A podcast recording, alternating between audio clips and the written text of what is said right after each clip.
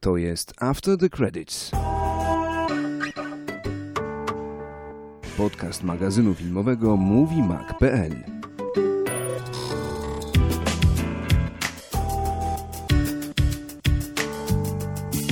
Nie wiem, czy słyszałeś, że y, scenariusz Deadpoola jest y, taki jak y, filmy Tarantino. Takie coś Tak, ostatnio powiedzieli. tak.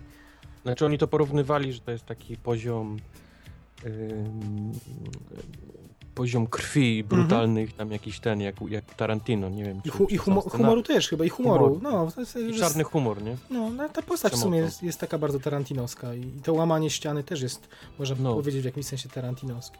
No, no. Także dużo oczekiwania. I, I chyba któryś tam scenarzysta czy reżyser powiedział, że sorry córeczko, nie pokażę ci tego filmu. Także y, był szczęśliwy za tą kategorię wiekową R y, dla dorosłych i, że widać, że to, To, to była śmierć albo sukces tego filmu, No. tak szczerze mówiąc. No. że bardzo z tego korzystają. No. A i, nie wiem, czy widziałeś jeszcze jedna rzecz, y, kwestia Halka się zmieniła. A nie widziałem chyba. Y, tych praw do postaci. Znaczy nie zmieniła, tylko ktoś to do precy- Forbes amerykański podał, uszczegółowił o co tam chodzi w tej umowie.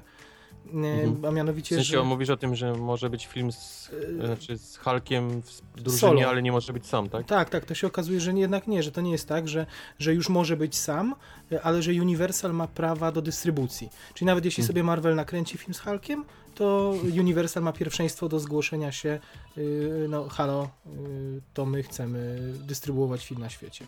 Dopiero jak nie będą tego chcieli, to dopiero Disney może to, może to przejąć, także... Także czekamy na ta, Tarantinowskiego Deadpoola, mniej chyba czekamy na tego Hulka, prawda? Chciałbyś ten film solo Hulka, czy Eee, niekoniecznie? Chyba nie, on Chyba chyba, nie. lepiej wychodzi, w, jak jest w drużynie. I można No. go pokazać przez chwilę, to co, to co robi najlepiej, czyli gdzieś tam totalną rozwałkę w mieście, ale niekoniecznie skupia się na tym, na, na tym jego dylemacie, wiesz, człowiek No. versus Hulk.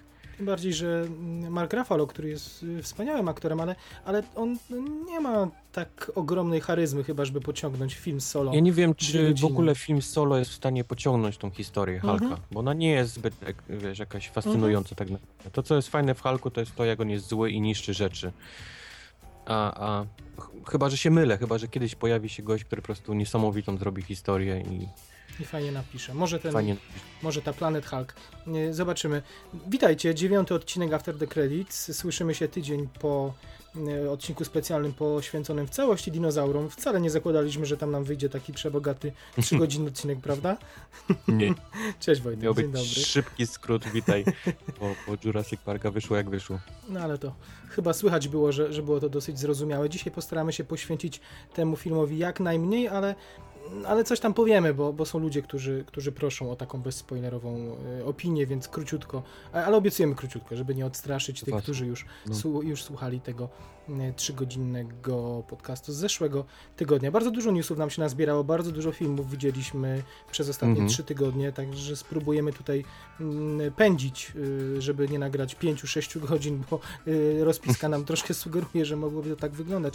Także wrzucamy piąty bieg, może się Wam spodoba takie, taki przyspieszony przelot przez te newsy. No nie możemy tego inaczej ugryźć, bo, bo, będzie, bo będzie buba za długo, będą wszyscy krzyczeć. Y, Także już się nie produkuje, tylko przechodzimy do konkretów. A, jeszcze w ogóle dziękujemy bardzo za tak dobrą słuchalność tego zeszłotygodniowego odcinka. Widać, że dinozaury nie O. tylko się sprzedają na świecie, ale też się słuchają. słuchają, no. Bo, bo w ciągu tygodnia tutaj wynik jest wy- wykręcony w porównaniu z poprzednimi odcinkami.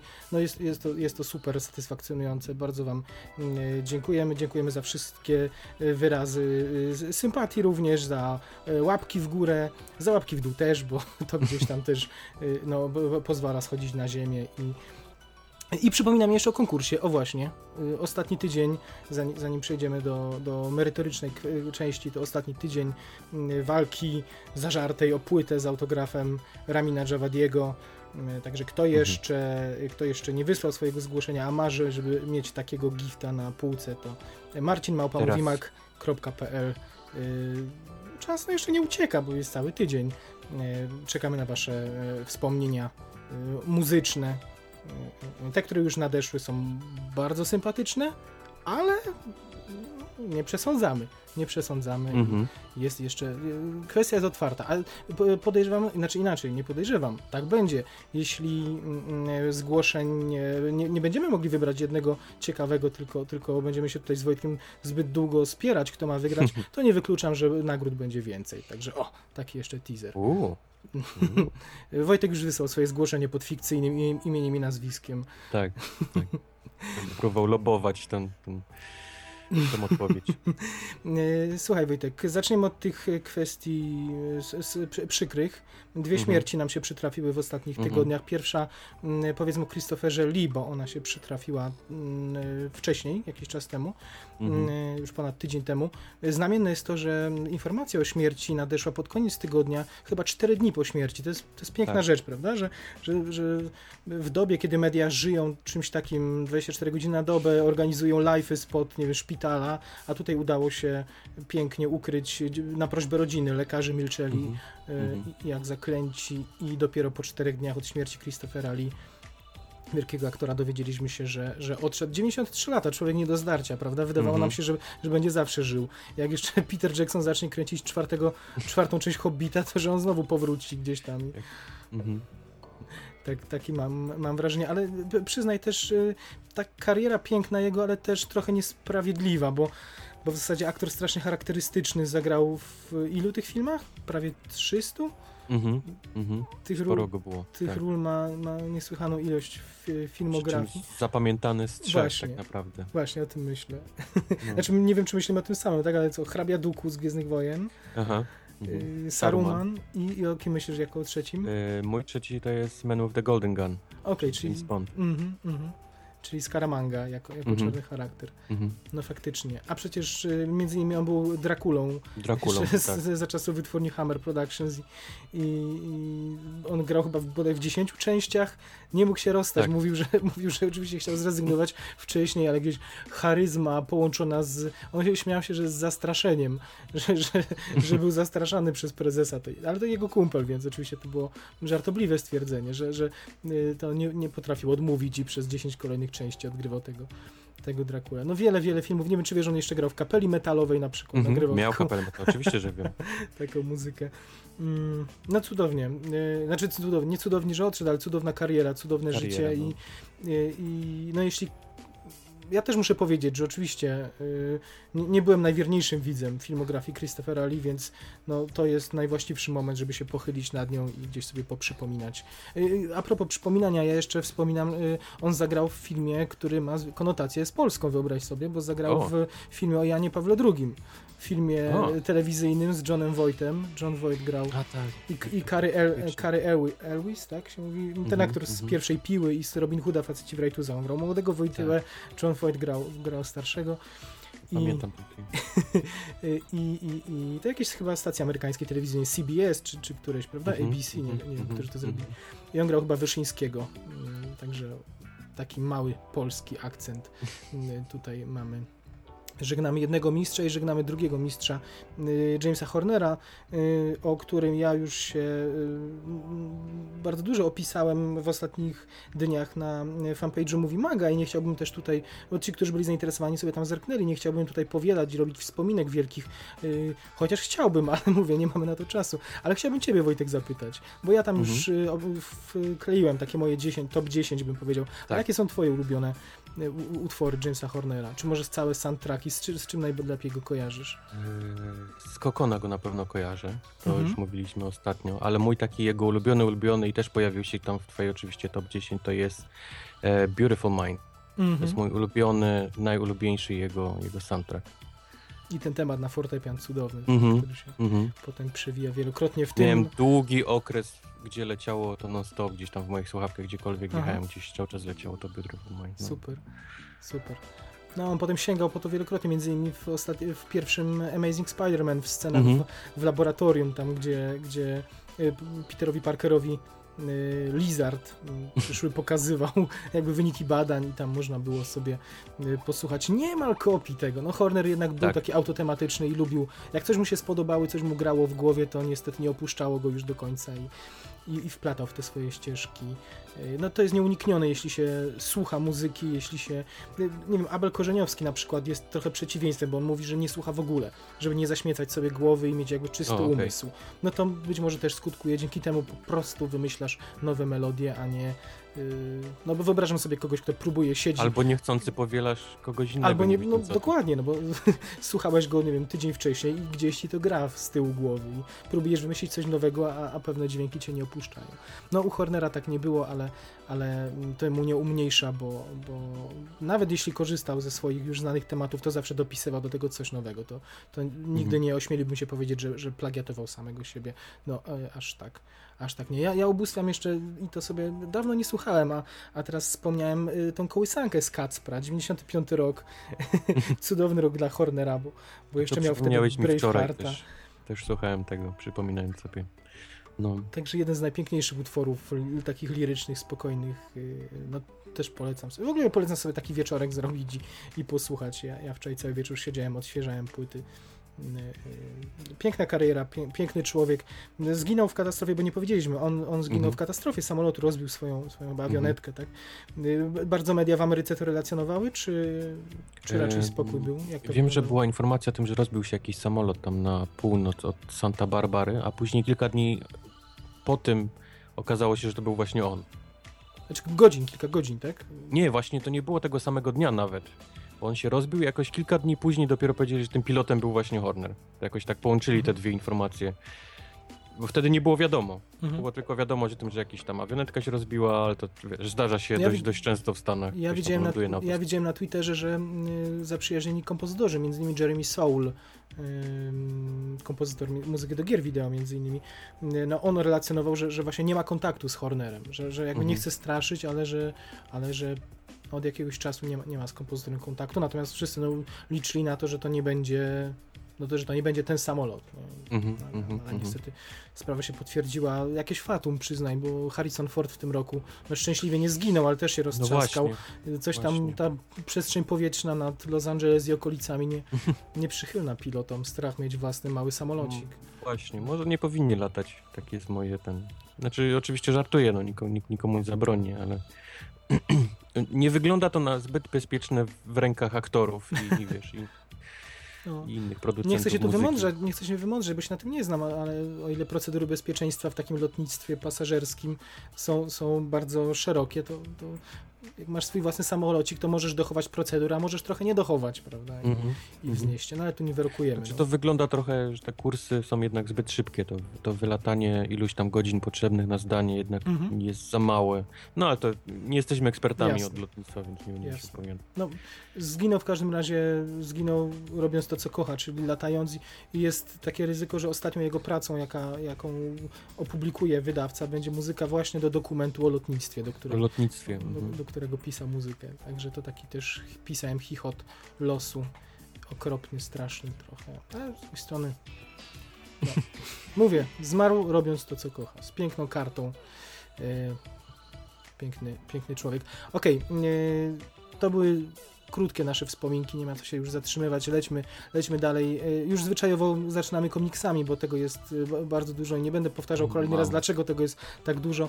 E, Wojtek, zaczynamy od DC, O tym, że jest oficjalny opis fabuły filmu Batman v Superman, no to tylko króciutko, bo, bo tam w zasadzie nic nowego się z tego opisu nie dowiadujemy, tyl- tylko tyle, Mhm. że po prostu mm, mm, mm, Batman i Superman walczą razem, ale pojawia się coś, jakieś większe Tak, zagrożenie i muszą połączyć siły, mhm. aby, aby przeciwstawić Tak, i że, to, I że to według tego opisu to, to Batman jest tym dobrym, bo ludzie obawiają się Supermana, Mhm. czyli gdzieś karta się odwróci. A tym większym zagrożeniem ponoć ma być Doomsday. ma być Doomsday. coś, coś ciekawego. Mhm. Y, Jeszcze za sekundę wrócimy do tego filmu, który y, według wielu jest najbardziej oczekiwanym filmem przyszłego roku. DC w przeddzień, już praktycznie w przeddzień Comic-Conu ujawniło swoją, e, tak ogólnie, swoją strategię, jaki mają e, pomysł na, na tworzenie tego swojego uniwersum, z którego e, jakiś czas temu żartowaliśmy, że oni w zasadzie tego pomysłu nie mają, więc próbują nam udowodnić, że Mhm. jest inaczej.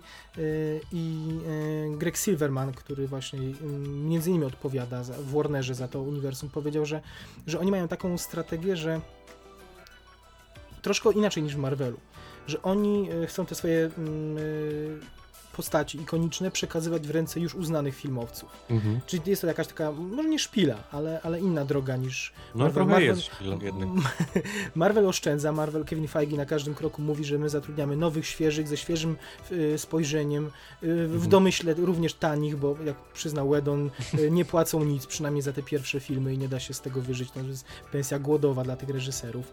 Y, O czym jeszcze dzisiaj powiemy, y, bo zatrudnili kolejnego reżysera i to jest kolejny raz potwierdzenie, bo jest to niemal debiutant, ale tutaj Tak. pozostając w DC, tak, oni mówią, że chcą powierzać swoje filmy już doświadczonym wizjonerom, i faktycznie, jak sobie tak pomyślałem, bo wielokrotnie mówiliśmy, że cenimy te, te filmy Marvela za jakby scenariuszowo, za, za próbę ugryzienia od różnych stron tych historii, Mhm. sprzedania Mhm. w różnym klimacie, ale one faktycznie wizualnie, one są bardzo wszystkie podobne, to jest, y, jest troszkę jest jakiś taki schemat, to też budżet ogranicza, to, że jest ograniczona w zasadzie taka sama kwota na każdy z tych filmów, one są kręcone w podobnych miejscach, ci sami ludzie odpowiadają za, często za budowę scenografii i tak dalej. I te filmy siłą rzeczy, no ciężko tutaj mówić o jakimś wizjonerstwie i o tym, żeby każdy był wizualnie, plastycznie inny. Natomiast jak myślę o, o na przykład o Man of Steel, to można ten film krytykować za wiele rzeczy, ale on był epicki, on był, on kosztował olbrzymie pieniądze, on był bardzo dopracowany, przyznaj, designersko, on miał Mhm. bardzo ciekawy pomysł na tą, na tą narrację taką, taką łamaną, rwaną, retrospektywną i to na kilku płaszczyznowo bym powiedział.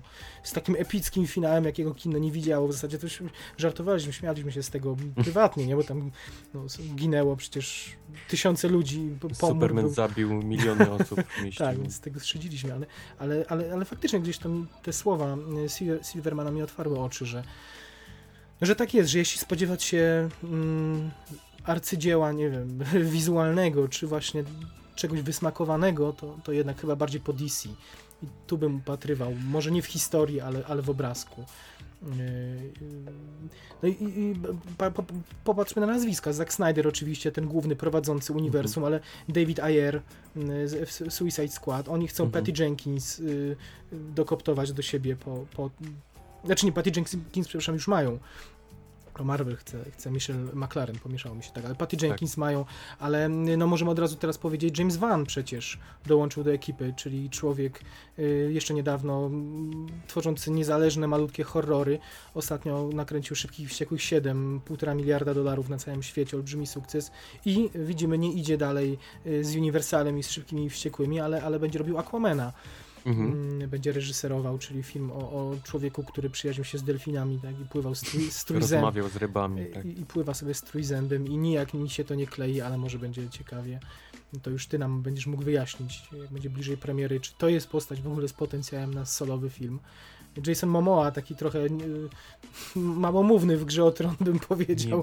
Mięśniak pustak trochę, Mhm. co, co też nie jest jakimś takim odzwierciedleniem Aquamana, bo on był Mhm. strasznie inteligentną osobą. E, Wszyscy się śmieją, oczywiście, to jest śmieszne mówić jako Aquamanie, jako koleś, który rozmawia z rybami, ale on był faktycznie dość, dość inteligentny, taki Mhm. naukowo inteligentny. Tutaj przy Jamesie Vanie DC i Warner nie ukrywają, że zatrudnili Vana dlatego, że, że uważają, że po prostu cytując dosłownie, że, że on opowiada faktycznie ciekawe historie, ale że akcja dosłownie, że wybucha na ekranie, że ma, Akcja, no. że ma dynamiczną prezencję, że, że on przyciąga, że jest, y, potrafi energię w postaci wlać i tak dalej. I to jest trochę kurtuazja, trochę, ale jak po- pomyślę o Szybkich Wściekłych 7 i o tym, o energii w postaciach, to gdzieś mi się to nie klei, tak?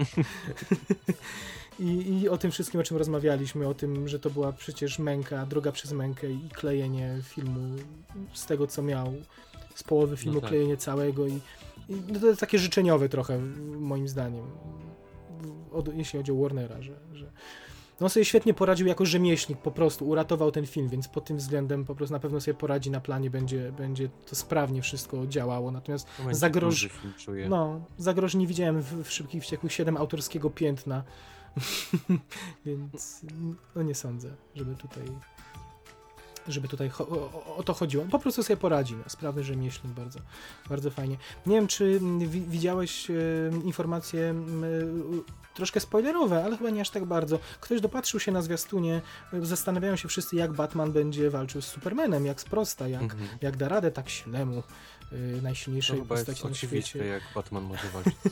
Ktoś wypatrzył na zwiastunie, że trzyma coś na kształt y, jakiejś broni kosmicznej w ręce. Włóczni takiej, Włóczni. zakończonej oczywiście czym? Kryptonitem. Mhm, Czym mhm. oczywiście A myślisz że, to, Mądrze- myślisz, że to jest prawda? Jest to odwołanie do komiksów? Było coś takiego w komiksach? Y, Pamiętasz coś takiego? Czy... czy Batman, było parę takich spotkań Batmana z Supermanem. To zawsze się kończyło na tym, że Batman miał gdzieś kryptonit, Aha.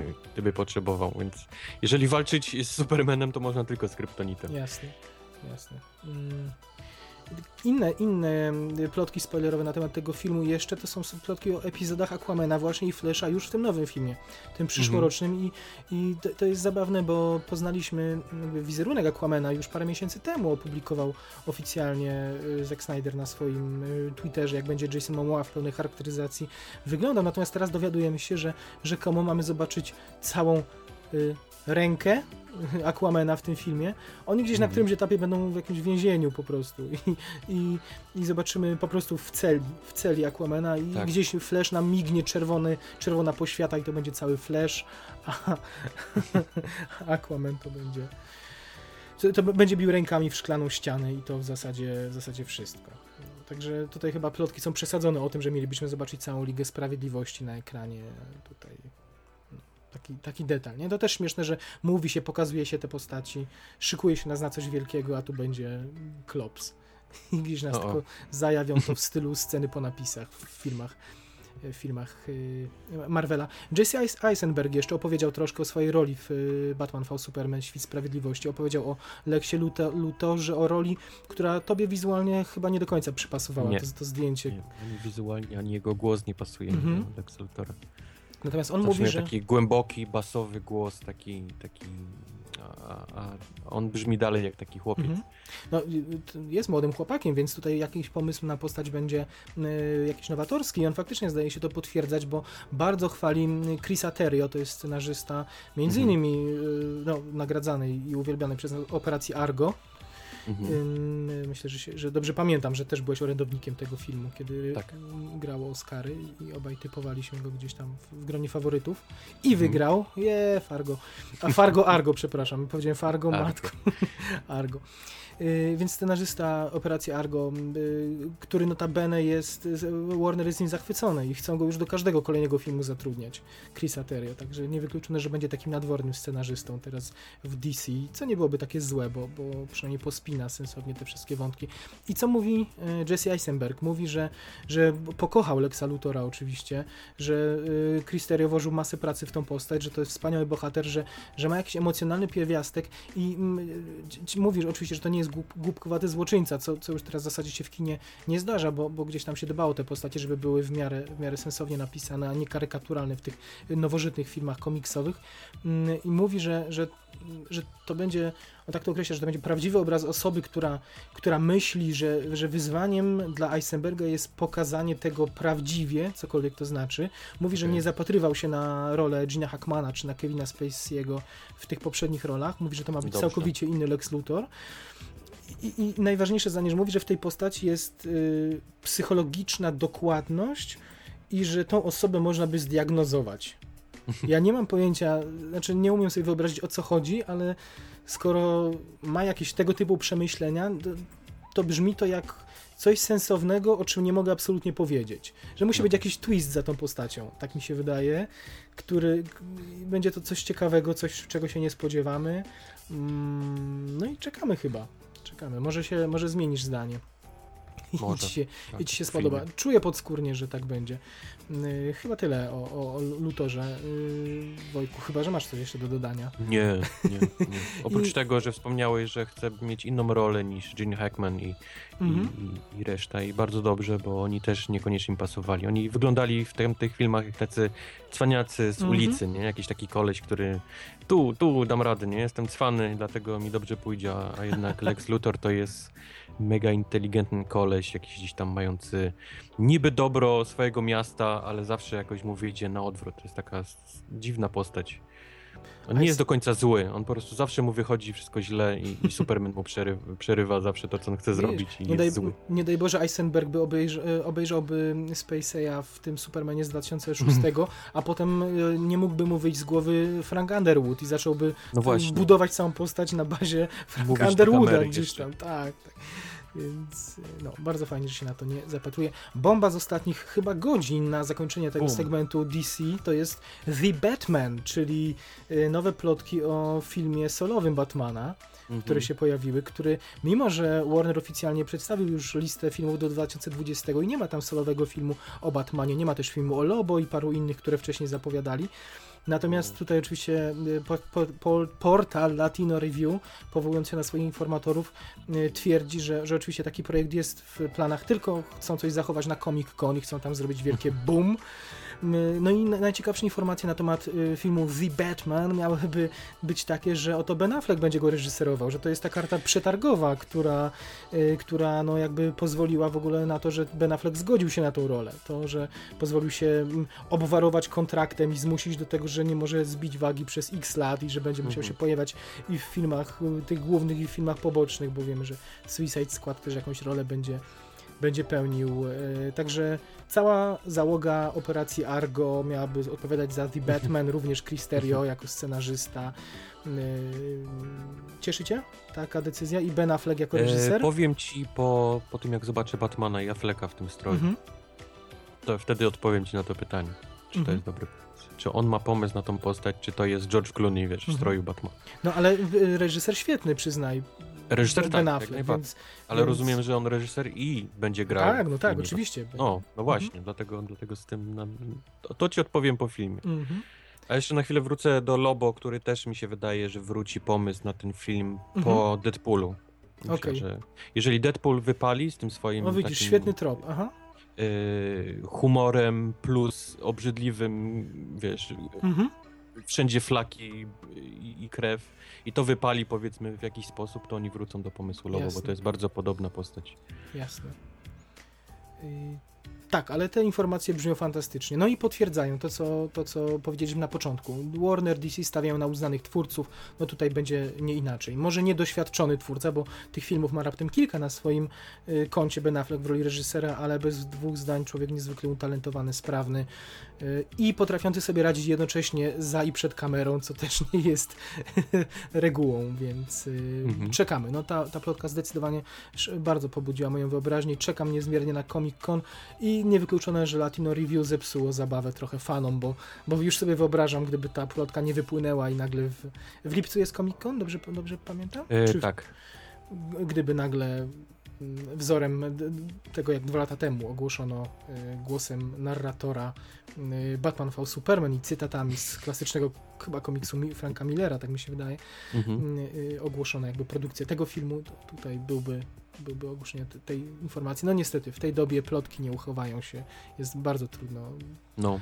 kiedy musisz zagwarantować no, stworzenie kampanii reklamowej, plakatów, czegoś, co, co chcesz pokazać, Gdzieś pierwszych teaserów. no. Mhm. Znajdzie się ktoś, kto ma swoich informatorów. Y, Troszkę to, to smutne. Fajnie, że możemy już o tym teraz powiedzieć, ale chyba wolałbym śledzić Comic Con. Y, Comic Con, na którym notabene Warner będzie po prostu rozbijał bank. Bo y, Ma- Marvel, Sony, Paramount oficjalnie zrezygnowały z obecności Mhm. na tym konwencie. Wierzysz w to, że Marvela tam nie będzie? E, Marvela tam nie będzie, będzie tam Marvel telewizyjny, za to już Mhm. powiedział. Więc jakąś swoich przedstawicieli będą mieli, ale nie, nie będzie tych powiedzmy Avengersów Kapitana, nie będzie Ironmana, czyli tych takich powiedzmy najbardziej sprzedających Marvel Aha. postaci. No. Czyli to prawda, oni nie są w tym cyklu, w takim momencie cyklu produkcyjnego, że nie mają w zasadzie nic do pokazania. Nie? Znaczy, oczywiście mogliby pokazać jakieś fragmenty Civil War, ale ludzie i tak już widzieli tyle z, na Instagramie, tyle z fotek z planu, że, że chyba nie ma co drażnić ich, że. Yy, ale mimo wszystko ciekawa decyzja, bo promowania nigdy dość. Yy, To chyba wytłumaczenie może być tylko to, że niedługo potem, chyba w sierpniu, Disney ma swoją własną taką imprezę dużą i, i chyba tam będą chcieli coś, coś zareklamować. Nie? Tak mi się Ciekawe i trochę nie fair dla fanów, mi się też wydaje, bo jednak jeżeli ktoś planuje zobaczyć tych wszystkich Mhm. aktorów No widzisz, Marvela słusznie. i to Mhm. wszystko, to na pewno wybiera w roku jedną imprezę, jest to zawsze Comic Con. Jasne. E, I, I taka wiadomość na pewno zasmuci tych, którzy się tam wybierają, żeby ich zobaczyć. Jasne, tym bardziej promocja promocją, ale to co mówisz, spotkanie, szacunek dla fanów. Dla fanów. Tam, tam Mhm. część osób, okej, jedzie po te niespodzianki, ale część osób po prostu chce uścisnąć rękę, poczuć Zobaczyć. się... Tak, No. tak. No. Jak jedna wielka rodzina, a nie wszyscy są w rodzinie DC, część jest w rodzinie Marvela i, i będą nie, nie, nie pocieszeni. Mm, także DC skradnie show, ma tą największą halę, halę H, y, chyba w, ca w całości dla siebie.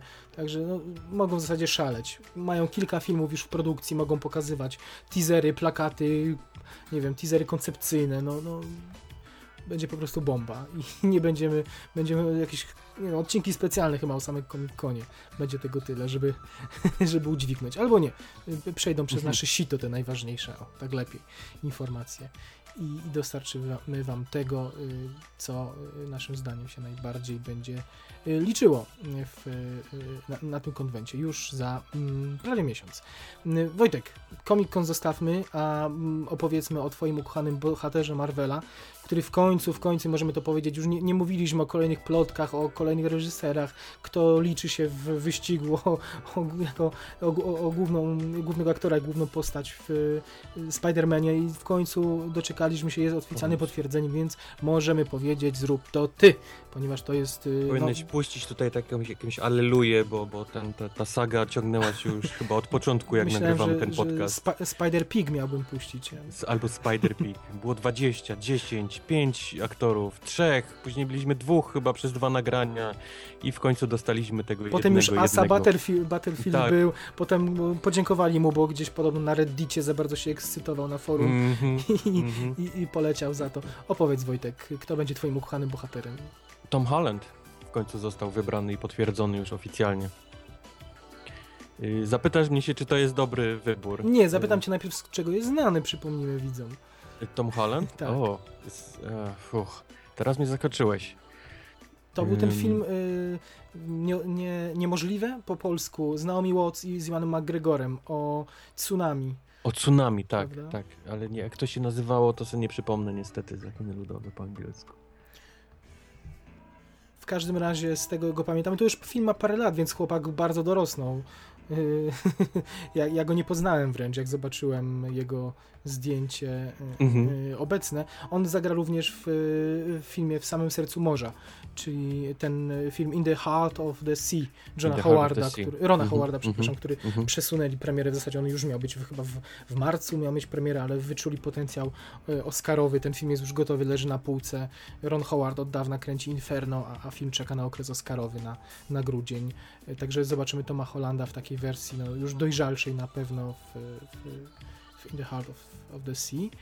E, No i słuchaj, czy, czy to jest dobry wybór? Czy, czy... E, Teraz już cię tak, zapytam o to. Haha. Z wyglądu powiedzmy jest ok. Także Mhm. to nie, nie wygląda jak totalnie małe dziecko, więc można gdzieś tam go podciągnąć trochę pod jakiegoś takiego młodzieńca z liceum nawet późnego. Okej. Także jest ok. Powinno, powinno być w porządku. A jeżeli chodzi o samo aktorstwo, no to właśnie wymieniliśmy filmy, no tego jest zbyt mało, żeby jakkolwiek go ocenić. I grał w nich, kiedy był jeszcze, jeszcze młodszy, więc ciężko powiedzieć, jaki teraz ma, powiedzmy, warsztat. Mhm. To, to już pokaże film. Na pewno widzieliśmy w, w ostatnich dniach na Instagramie. On wklejał bardzo sympatyczne filmiki, w których pokazuje e, ni to parkour, ni to no, Tak, tak, tak. takie swoje dziwne skoki, salta w ogródku, ale to imponujące było. To, to nie no, zrobiło na mnie wrażenie. Mhm. Y, y, więc widać, że chłopak jest bardzo sprawny. Nie wiem na ile się przechwalał, na ile teasował tą decyzję, która została ogłoszona dzień czy dwa dni później, a na ile to jest jego może życie i codzienność i może po prostu Może się, uprawia parkour. się tak bawi. No. A tymczasem w filmie będzie i tak na linkach gdzieś tam spuszczany. No właśnie, bo, bo pod maską można zamknąć byle kogo, a ubezpieczyciel Mhm. nie pozwoli, żeby on, żeby on szalał. Yy, dowiedzieliśmy się też, a zanim jeszcze o reżyserze mm, Spidermana, dowiedzieliśmy się, jak wyglądał Mhm. casting. Otóż y, Tom Holland miał, wyobraźcie sobie, zdjęcia próbne z samym Robertem Downey Jr., Mhm. E, ponieważ mają mieć oczywiście wspólne sceny w Civil War i no, była, była potrzeba wybadania, czy jest chemia między tymi bohaterami. Także Downey Jr. uczestniczył w tym e, procesie selekcji i miał bardzo na pewno znaczący głos w tym wyborze. E, Tom Holland jako jedyny miał też zdjęcia próbne z Kapitanem Ameryką, czyli Chrisem Mhm. Evansem. Widać, czyli że on był y, w pewnym momencie był już bardzo, bardzo no, na prostej drodze. Także nie było dwóch czy trzech w wyścigu, tylko już testowali tylko i wyłącznie jedynego chłopaka na, na tym etapie i to zagrało i podobno, podobno chemia jest, wszystko jest na, na swoim miejscu. Downey Jr. chyba jest na dobrej drodze, żeby przejąć w ogóle Marvel, powiedzmy tak biznesowo, mi się wydaje. W sensie, żeby jakąś taką ważną rolę pełnić, tak? No, tak? O tym no, mówisz. No, No. Nie, nie, nie, niewykluczone, tym bardziej, że, że oczywiście on się już pożegna niedługo z tą rolą. Nawiasem mówiąc, przypominają mi się też informacje sprzed kilku dni ym, z tych, wygrzebali znowu coś z tych maili, które wyciekły w zeszłym roku z Sony, wygrzebali korespondencję y, y, y, taką mianowicie, w której y, krytykowano y, te ruchy Sony, y, krytykowano to, co Sony robi z y, właśnie postacią mm, Człowieka Pająka. mhm. I tam rozmawiali na ten temat, y, chyba Kevin Feige rozmawiał z, z kimś. W każdym razie y, były takie słowa, że y, Avi Arad to jest w ogóle szalony producent Spider-Manów, że, że jak oni mogli w ogóle zanegować y, a wróć, to są, przepraszam, to nie są wy- wycieki z Sony, no nie, to byłoby nielogiczne, bo to, to jest obsmarowywanie Sony, czy inaczej, to z innego źródła jest wyciek, widzisz, że błędnie skojarzyłem, to jest z innego źródła wyciek, ale, ale mniej więcej z tego okresu, z okresu jeszcze przed zawarciem tej biznesowej umowy między y, Sony a, a Marvelem i to ci ludzie od Marvela krytykowali Aviego Arada, producenta Spider-Manów, tych y, starych zarówno jak i tych Mhm, nowych, mówią, że mhm. w życiu nie zrobilibyśmy tego samego, czyli e, zmienili po prostu, nakręcili drugi raz origin bohatera, Tak. że to jest jakby zanegowanie i wpuszczenie w, ne, w niebyt tych, tych filmów z um, Tobey Maguirem z y, Mhm. pi- pierwszej dekady lat 2000 i że mówią, że to, czy, czy wyobrażasz sobie, żebyśmy tak zrobili, że w, mówi, mówi, któregoś dnia, czy, czy niedługo przyjdzie moment, że będziemy musieli zrezygnować z Downey, Roberta Downeya Jr., że będziemy musieli odświeżyć tych naszych bohaterów. Czy wyobrażasz sobie, że reboot. tak, że zrobimy No. nowego bohatera i że nagle on zacznie, nie wiem, że Pepper Potts będzie miała teraz romans z War Machine, czyli z tym, tym Rhodesem, jego przyjacielem i że ona będzie przeciwnikiem w ogóle Irona, że No. to jest robienie takiej wody z mózgu ludziom, prawda. kręcenie nowego originu z nowymi wątkami, nowymi jakby, czy, czy rzeczami, które się wykluczają, że nigdy byśmy, że to jest szaleństwo i mówię, że zawsze uważaliśmy, że Avi, Avi Arad, producent, jest szalony, tak, tak powiedzieli e, e, ci ludzie z Marvela w mailach. No, e, Troszkę brzydko, że to teraz wyciekło w momencie, kiedy widać, że ta współpraca Marvela z Sony się układa fantastycznie i jakby tutaj na przykład, y, to, to od razu powiem, wybór reżysera tego Spidermana, mm, y, którym to reżyserem Wojtku będzie John Watts. John Watts. Nie mhm. wiemy o tym człowieku praktycznie nic, prawda? Oj nie. nie. On teraz kręci jakiś thriller Cop Car z Kevinem Teraz Baconem to widziałem pierwszy raz niedawno dopiero Mhm. zwiastuny tego filmu. No. i wcześniej miał jakiś horror też, widziałem, coś, ale taki, taki budżetowy, taki straight to DVD typowo, więc y, oni oczywiście mówią, że właśnie tak jak w przypadku Jamesa Gana, Josha, Wedo, Josha Wedona, braci Russo, że, że lubimy wynajdywać, now, wynajdywać nowych, y, y, ekscytujących ludzi, którzy dadzą taki, takie nowe życie postaciom świeże, a w domyśle i oczywiście, że przegadali z nim godziny i podoba im się jego spojrzenie na Spidermana, że jest inspirujące, a w domyśle oczywiście, że temu gościowi nic nie zapłacą pewnie za to, żeby ten film zrobił i, i tak Mało tego, ile osób pójdzie wygląda. na Kapkar teraz.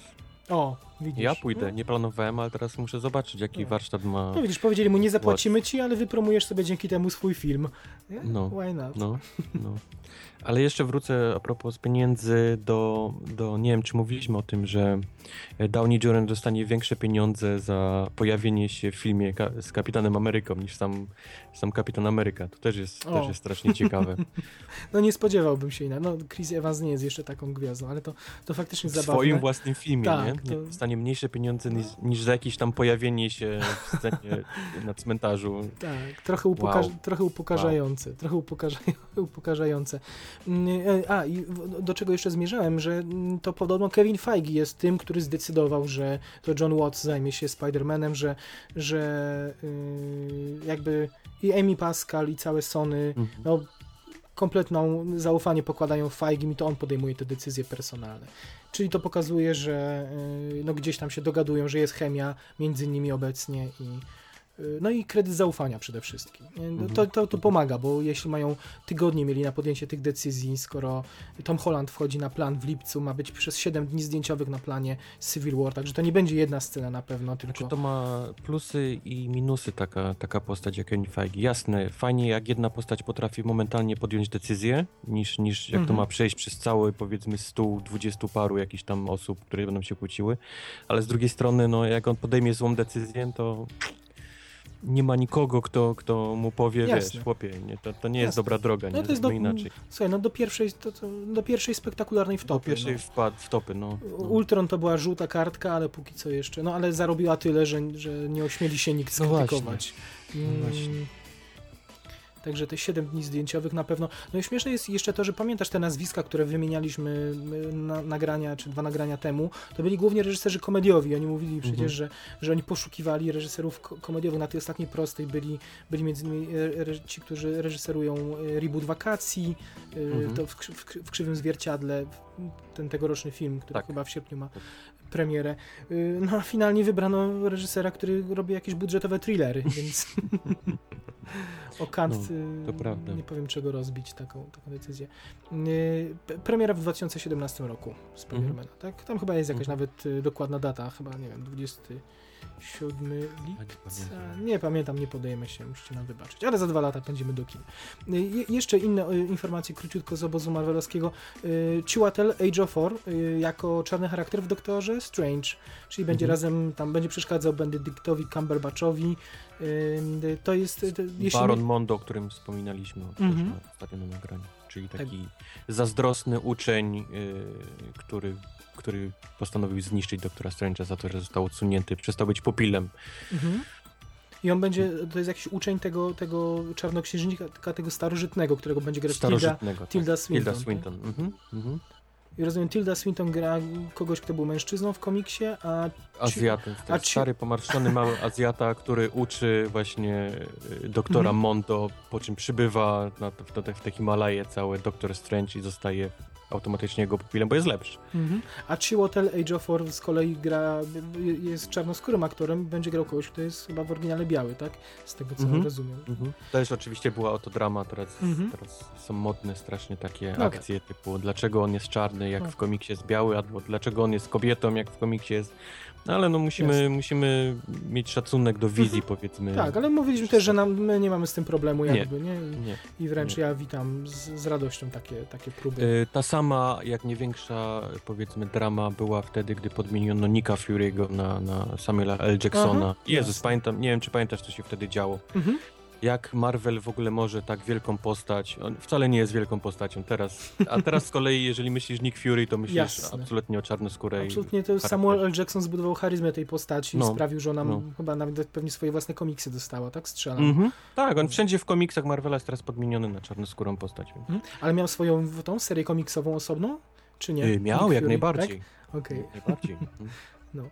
I Tutaj chciałem, jeszcze chcieliśmy chwilkę poopowiadać, ale nie wiem, czy, czy będziemy psuć zabawę, bo, bo też pojawiły się informacje o spoilerowe z y, planu Civil War na temat nowych kostiumów tych, tych postaci. To nie będziemy Ale chyba nie będziemy mówić, bo one zdradzają sporo w temacie Antmana, jaką Mhm. miałaby być jego wizja. Była mowa o fajnych, o cie- ciekawych scenach z, Haw- z Hawkeye'em, yy, o, Nie wib- o vibranium jak, jako części składowej któregoś ze strojów, więc brzmi to sympatycznie, yy, odświeżająco. Nie mówimy więcej, sami chcemy być zaskoczeni w kinie. Bryce Dallas Howard, czyli, czyli mm, dziewczyna, którą Wojtek zaczął lubić trochę bardziej po Jurassic World, pojawiła, Dalej to podtrzymuję. Sama, sama powiedziała, że y, dajcie mi ten film, dajcie mi zagrać Captain Marvel. O, Powiedziała, napiszcie o tym, że ten pomysł mi się bardzo podoba, bo przy jakimś, przy okazji jakiegoś wywiadu ją zapytano o to. Ona powiedziała, że rozpocznijmy kampanię już teraz, że to byłoby czadowe, że ona mówi, że te filmy są fantastyczne, że, że są super postacie, że, że, są, że, że i ta postać jest świetna w komiksie. Pytanie, czy tak bardzo Y- lubi Carol Danvers, czy tak bardzo chciałaby być gdzieś, wiesz, dostać kawałek tego tortu? Znaczy ona, śmiejemy się i podsyłaliśmy sobie nawet ostatnio pio, tą piosenkę, w której I'm not Jessica Chastain, nie? że ona ma, ma to piętno, że jest, pojawiła się wcześniej w kinie w zasadzie od Jessica Chastain, są bardzo podobne, ale to jakimiś swoimi wyborami castingowymi Jessica wypłynęła i oczywiście nominacjami, bo to głównie to one jakby wywindowały ją na piedestał i do tej najwyższej ligi. Przyćmiła Bryce Dallas Howard i jest bardzo ciężko się, się odciąć, o tym już mówiliśmy na, na tym odcinku specjalnym tydzień temu, ale cieszyłaby cię ta decyzja, powiedz krótko. Yy, próbuję sobie cały czas wyobrazić ją yy, Mhm. blond. Z tą Mhm. jasną karnacją. No to nie musisz, sobie, wy- bardzo to- nie musisz sobie wyobrażać, bo możesz sobie odwinąć y, Spidermana numer 3 z Tobey Maguire'em. Ona tak, tam to grała jest- y, Felicia, y, jak się nazywa? Felicia Jones, tak? Mhm. Czarną kotkę, tak. Więc y, tam już można było ją zobaczyć jako blondynkę. Wyglądała bardzo zacnie, z tego co pamiętam. Nie No widziałem tego filmu zielone 100 światło, lat. tak. Ale... ale nie będzie ci przeszkadzało, że skrzypi trochę? Że, że Eee, wiesz, to nie skrzypiała na dinozaurach, więc widzę, że jest w stanie ten głos Jest jakoś... Ten... Super, trzymamy, trzymamy kciuki. Przeskakujemy do ob innego obozu. Y, Hugh Jackman, y, Wolverine żegna się powoli z rolą. No, Y, O tym już przebąkiwaliśmy i tutaj y, faktycznie Hugh Jackman kolejny raz potwierdza, że, że on już zastanawiał się 6 lat temu, że czy ten Wolverine, czy ta rola, do której się zobowiązał, czy nie zawęża jego, jego ról, że już wtedy był doboru ról i propozycji, jakie otrzymuje, prawda? No jednak musisz się do tej roli przytyć, przybrać na masie, to, to Właśnie potem... głównym powodem można powiedzieć oczywiście z przymrużeniem oka, że odejściem Rosomaka od filmów jest, są e, omlety z białek.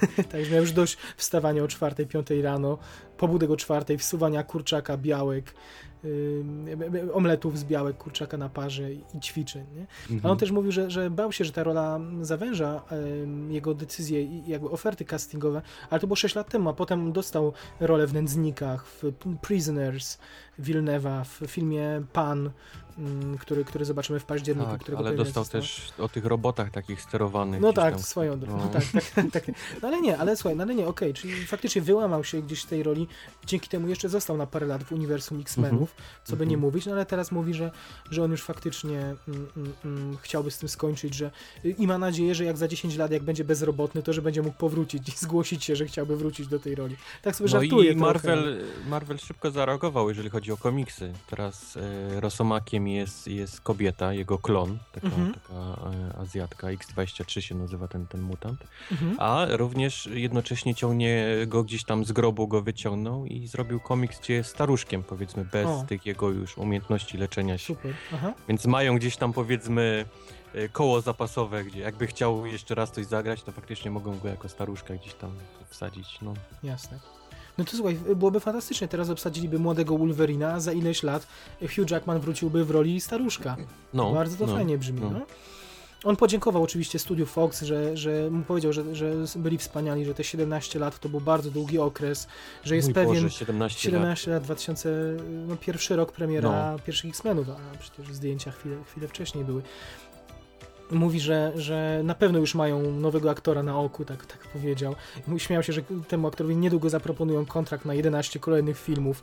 Musi że to- być kobieta, musi być. Mówisz? O moim zdaniem. Jezus. Tak, on jest tak charakterystycznym y, rosomakiem, No tak. że, że jedyny sposób, aby od tego się odciąć, od tego wizerunku, nie narzekać, nie, wiesz, on był Mhm. lepszy, nie? Jackman był lepszym rosomakiem, co wy właśnie, co mi tu dajecie? Jest, No tak. jest obsadzenie kobiety, która jest po prostu drugim Mhm. spektrum i można spokojnie wyczyścić tą tablicę jakoś i, i zacząć od początku. Ojej, odważnie, kolejna odważna decyzja, super. Ja bym się bardzo cieszył. No. Y, Nie czuję, nie czuję, że nie, nie jest to dla mnie postać, że odebrałbym to jako jakiś gw- gwałt na, na, na postaci, gdyby ją podmienili, mimo że to jest jedna z tych najbardziej lubianych, nie? Ale, Yep. ale byłoby fantastycznie taką, taką zmianę zrobić. Jeszcze niech jej dadzą ten klasyczny żółty kostium na przekór, w którym... ma w komiksie teraz którym- żółty kostium, no. tylko ma, ma zamiast trzech kolców ma dwa kolce. Aha, Taka jest super.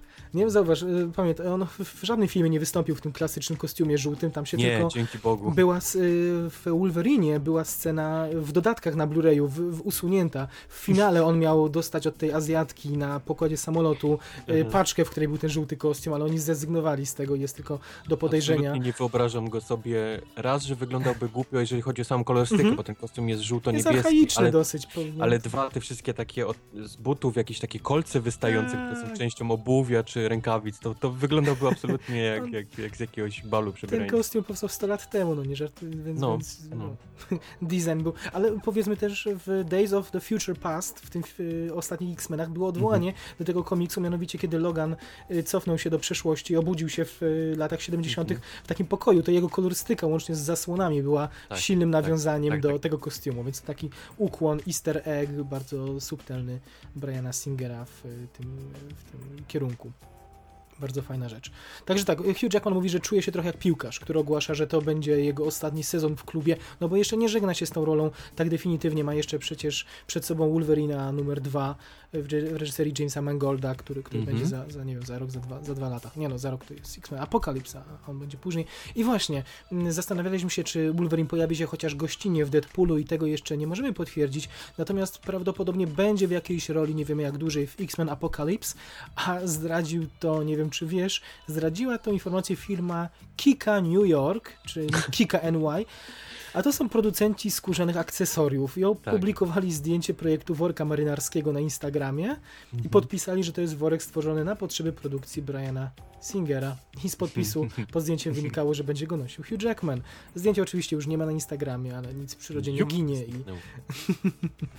także taki Ciekawe, ciekawy. czy w Deadpoolu pojawi się Spider-Man. No nie, to jest nie mo- y, to jest Fox, to nie może. No właśnie, Nie szkoda. A, a, a, a Spider-Man jest ukochaną. On, Deadpool kocha Spidermana. Wszędzie ma jego plakaty, Wow. e, wszędzie go gdzieś cytuje w komiksach. To jest taka jego ulubiona postać. On jest absolutnie zakochany w Mhm. Spider-Manie, więc szkoda. Szkoda, że To to dwa nie, nie, nie wykluczone, że jakaś inna postać, że wykreują coś, jak Birdman i Batman, tak? Może wykreują coś podobnego. Nawet logo innego. Deadpoola jest, jest powiedzmy kopią taką, wiesz, przerobionym, No tak, tym no takimi jasne. oczami Spidermana. Mhm, no, wszystko od faktycznie. niego chciał odgapić. Faktycznie, no to jeszcze nie ten etap. Jak Fox zacznie podupadać kiedyś, to może się dogadają, ale to jeszcze nie ten etap. Pozostajemy w Foxie krótko, musimy dokończyć tą epopeję, y, o której rozmawiamy. Znaczy, nie epopeję może przesadzam, ale, ale kilka Mhm. razy już wracaliśmy do Gambita i już wiemy, kto Gambita wyreżyseruje. Króciutko to będzie Rupert Wyatt. Rupert Wyatt. Mhm. Mm, Fajny wybór. Geneza Planety ma bardzo udany film. Tak. E, Nie wiem, czy widziałeś e, The Gambler z Markiem Wahlbergiem. To jest Widziałem. jego ostatni film. Ja Widziałem. nie widziałem, ja średnio mnie przekonywał zwiastun, średnio mnie zachęcał, nie oglądałem. Czy, czy to jest dobra rzecz? E, niespecjalnie. Niespecjalnie. Niespecjalnie. Mhm. No. Nie, nie, nie, nie podobał mi się jakoś, jakoś. Raz, że nie jestem dużym fanem marki Marka, to, to muszę przyznać Mhm. oficjalnie, a dwa, że film był taki średnio. Więc tutaj y, przypomnij mi, Channing Tatum y, mówi, że widział już y, no, tą pi- pierwszą wersję tekstu, że jeszcze nie wiedzą, ale to jest śmieszne, widział pierwszą wersję tekstu, ale nie wiedzą, czy to będzie geneza ala Batman początek, czy ala Strażnicy Galaktyki, więc, więc jeszcze kombinują, ale wiem, że to będzie coś skromniejszego, że Gambit nie ratuje świata. No o, Mhm. tym już o tym już wspominaliśmy i no i, i, i Tatum jeszcze zanegował, że nie pojawi się na pewno w y, y, X-Men Apocalypse. Prawda, że nic nie wie o swoim występie, czyli, czyli nie będzie takiego, takiego nawiązania. Yy, Także tak, yy, czekamy Rupert Wyatt. To nie jest aż tak dobry wybór, jak byliby to reżyserzy ci, o których mówiliśmy, czyli Darrell Mhm. Aronofsky, czyli, czyli Gareth Evans od y, The Raid. Gwiezdne Wojny teraz, nie możemy y, do tej marki nie nawiązać y, podcast bez Gwiezdnych Wojen, to, to Wojtek by się nie zgodził nagrywać w ogóle. Podcast stracony. Podcast tak. stracony. Forrest Whitaker, Whitaker, Mhm. Whitaker y, w obsadzie Rogue One. Lubię tego aktora, ale on mi się w ostatnim, po, po sukcesie w ostatnim Królu Szkocji i Oscarze, jego kariera chyba nie potoczyła się tak, jak on by chciał i, i ma trochę ról w znanych, w dobrych filmach, ale, ale też marnuje się w wielu takich filmach straight to DVD, o których To niewielu prawda. ma pojęcie, prawda? On, Mhm. to jest taki widać bardzo szlachetny, dobry człowiek, tak, tak przynajmniej mówi całym swoim ciałem. Zresztą nie dostał również na, na którychś nagrodach y, dorocznych nagrodę jako, jako też y, człowiek działający niezwykle prężnie po cichu, jako, jako y, no, w- w- charytatywnie, tak? On jeździ do Afryki, buduje szkoły, dzie- z dzieciakami się tam zajmuje zamiast grać w filmach, to jest fantastyczne, ale, ale też szczęścia do ról nie ma, bo, bo ma masę tych filmów. W tym kontekście to nie jest to, że to jest zdobywca Oscara, to nie jest jakieś wielkie osiągnięcie właśnie, nie? Że, że jest zakontraktowany do Rogue One, to jest raczej Ja uwielbiam to jego oko takie jedno, takie przymknięte, tak? przymknięte, Mhm. tak. Jest dla mnie charakterystyczne dla niego strasznie. Słuchaj, ale wyobrażasz sobie go w błocie, w zbroi, z jakąś bronią, jako ten jeden z tych najemników? Chyba nie, on raczej będzie jakimś dowódcą pewnie. Nie, on będzie dowódcą, tak przynajmniej, Coś tak takiego, przynajmniej to prawda? wygląda, no. Coś Wydający takiego. rozkazy. Chcieliśmy wam jeszcze poopowiadać a propos tej sytuacji jeszcze trochę o Joshu Tranku i o tych jego perypetiach z Fantastic Four, ale pominiemy ten temat. On się ustosunkował, Mhm. on, on, on w końcu sam przyjął własne, przyjął, powiedział jakie jest jego stanowisko, y, że troszkę go jednak zmieszano z błotem i te jego wszystkie y, te, te- doniesienia o tych problemach, że to jest wszystko wyolbrzymione, więc powiedzmy tak w jednym zdaniu, on powiedział, że faktycznie jakby ta decyzja, że on chce teraz się zająć mniejszym projektem i Gwiezdnymi Wojnami, to jest gdzieś spowodowana tym, że, te, że nie chciałby już drugi raz przeżywać kolejny raz tego, jak wielkie oczekiwania w stosunku, są w stosunku do niego i do, do danego filmu, że chce zrobić coś mniejszego na, na nie wiem, na Ja uspokojenie, nie wierzę, tak? Nie? nie wierzę mu. Znaczy nie wierzę, że sam to podjął, że sam podjął tą Znaczy decyzję, myślę, czy że, myślę, że się przestraszył, wiesz? On ma jakieś jednak problemy, o tym też Nie no, ma, no ale to-. I myślę, że, że psychika po prostu mu nie wytrzymała Gwiezdnych Wojen. Nikt Mhm. nie rezygnuje z takiego filmu jak Gwiezdne Wojny, wiesz, y, dając powód, że, że chciałby Mhm. na, nakręcić Znaczy okej, ty nie wierzysz, że on zrezygnował, tak? Bo ja rozumiem, że on przyznał tym swoją deklaracją, przyznał się do tego, że faktycznie miał jakieś problemy, tylko przyznaje też, że sam zrezygnował i nawet, y, i że nie ma w ogóle żadnego zgrzytu, bo pozostaje w kontakcie z tym pionem designerskim od Gwiezdnych Wojen, gdzieś tam jeszcze będzie coś im chyba pomagał. Znaczy nie wierzę w tłumaczenia, że wybrał mniejszy projekt niż, niż większy i ten, myślę, że po prostu nie, sam poczuł, że nie jest w stanie podołać temu i No tak, no, ale nie, ale słuchaj, no, ale to właśnie to jest to, no, poczuł, że nie może podołać, więc wybrał coś mniejszego, przy czym... w y, sensie, że gdzieś tam studio jednak, wiesz, studio że gdzieś wymogło, okej, Wymogło, okej. no. No ja, No. ja gdzieś próbuję wierzyć, że to jest jednak taka no, ogromna też doza niespotykana, nieświadomości tego, że no, nie, czegoś nie udźwignę i taki gest, że poddaje się, nie? No to no. słuchaj, zdarza się, Mo, może, może się tak, nigdy się nie dowiemy. No ja chciałbym w to wierzyć, ale właśnie, nie mówmy już o tym i o perypetiach przy Fantastic Four, bo, bo też mieliśmy ten temat przygotowany, ale, ale może zostanie przy Gwiezdnych Wojnach. Ym, garść y, nowych informacji o Star Wars Anthology Rogue One. O tym, że film ma być mroczniejszy, że ma być odważniejszy, no to mówiliśmy, prawda? Że Mhm, film to mhm. będzie film wojenny inspirowany klasykami Tak. gatunku, cokolwiek to znaczy. To jest ciekawe też. Y, Jest potwierdzone, że Jedi będą w ukryciu, że nie uświadczymy żadnego rycerza Mhm. Jedi. Mhm. To jest ciekawy pomysł. Nie mignie tam żaden miecz świetlny nigdzie. To dobrze. Na Na Al-. Na Alderanie nie było żadnych Jedi wtedy? Nie, nie było, tak? Nie, nie, Mhm. nie. nie. To jest, widzę, idą typowo w taki wojskowy film wojenny, gdzie, gdzie to, to, co mówisz, nawiązania do klasyków, czyli takie klasyczne, e, podpływają jakieś tam, Mhm. powiedzmy, transportery i wylewa się z nich, e, Mhm. powiedzmy, wojsko, które cały czas jest ostrzeliwane gdzieś tam z drugiej strony. Tak przynajmniej to widzę. Brud, błoto, kamera z Brud, ręki. błoto. No, no, no. Y, Absolutnie tak, jak to robi reżyser, y, jak pokazał reżyser Godzilli, który, który Mhm. ten film odpowiada. Y, Gareth Edwards, tak. Więc jak najbardziej tutaj by się to zgadzało. Mają, mają być rasy kosmitów, znane już z innych filmów. Tutaj ja nie mam aż takiej wiedzy, to możesz tylko ty powiedzieć, czy te nazwy, które padają, czyli Mon Calmari albo Akbar, to czy Mhm. to są znane, Znane. znane postaci. Znane. No to są, tak? wiesz... y, To są piloci, Generał czyżby? Akbar, czyli It's a Trap, nie? To są, to są te Okej, rasy. okej, okej, już wiem. No. Mhm. Okej. Mm, Ale oczywiście mają też się pojawić nowe rasy, nowe modele mm, y, robotów. Zobaczymy X-Wingi, y, Y-Wingi, AT-AT, AT-ST, czyli te wszystkie ikoniczne mm, pojazdy z oryginalnej trylogii. Wszystko to, co sprzedaje zabawki kasowe. Akcja ma się dzieć na Jawinie 4, czyli nie, Mhm. nie tylko Alderan.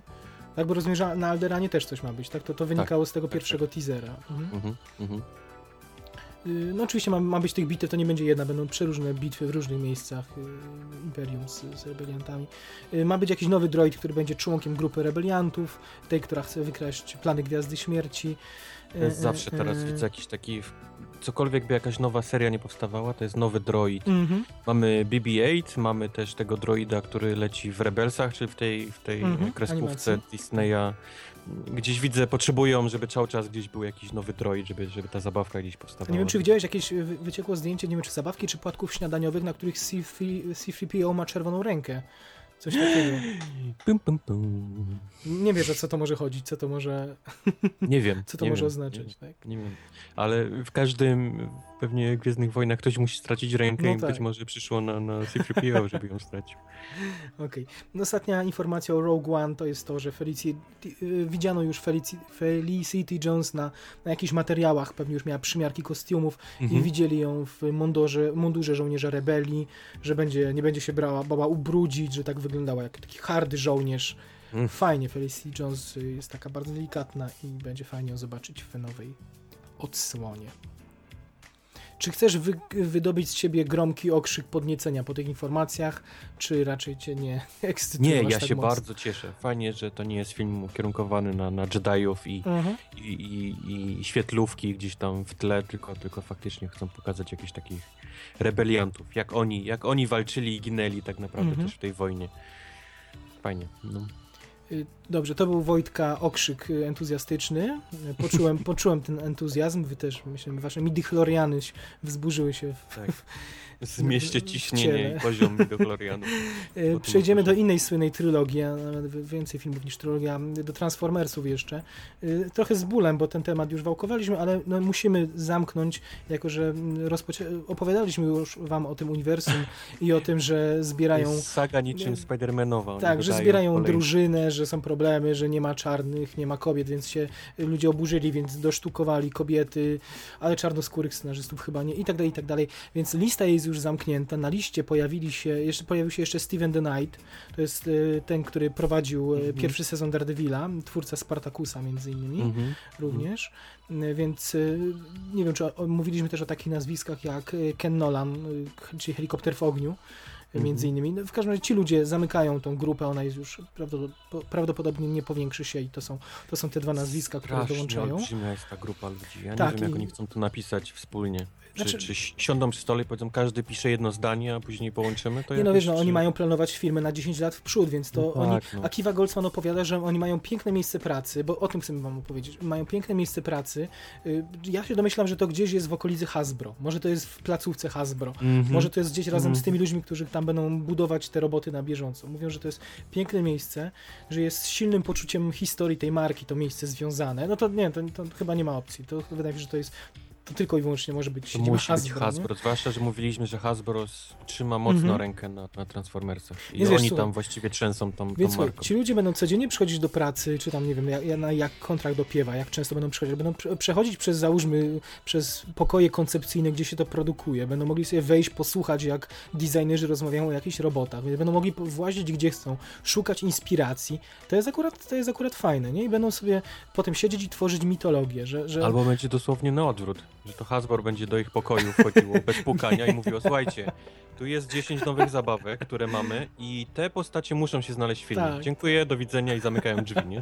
Pewnie będzie obopólne, ale masz rację, tak, to by było zabawne. No, nie sądzę, żeby takie nazwiska się godziły na, na taki deal.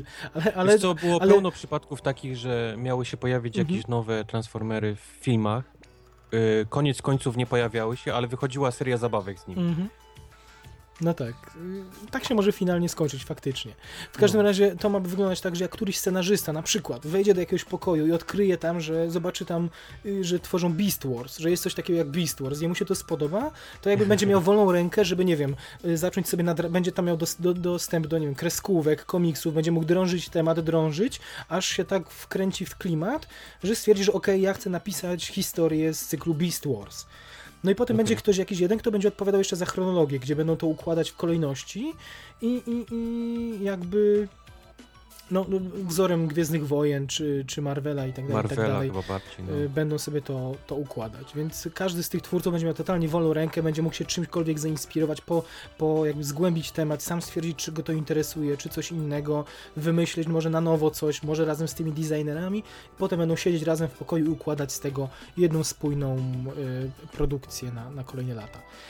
Co by nie mówić, brzmi to dużo sensowniej niż ten pomysł, który dotychczas powstawał. Czyli był Michael Bay, był Spielberg, który pewnie Spielberg był i tak, nie chcę tego mówić, ale boję się, że był tłamszony przez Baya. Bay ma ol, ol, olbrzymią, silną pozycję, jest nazistą w Hollywood i, i Uch, wydaje mi się, że no, ale tak go określiła mm, y, no, Megan Fox, za to wyleciała Mhm. z Transformersu, więc to ja, ja tylko cytuję.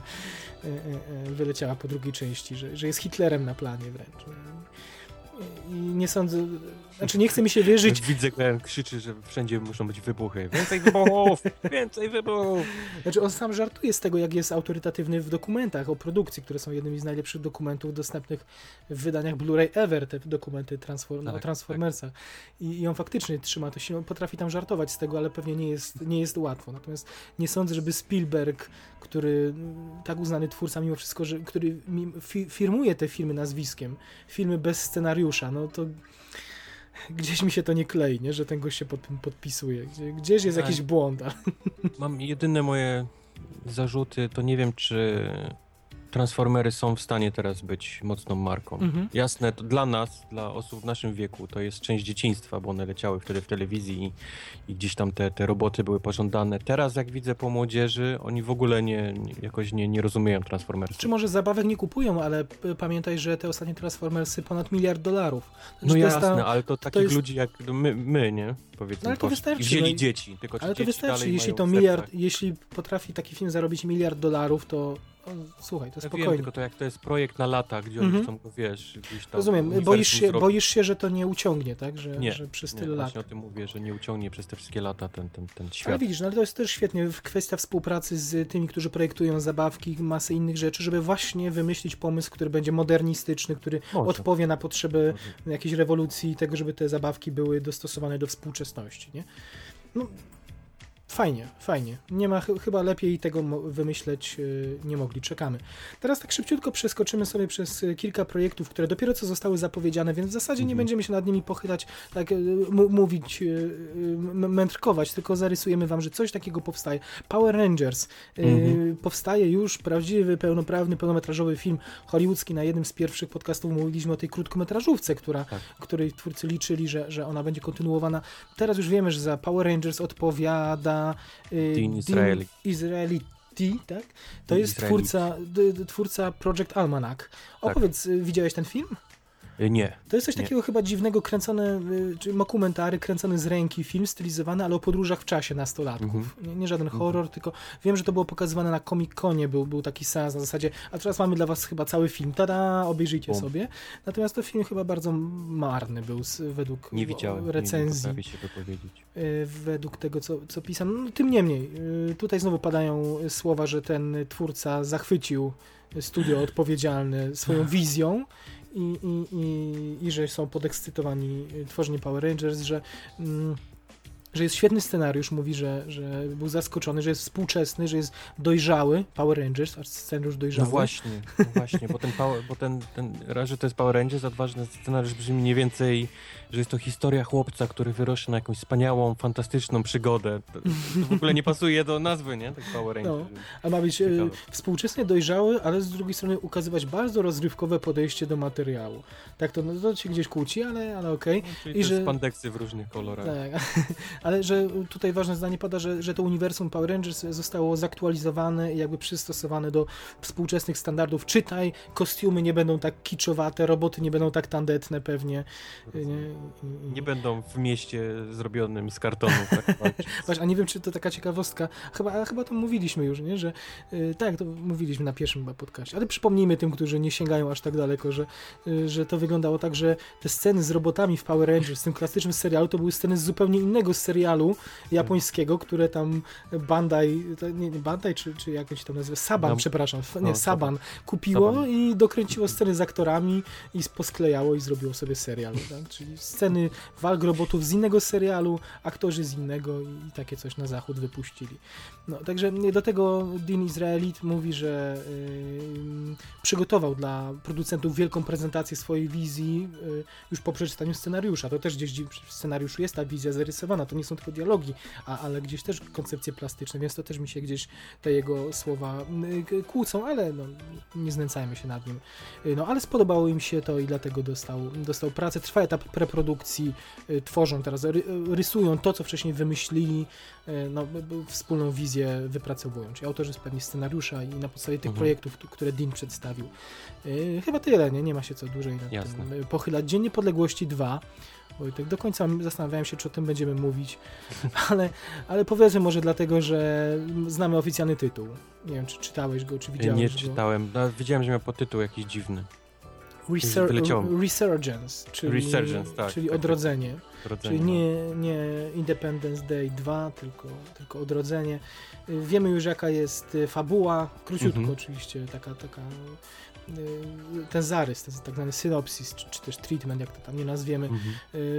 Y, Fabuła będzie polegać na tym, że mm, wszystkie kraje rozpoczęły pracę nad stworzeniem systemu obrony, Znaczy po, wykorzystując... po, po tym po tych wydarzeniach z pierwszej Day części. Mhm. ludzkość dzięki tej technologii, którą dostali, czyli tych wszystkich zniszczonych statkach, e, inwestują właśnie w obronę e, Mhm. taką powiedzmy z kosmosu. Tak, zbudowaną na bazie, na bazie technologii, która została po Mhm. walce z obcymi. Mhm. No i oczywiście to się gdzieś tam... No, no. Nic nie jest w stanie ich oczywiście przyszykować na to, co nadchodzi. Tak, tak mniej więcej brzmi ten, ten, ten tekst w tym scenariuszu. I że garstka bohaterów oczywiście uratuje, tak, uratuje tak, świat. Czyli straszna klisza, nie? Trochę Mhm. tak jest. Zobaczymy. Y, Pierwsze takie powiedzmy gdzieś tam ludzi, którzy gdzieś tam obcują z tym filmem, nie, nie są zbyt optymistyczne, więc Tutaj jest też powiedziane o, powiedziane o ważnym fakcie, że to, co, że ci y, kosmici podróżują, korzystają z jakichś tuneli czasoprzestrzennych, także tak. to tak. dla nich to była pewnie chwila, moment, a na Ziemi minęło 15 lat, zanim oni się z powrotem na naszą piękną planetę zwalili. Mhm. Y, No i co? Will Smith już nam nie pomoże niestety. Y, Nie. Chyba będzie jakiś, ktoś będzie jego dzieckiem, tak? Coś, coś takiego. tak. W każdym razie Bill Pullman y, powraca, y, Jeff Goldblum, Vivica A. Fox też powraca Mhm. I y, Liam Hemsworth, czyli taka druga liga, prawda? Y, O, Charlotte Gainsborough tutaj widzę jest z drugiej Też strony. jest tak. Jest nasza Maika Monroe, nad którą się zachwycaliśmy. Jest. Jest takie y, pomieszanie z poplątanie, będzie takie guilty pleasure, podejrzewam, wstydliwa przyjemność. Roland Emmerich jest specyficznym reżyserem. Oby. Więc- Obyś miał rację. Oby nie wyszedł z tego absolutny kicz i klisza wiesz, tego filmu. To może być świadomy żart po prostu. Tego się spodziewam, za to trzymam kciuki. Y, Są pierwsze zdjęcia też y, z planu i widać na nich pojazd, który, pojazd, który bardzo przypomina mi statek kosmiczny z Prometeusza. Okej. Bardzo fajny design, taki y, trójkątny bym powiedział, czworo, Okej. wielokątny, taki ostro ciosany. Te, te, te Fajna rzecz. pojazdy kosmitów z pierwszej części też były takie właśnie, Tak. takie kanciaste dość. No. Wygląda, to, wygląda to sympatycznie. Y, Kolejny film, na który czekamy, Sandman, y, Oj tak. na, za który y, duszę, serce i wszystko inne oddał Joseph Gordon-Levitt, nad którym Mhm. już od wielu lat pracował, lobbował, próbował się, dobijał się do Mhm. różnych wytwórni. Ty czytałeś Sandmana? Oj, oczywiście, że No tak. widzisz, to moje wstydliwe wyznanie, że ja jeszcze nie. Ja zacząłem kompletować jest- teraz. To jest taki to mój jest wyrzut, sum, wyrzut mojego sumienia mojego, więc y, to ty będziesz mógł powiedzieć, na ile słowa Gordona Levita y, tutaj są ważne.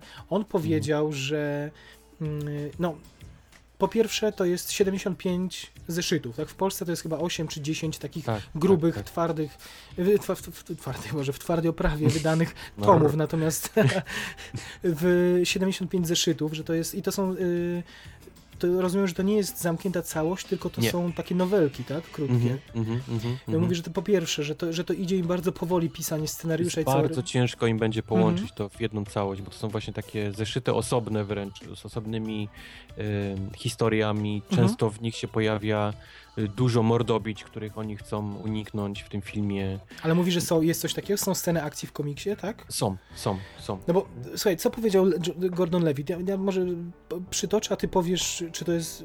Jak, to, jak to widzisz, jako człowiek znający komiks? On powiedział po Mhm. pierwsze tak, że faktycznie, że one są napisane tak, te komiksy poszczególne, rozumiem, te, te je- 75 y, odcinków, że posiadają Mhm. wstęp, rozwinięcie, zakończenie, a oni muszą Tak. stworzyć z tego wszystkiego Jedną y, całość. jedną no. całość, to raz. I dwa mówi, że no, te współczesne filmy akcji opowiadają historię o bohaterach, którzy, którzy, którzy walczą ze złoczyńcami, są wypełnione eksplozjami, a oni nie idą tą drogą, bo y, między innymi Neil Gaiman, twórca, powiedział y, do Gordona Levita, nie, nie wrzucaj mi tam żadnych Tak, bijatyk. on prosił. bijatyk. Prosił, prosił Gaiman, żeby właśnie nie, nie wrzucać mówi, że ten, bijatyk. że ten bo bohater, ten Morfeusz, że nigdy nikogo nie bije, że to nie jest jego styl, że on mówi, że to, to... Ale z drugiej strony Gordon Levitt mówi, że to będzie spektakularny film akcji, ale nie oparty na, cytuję, utartych schematach, takich kliszach. Mhm. Dlatego tak dużo, cokolwiek to znaczy, dlatego tak dużo czasu zajmuje mi napisanie tego, ale pomówi finalnie, że to będzie coś fantastycznego. Yy, No i teraz Mhm. powiedz, jak, jak, jak to, jak, Znaczy czy to on jest szansa? bardziej mu, mu prosił, żeby nie zrobić z tego kina akcji, Mhm. nie? takiego, że on wszędzie jest, jest takim gościem, który wszystkimi chce się bić i wsze- wszelkie sprawy rozwiązuje, wiesz, pięściami, tylko żeby zrobić z tego bardziej takiego postać, która słownie, nie? No tak, ale patrz, on mówi, czyli tak, postać, która unika walki, a z jednej strony, a jest, z drugiej strony to będzie spektakularny film akcji. Mhm, mhm. No, no to jest cały właśnie problem tego komiksu, bo te, te odcinki potrafią być tak różne od siebie i, i tak jak mówił właśnie, mający początek, środek i zakończenie, oni chcą to jakoś rozwalić wszystko i zrobić z tego jedną historię. Ale jest tam jakaś na przykład nadrzędna historia, który, z której dałoby się to usnuć, czy, Eee, czy absolutnie No nie? jest, tylko to, to, to, będzie, to będzie ciężki kawał, no. Ciężki kawał czy Hmm. takiego powiedzmy, żeby zrobić z tego jeden film. Czy to, na, czy to naprawdę będzie miało taką nowelową strukturę? Może tak, Tak, mieć, tak nie? Taki wydaje, epizod, no. jak trochę No. jak Sin City. Może będą Mogą, mogą faktycznie zrobić tak, A wiesz, one mają, oddzielony, a one wiesz, ma, na przykład są, mają różne płaszczyzny czasowe, tak żeby je Tak. mie, mieszać te historie między sobą, żeby tak, na przykład, wiesz, tak, co, właśnie to też jest nie? kolejne, tego, nie? kolejne sceny tego- z różnych e, opowieści jakby, nie? To No, by było no. ciekawe. Mhm. On bardzo skacze po linii czasu też y, w tym komiksie, więc, więc ukleić z tego jeden, idąc Mhm. wiesz, po, po kolejnych zeszytach, na pewno im się nie uda, będą musieli Mhm. to jakoś w inny sposób przemyśleć. Te, te, te sceny akcji brzmią fajnie, nie wiem, czy jakaś przychodzi ci do głowy, która mogłaby być jakimś tropem, jak mogliby rozwiązać to, że te sceny będą takie, jakich jeszcze nie widzieliśmy, że będą nowatorskie sceny akcji. Nie wiem. Nie wiem, wiesz, nie? Nie wiem, nie. nie Czyli- Ciężko mi coś tutaj wygrzebać. No zobaczymy. Czyli cała nadzieja w To Josephie jest tak Cordonie ważny komiks, że muszą bardzo, bardzo uważać na to, co, co zrobią. Mhm. To, to jest taka trochę ekranizacja Biblii, wiesz, dla, dla ludzi siedzących Tak w komiksach wręcz. No. Takie, mam, takie mam wrażenie, jako No. człowiek, który nie czytał. Tak. Ale skoro ty, po, skoro ty potwierdzasz to. Ale muszę powiedzieć, kupiłem pierwszy tom, zaczynam zbierać, będzie czytane. Kajam się. Także Sandman. Y, Powrócą Bad Boysi, numer 3. I to w tyle. Dalej, dalej. Nie no, nie. Powiedzmy króciutko, tylko, tylko że prawdopodobnie Joe Carnahan y, reżyserem będzie. Mhm. Y, To jest gość, który... The co Grey, zrobił? albo The Grey 18 właśnie. O. The Grey, który zacząłem doceniać po czasie, czyli Przetrwanie po polsku. Tak. Film, który mi się nie podobał, nie do końca mi się podoba podczas seansu, ale gdzieś coraz bardziej patrząc na wszystko inne, co powstaje ostatnio, to, to polu, polubiłem go po jakimś czasie. A ty chyba go lubiłeś od samego początku, tak, Tak, mi się, mi się podobał bardzo. tak no. mi się wydaje. Y, As w rękawie, to chyba z Benem Affleckiem coś starszego, prawda? Eee, Y, Smoking Aces, Tak, to jest takie coś. To No. było, zda- ja nie widziałem tego, ale to było chyba mocno chwalone jako, jako takie nowatorskie kino nie akcji. pamiętam już teraz. No i drużyna... Wiem, kojarzy film. I słuchaj, drużyna, drużyna A. Drużyna A, Pozdrawiamy, tam- pozdrawiamy naszego kolegę Marcina, który wczoraj na Tak. Facebooku e, ekscytował się e, emisją telewizyjną w tego. Leciał chyba, tak. E, Marcin z forum Ogatki to od razu. Właśnie, zareklamujmy. Wojtek, kilka już podcastów nie powtarzałem, więc Wojtek nagrywa jeszcze drugi podcast, forum No, Ogatka. Nie, no ale musimy powiedzieć, bo mieliście odcinek o targach E3, więc polecamy, jeśli ktoś chciałby usłyszeć. To jest fantastyczny, czterogodzinny odcinek o tym, co w Los Angeles o grach wideo, a mówię to dlatego, że jednym z tam z współprowadzących jest e, Marcin, który to, którego pozdrawiamy i który na Facebooku wczoraj pisał, że Drużyna A to jest bardzo dobry film jego zdaniem, prawda? E, Z tego co... Marcin, czyli Tartak, ale ma też swoją ksywę, którą bardzo lubi też używać. Jest to Mr. T. Właśnie się bierze od, od Mr. T z A-Team, który on uwielbia. Ale i faktycznie ja się z nim zgadzam. E, Ten film jest, był bardzo niedoceniony, to znaczy był Tak, zmiażdżony. prawda. Był zmiażdżony No. przez krytykę, ja się świetnie na nim bawiłem. Ja Marcin, też, to Marcin, świetny film akcji. Marcin tam napisał, że był bardzo dobry casting i się z tym absolutnie zgadzam. Tak, Charto to też- Copley jako Murdoch po prostu... Mhm. Mhm. Spektakularne, absolutnie genialnie zrealizowane sceny akcji. Finał tam na przystaniu, na tym kontenerowcu. No, ile razy w w, czołgu wyrzucanym z Czy czołg spadają, robisz tak. bitwę, nie? Mhm. Bradley Prawda. Cooper, no, no wow, to jest ten film, tylko był jeden problem, no, ten film nie zarobił i, Nie i zarobił. to jest jedyny powód, dla którego, dla którego nie kontynuowali niestety tej, tej historii. Więc y, Joe Carnahan, y, odpowiedzialny za drużynę A, y, Bad Boys 3 miałby, miałby realizować i y, studio Sony się spieszy, chciałoby, żeby Will Smith tuż po zakończeniu zdjęć do Suicide Squad zabrał się właśnie za Bad Boysów numer 3. Y, Ciekawe, nie, że Mike, Michael Bay da tak łatwo oddać swoje dziecko. Może będzie mniej wybuchów. Mm. Miałbym cię, albo nie będą jechać y, tym, może jaki to był samochód, tam niszczyli fawelę za pomocą Hammera, tak? Tak. Tak, tak, O tak. Boże, co to się tam działo? Miałbym ochotę cię zapytać, jak wspominasz te poprzednie filmy, ale nie mamy czasu, nie mamy czasu dalej. Będzie, cza- będzie czarownica numer dwa, czyli Maleficent number two. Y, bardzo by chcieli, żeby Angelina Jolie powróciła do roli. Angelina przecież jakiś czas temu powiedziała, że jej już granie w filmach nie interesuje. Ona jest wielką Och. artystką i reżyserować teraz będzie, mm, więc będą mieli no, no, trudny orzech tutaj. Wymyśleć napisać fabułę i podczepić ją pod brand, a sprawić, żeby Andrzej... Powiedziałbym, że nie było. spada, ale zagrała tak fajnie w tym Maleficent. No tak, tak, tak fajnie wygląda jako właśnie ta czarownica, Mhm. że chciałbym, aby wróciła. Mhm. Znaczy, może Czarownica 2 to w końcu by była ta czarownica, która by się im udała. To właściwa czarownica i wtedy o tej pierwszej byśmy zapomnieli, prawda? No, no film zarobił chyba... Tam nie wszystko było złe, bo ja muszę powiedzieć, że było dużo rzeczy, które mi się podobało, ale, ale faktycznie jako ogół to tak średnio już. Mm, No to ja się powiem, że było bardzo mało dobrego, ale o tym możecie posłuchać na naszym podsumowującym podcaście, w odcinku zerowym, który nagraliśmy na początku roku i tam się y, chyba nad czarownicą troszkę znęcam. Y, przynajmniej ja. Y, tak. Y, także, także czekamy, trochę czekamy, trochę nie czekamy. Agnieszka Holland y, weszła już na plan filmu Pokot. I y, najpierw, myślałem, najpierw myślałem, że Wojtek powie, że a co to mi to za polskie A? newsy wrzucasz? A E? Wojtek mówi, a którą książkę to Karczuk Holland A, ekranizuje? Ja widzisz. Także zaskoczyłeś Ja mam, mnie, to muszę powiedzieć. Kiedyś dostałem w prezencie y, książkę Tokarczuk i od tej pory się zakochałem w niej. Strasznie lubię to, jak go napiszę i, Mhm, i starałem się gdzieś tam kupować albo pożyczać od, od znajomych. Także mam, super. mam sporo przeczytanych, nie mówię, że wszystkie, bo na Mhm. przykład tej, o której mówisz, nie mam zielonego pojęcia. No właśnie, bo to jest tytuł Prowadź swój pług przez kości umarłych, taki jest tytuł. Mhm. A Mhm. w ogóle to Karczuk wychodzi w Stanach, czy, czy tym po... Nie, nie, Czyli- to było, to jest, wiesz, drogą masz, masz, pożycz. Czyli rodakom jak- wykradałeś, no, rozumiem, no. z kontrabandy, okej. Albo przywieź mi, wiesz, coś, Mhm, jak gdzieś no zobaczysz, to Tokarczuk jakoś. Super. Więc y, no to opowiem ci w, tak, w takim razie, jestem taki mądry, bo o tym przeczytałem. Sam, sa, sam nie znam twórczości za bardzo Tokarczuk, więc mogę bazować na tym, co, czego się dowiedziałem. Y, Na początku czerwca zdjęcia rozpoczęły się na Dolnym Śląsku. Y, Mhm. Ma to być film trochę w klimacie, to nie jest kraj dla starych ludzi. Mhm. Y, Holland mówi, że, że ten film mógłby nosić tytuł To nie jest kraj dla starych kobiet. Tak Okej. sobie żartuję, że to ma być w klimacie braci Cohen, że trochę ma być to świat taki właśnie odrealniony, takie nowhere.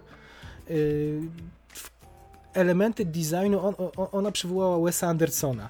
No, to już jest trochę... Wszystko, co mówisz, na razie mi się podoba. Brzmi świetnie, nie? Chociaż to jest takie No. ekstremum. Tu trochę bracia Cohen, ale Wes Anderson, ale zbrodnia jakaś. Dol, z drugiej strony Dolny Śląsk. Ale, czy- ale nie, okej, na razie brzmi świetnie. No. No, Bohaterką ma być emerytowana inżynier Janina Duszejko, tak się nazywa. Ona jest z Okej. zamiłowania astrolożką i wegetar wegetarianką i mieszka w Sudetach, w małej, w małej wsi. Okej. E, I pewnej nocy... Znając Tokarczuk, na bank uwielbia się masturbować w- co O. wieczór, bo ona ma takie odchyły. Mhm. E, Pewnej zimowej nocy ona znajduje ciało swojego sąsiada, który jest kłusownikiem i wokół ciała tego sąsiada e, są zostawione, oprócz krwi oczywiście, będą zostawione tylko i wyłącznie ślady sarnich kopyt. Także e, czyżby, trochę sa- Twin Peaksem czyżby sarna morderca? Uuu. Tum, tum, tum. E, Potem w wiosce zaczną ginąć kolejni mężczyźni i będzie ich łączyło to, że wszyscy są myśliwymi i ta oto pani detektyw, pani, znaczy pani astrolog, wegetarianka rozpocznie własne śledztwo. Mówi, że to będzie trochę film prowokujący, że będą jechać po bandzie. Mówi, że nie będzie tam moralizatorstwa, a z drugiej strony, że chciałaby, żeby y, nie chciałaby, żeby przesłanie polityczne było oczywiste, czyli to wskazuje na to, że w książce jakieś przesłanie polityczne jest. Mhm. Y, Ale o, zapytałbym cię o, o, o- nie, gdybyś czytał tą, tą książkę, niestety Niestety. tego zrobić nie mogę. A w innych jej książkach były jakieś takie polityczne... Było. Było, tak? Są Okej. książki, gdzie ona lubi się tak Mhm. gdzieś tam nachylać nad polityką. No. Ale on mówi, że to będzie ten rodzaj mindfucku, że będziemy mogli równie... Znaczy ona mi się podoba, bo Mhm. ona potrafi faktycznie pojechać grubo po bandzie. Tam faktycznie mogą sarny mieć swój gang i mordować, wiesz, kusowników. To, mo to może się wydarzyć w tym filmie, nie? Nie no, to może jakiś psychol będzie zostawił, będzie łapki No odciskał, jasne, wiesz. nie? Tylko, tylko mówię, że ona potrafi mieć taki gdzieś tam Ale ale- czasami, że... Ale to, co mówisz, może nie jest aż tak dalekie, bo ona z kolei znowu Holland mówi, że, yy, że być może to będzie taki mindfuck, że to wszystko, że te wszystkie wydarzenia będą zrodzi, zrodzą się w głowie głównej bohaterki.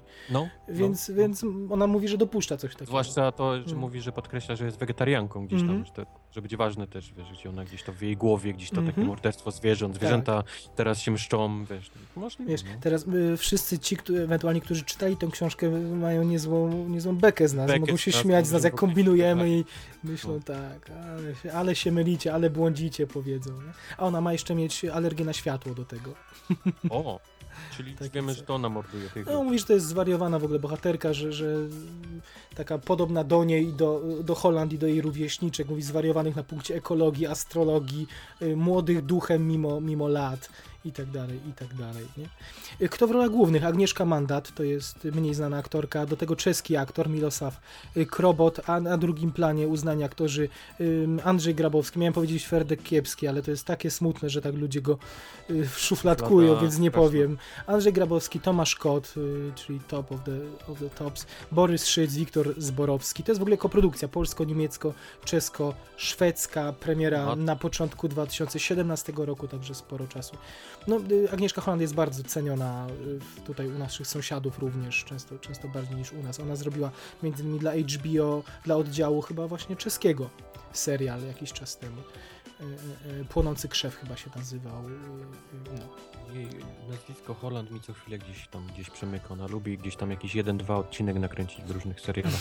lepszych, No, gorszych. w, no w lepszych lub gorszych, albo w tych najlepszych, czyli House of Cards ostatnio, House of Cards. No. albo, albo The Killing wcześniej, The Killing, albo tak. The Wire i tak dalej. Mhm. i tak dalej. Mhm. Także doświadczona. Zresztą rozmawialiśmy kiedyś o tym, bo ona bardzo... Rozmawialiśmy o tym, jak ciekawie opowiadała o pracy na planie House of Cards, jak niewiele miała do roboty, do gadania. Nie? opowiadała. Okej, y, krótko Wojtek, wybrali w końcu dziewczynę Ediemu Redmayne'owi do prequela Harry'ego Pottera. I co, Mhm. śmialiśmy się, że, że Kate Upton będzie jako, jako to szczucie cycem na, na młodocianych na gimbazę. Na szczęście to się nie przytrafiło i jest Catherine Watterson, której ja za bardzo nie znam, ale ty ją widziałeś w Inherent Vice, czyli w Wadzie Inherent Ukrytej. Vice, gdzie jest więcej bez y, górnej odzieży niż O, czyli z- też, tak? Okej. No. Okej, ale czy to dobra aktorka jest? Bo rozumiem, że piękna jest, a czy dobra? Y, Dobrze zagrana postać, faktycznie. Tylko to widziałem jeden film z nią, więc Mhm. nie mam żadnego porównania. W tym filmie wypadła nieźle. Jasne. Przypomnij mi David Yates za kamerą, czyli wyrobnik odpowiedzialny za ostatnie części Harry'ego Pottera na usługach Warnera. Gość, który może jest niesprawiedliwy, ale który, którym swobodnie studio może sterować. Gość bez takiego y, autorskiego y, sznytu, piętna, tylko, tylko sprawny rzemieślnik. No, będzie odpowiadał również za całą tą trylogię o, jak się nazywał? Scamander? Tak? Ten... Z Commandera, tak. Wiemy No, też, że ma zagrać jakąś czarownicę o imieniu Tina, która podróżuje Mhm. właśnie z Edim Red, z postacią graną przez Ediego Redmayna gdzieś po Nowym Jorku i gdzieś tam polują na te... To jest, to jest kolejny przypadek, znaczy kolejny, bo dzisiaj powiem o jeszcze, tak, o jeszcze jednym przypadku y, tego typu y, przy okazji San Andreas filmu. Mhm. To jest aktorka, która najpierw się rozebrała i zagrała w filmie, w dorosłym filmie, w Inherent Vice, po czym Mhm. będzie próbowała być y, ikoną dla dzieciaków w filmie. Warnera w Harry Potterze. Nie? No, okej. Po, pomyśl jeszcze o tym parę lat temu i te same dzieciaki wpiszą jej imię i nazwisko w Google'a i pierwsze co wyskoczy to jej biust, nie? Ale chyba lepiej niż pisać Kate Upton, wiesz. A, no to nie, no oczywiście, to inna, inna, inna w ogóle liga, jasne, myślę. Yy, I, I kojarzy mi się to z Aleksandrą Daddario, do której jeszcze wrócimy przy okazji San Andreas, która jest przykładną córką tatusia Dwayna Johnsona w San Andreas. A gdy wpiszesz w Google, okazuje się, że tak bardzo przykładną córeczką nie jest. Ale, do, ale do tego jeszcze, jeszcze wrócimy. Dalej z tych e, takich szybkich newsów Alicia Vikander, o której mówiliśmy w kontekście gry w e, nowej części Borna i w nowej części, znaczy nowej, przepraszam, w adaptacji gry Assassin's Mhm. Creed. Dziewczyna zdecydowała i zdecydowała trochę złamała mi serce, bo wybrała y, piątą literację Jasona Borna, Borna. rezygnując z Assassin's Creed. Prawda? Czyli, czyli ta Czyli większe oczekiwania masz dla Asasyna niż dla Borna. Na pewno bardziej czekam. No Born troszkę już mi się zajeździła ta konwencja i takie próba wskrzeszenia Borna Mattem Damonem po jednostkowym wyskoku z Jeremy, Jeremy, Rennerem to jest taka desperacja. Assassin's, Creed to jest jeden z moich ulubionych serii. Czy troszkę podupadła, ale, ale, ale bardzo ją lubiłem, przynajmniej w tych, w tych pierwszych jej, jej odsłonach. No i chciałem, żeby, żeby tutaj y, nasza Alicia się wykazała w tym temacie. No, wybrała Borna. Może to o czym świadczy? Może to świadczy, że ten projekt był bardziej konkretny. Nie wiem, może praca. Może była- ma większą rolę w Bornie niż by miała wiesz, Właśnie. Asasynie chciała jednak, wiesz, wybrała większą rolę dla Mhm. siebie. Jasne, może tak. Y, Nie potrafię znaleźć płynnego przejścia, więc nie będę się na nie silił od Alicia Vikander do Terminatora i do Jamesa Camerona, ale chcieliśmy powiedzieć o tym, że James... Przez roboty możesz spokojnie, nie? A, Ona Ex Machina, okej, czyli No. y, to uwaga, robimy przejście. Y, Mieliśmy już w tym roku jeden świetny film o robocie Ex Machina, a za tydzień będziemy mieć gówniany film o robocie, czyli Terminator O. Genesis. Y, Pewnie przesadzam, a, a może nie. Y, James Cameron w każdym razie widział już film. Y, Widział. Wojtek, czy, co on tam powiedział? Co on tam nagadał? ale Nagadał, powiedzmy- że będzie Ale powiedzmy nagadał w filmiku promocyjnym, którego Warner nie omieszkał wypuścić na, na YouTube'a. No, co tam powiedział? że będzie tak samo dobre jak 1, 2 i 3. Nie, to ja cię poprawię. On powiedział, że to jest, że będzie tak samo dobry jak jeden i dwa. On zanegował istnienie trójki i czwórki. A, tak, właśnie. że to jest histo- że historia była pisana z dużym szacunkiem dla pierwszych dwóch filmów.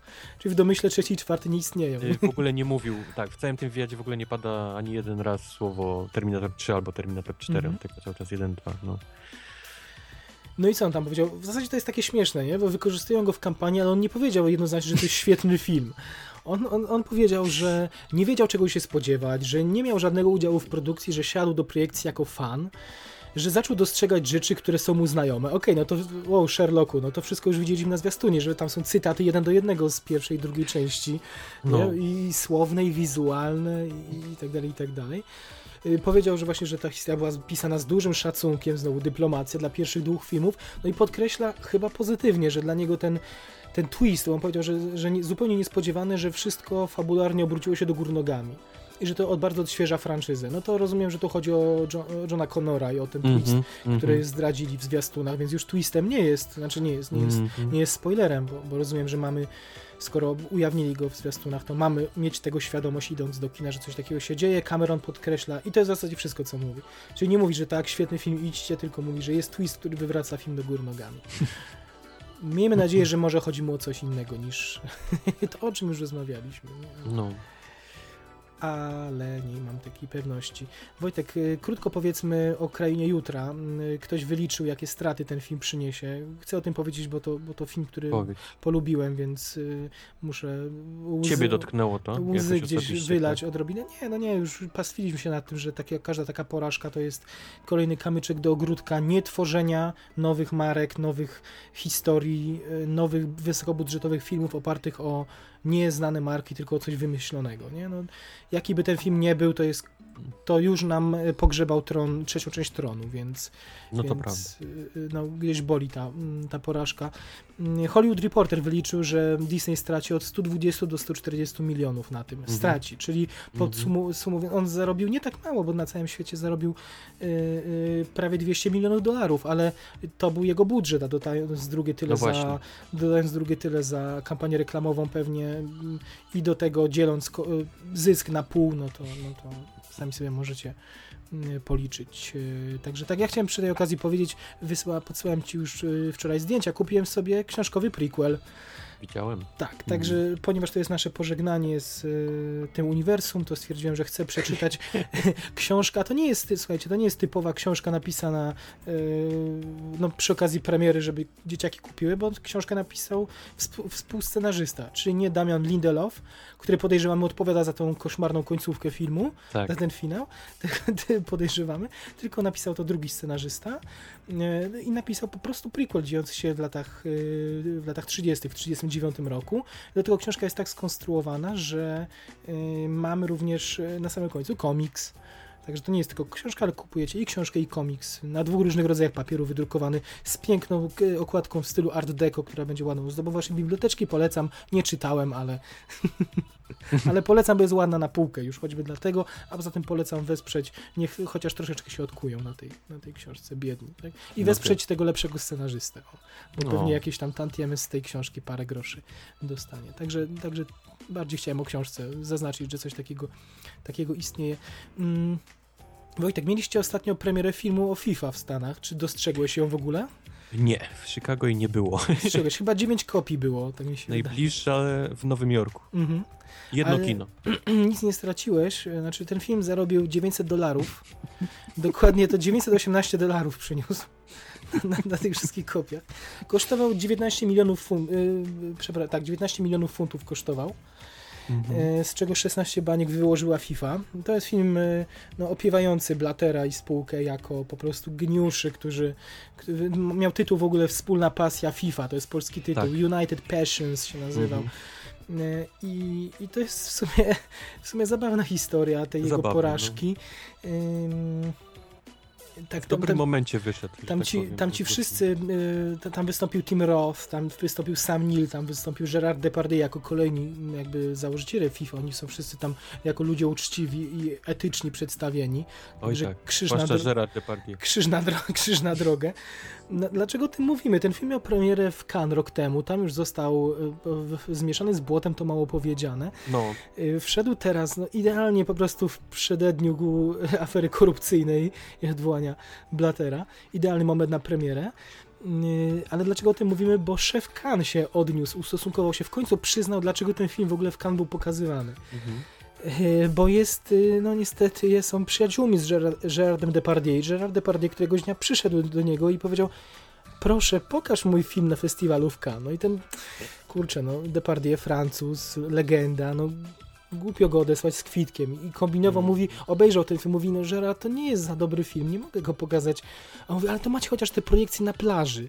W tym roku też niektóre filmy były pokazywane w tej sekcji właśnie Mhm. tych, tych e, nocnych pokazów na, na plaży, dla, dla otwartych, dla widowni. I mówi, to może na tej plaży chociaż. No i wiesz, być może Depardieu w ogóle nie wiedział, jaki mają status te projekcje. I okej, tam to upchnęli, pokazali to, czyli okej, mogli wkleić tą palemkę na początku zwiastuna, że to jest film No tak. pokazywany w Cannes. I na szczęście no, tutaj pozostali przyjaciółmi panowie. Natomiast o dziwo dyrektor Cannes broni finalnie filmu. Znaczy mówi, że to nie jest film tragiczny, to jest film telewizyjny.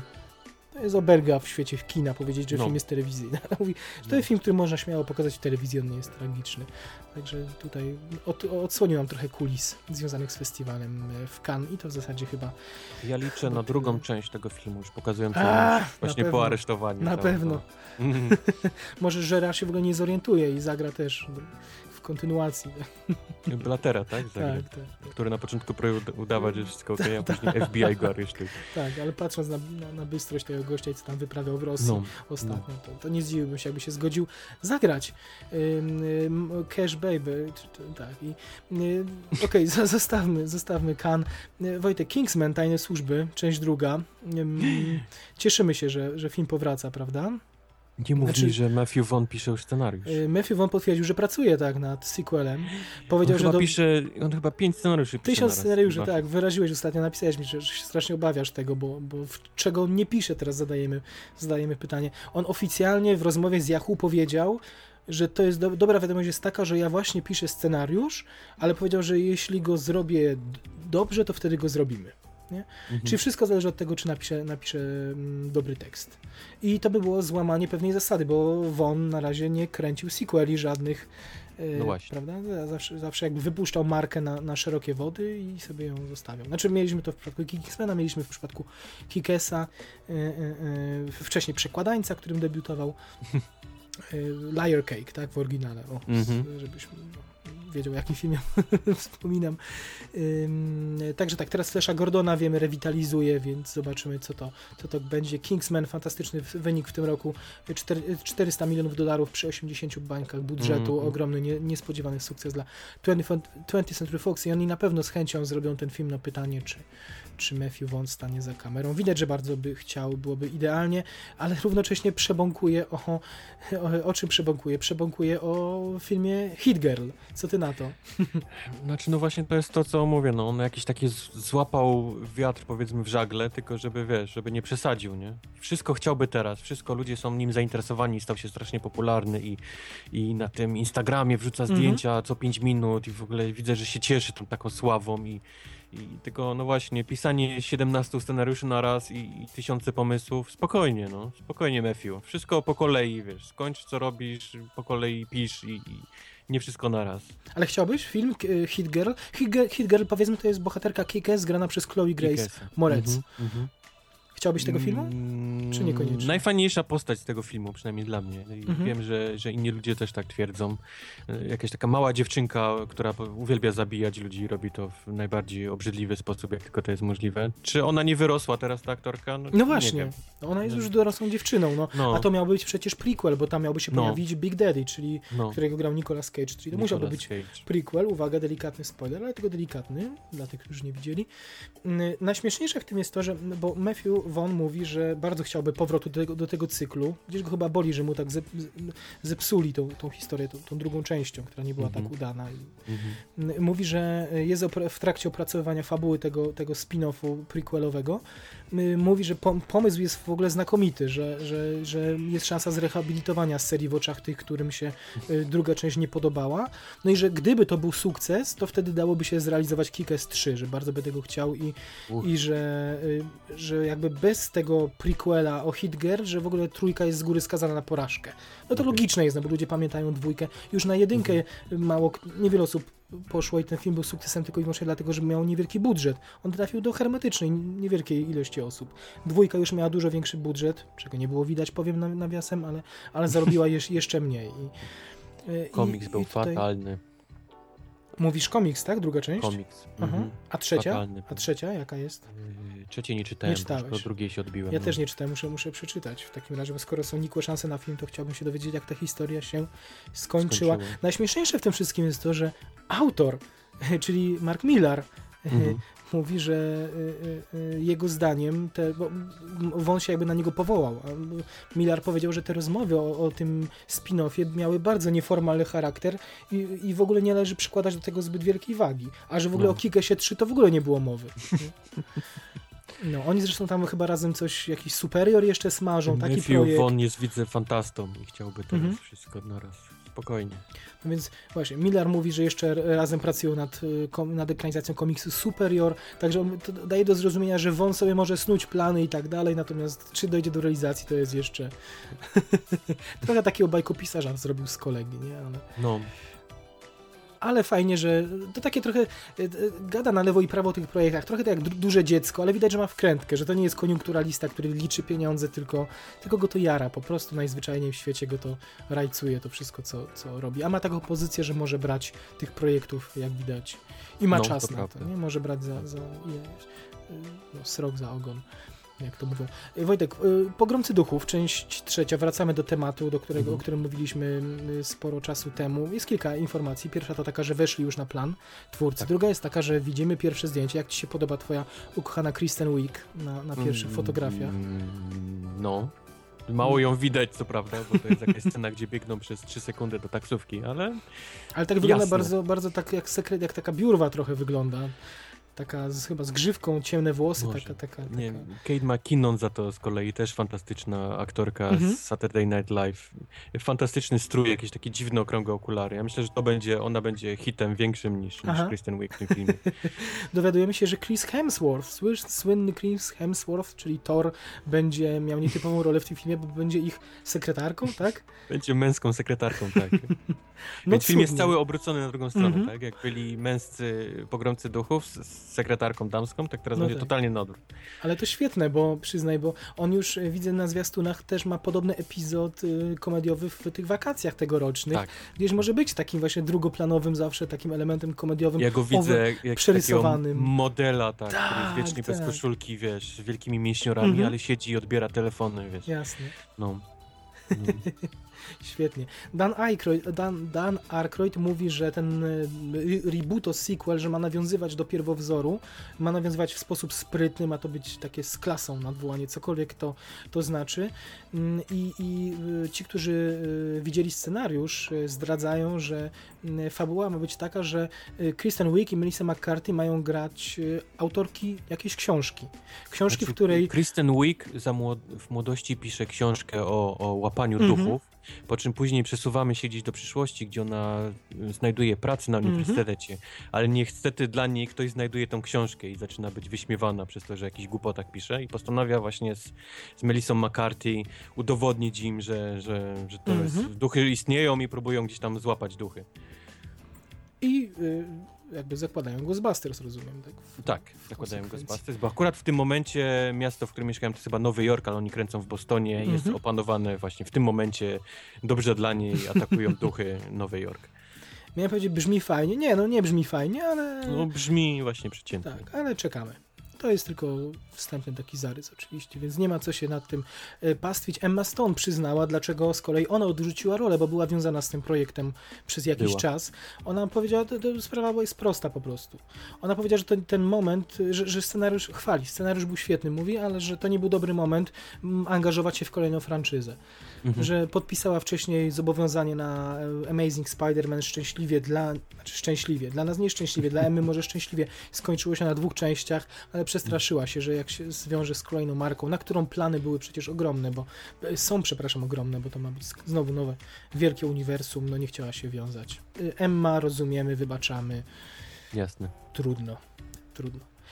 Wojtek, Brad Pitt e, podpisał umowę, podpisał deal z platformą, z Netflixem na film fabularny, nie serial, a Mhm. film, tak? Który Mhm. miałby trafić do kin w ograniczonej dystrybucji, ale tak naprawdę równocześnie na platformę Netflix. Jak się na to zapatrujesz, mój drogi? Ty, który z Netflixa korzystasz codziennie chyba, tak? Netflix jest obecnie dla mnie czymś najlepszym na świecie w ogóle, co może być. I bardzo się cieszę, że postanowili duże pieniądze też na jakieś filmy, wiesz, ładować.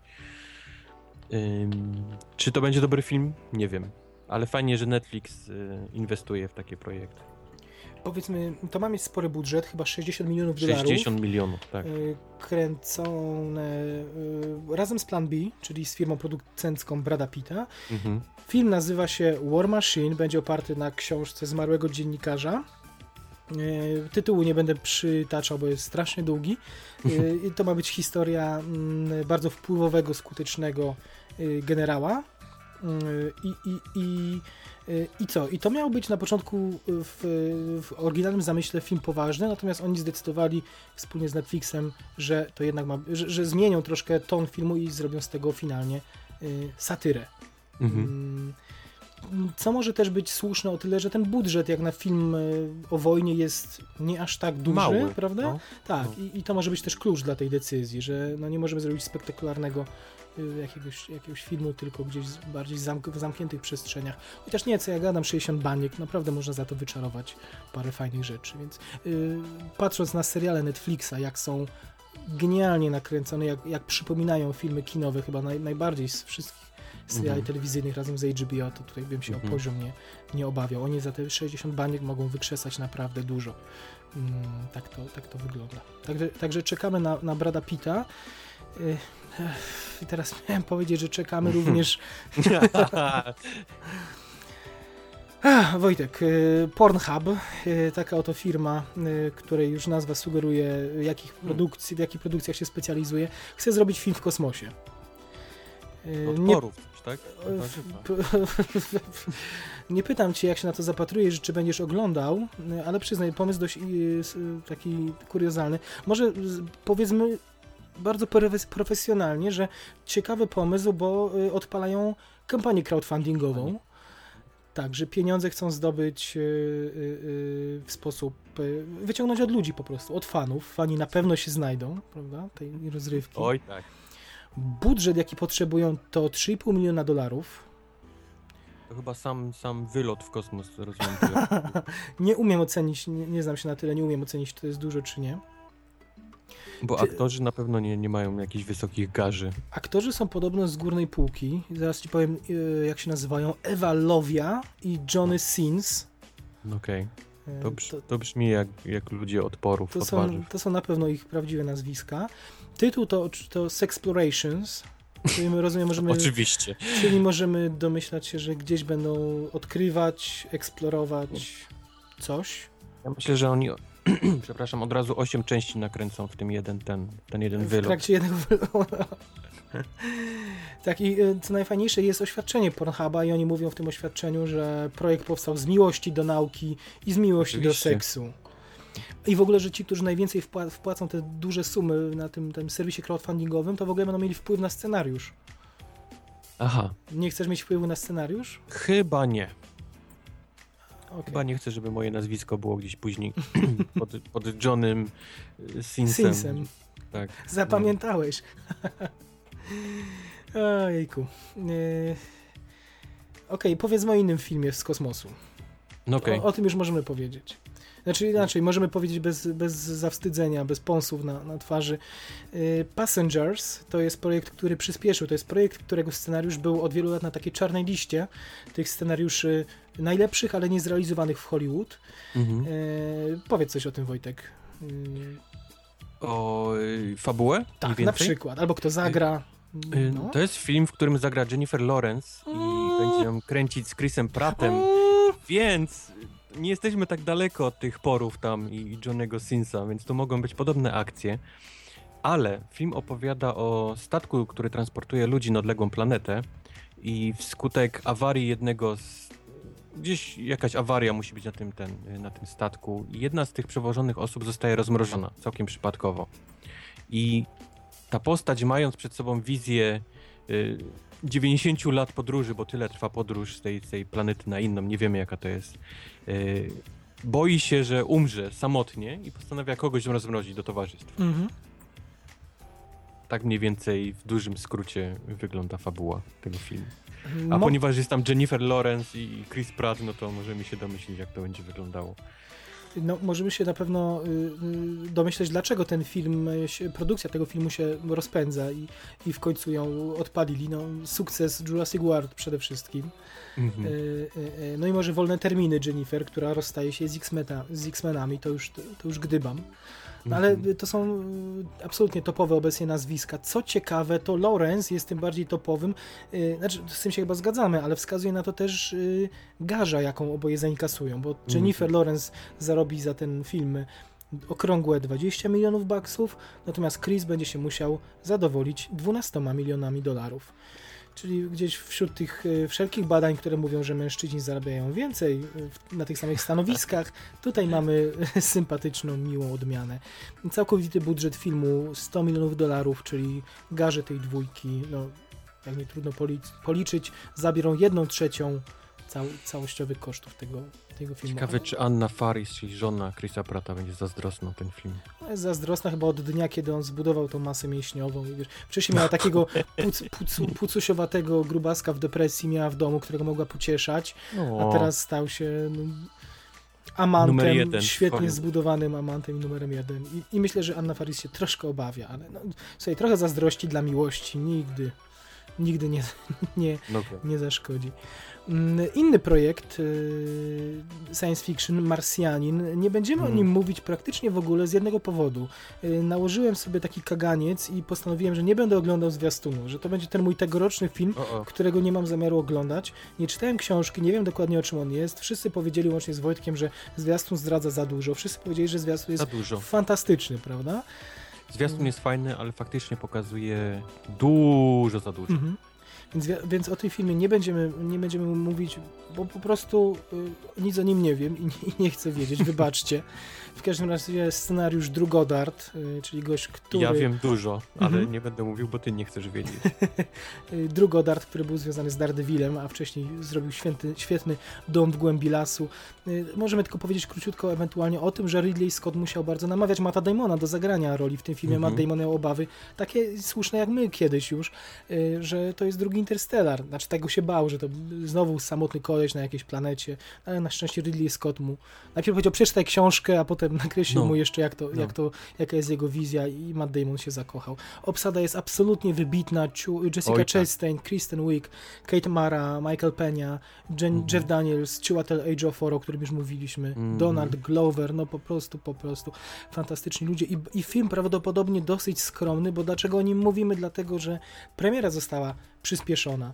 Y, On miał być w listopadzie, pod koniec listopada, a zobaczymy go już na początku października, także No widać, że tam właśnie, wiesz, ten, ten film wygląda jakby był już gotowy w Mhm. całości. No. Tyle pokazali na tym zwiastunie, praktycznie cały film. Widać, że mają już nakręcone chyba wszystko Słuchaj, właściwie. największego trolla by zrobili, jakby pokazali go widzom gotowego na Comic-Conie. Zdarzało się tak, Jezus, że już w, w Jest lipcu, możliwe, no. że na przykład w lipcu pokazali już Więźnia Labiryntu rok temu, który miał Mhm. premierę we wrześniu. No to wrzesień, październik, why not? Słuchaj, to by było no, no. dla f- fantastyczny gest. Nie? I, I, i no, ten film ma olbrzymi potencjał, żeby, żeby ścigać się o Oscary. On, on wejdzie w październiku, dokładnie, mniej więcej dokładnie w tym samym terminie, w którym Grawitacja pojawiła się tak. E, dwa lata wcześniej.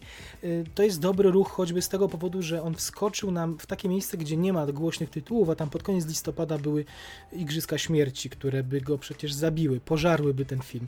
I po, chyba po prostu oni zobaczyli, że to jest taki potencjał i tak się ludziom to wszystko spodobało, że, że jest szansa oprócz sukcesu artystycznego na sukces kasowy, a że film gotowy, to premierę przesuwamy wcześniej. Mhm. Rzadko się takie y, przypadki zdarzają y, w Hollywood.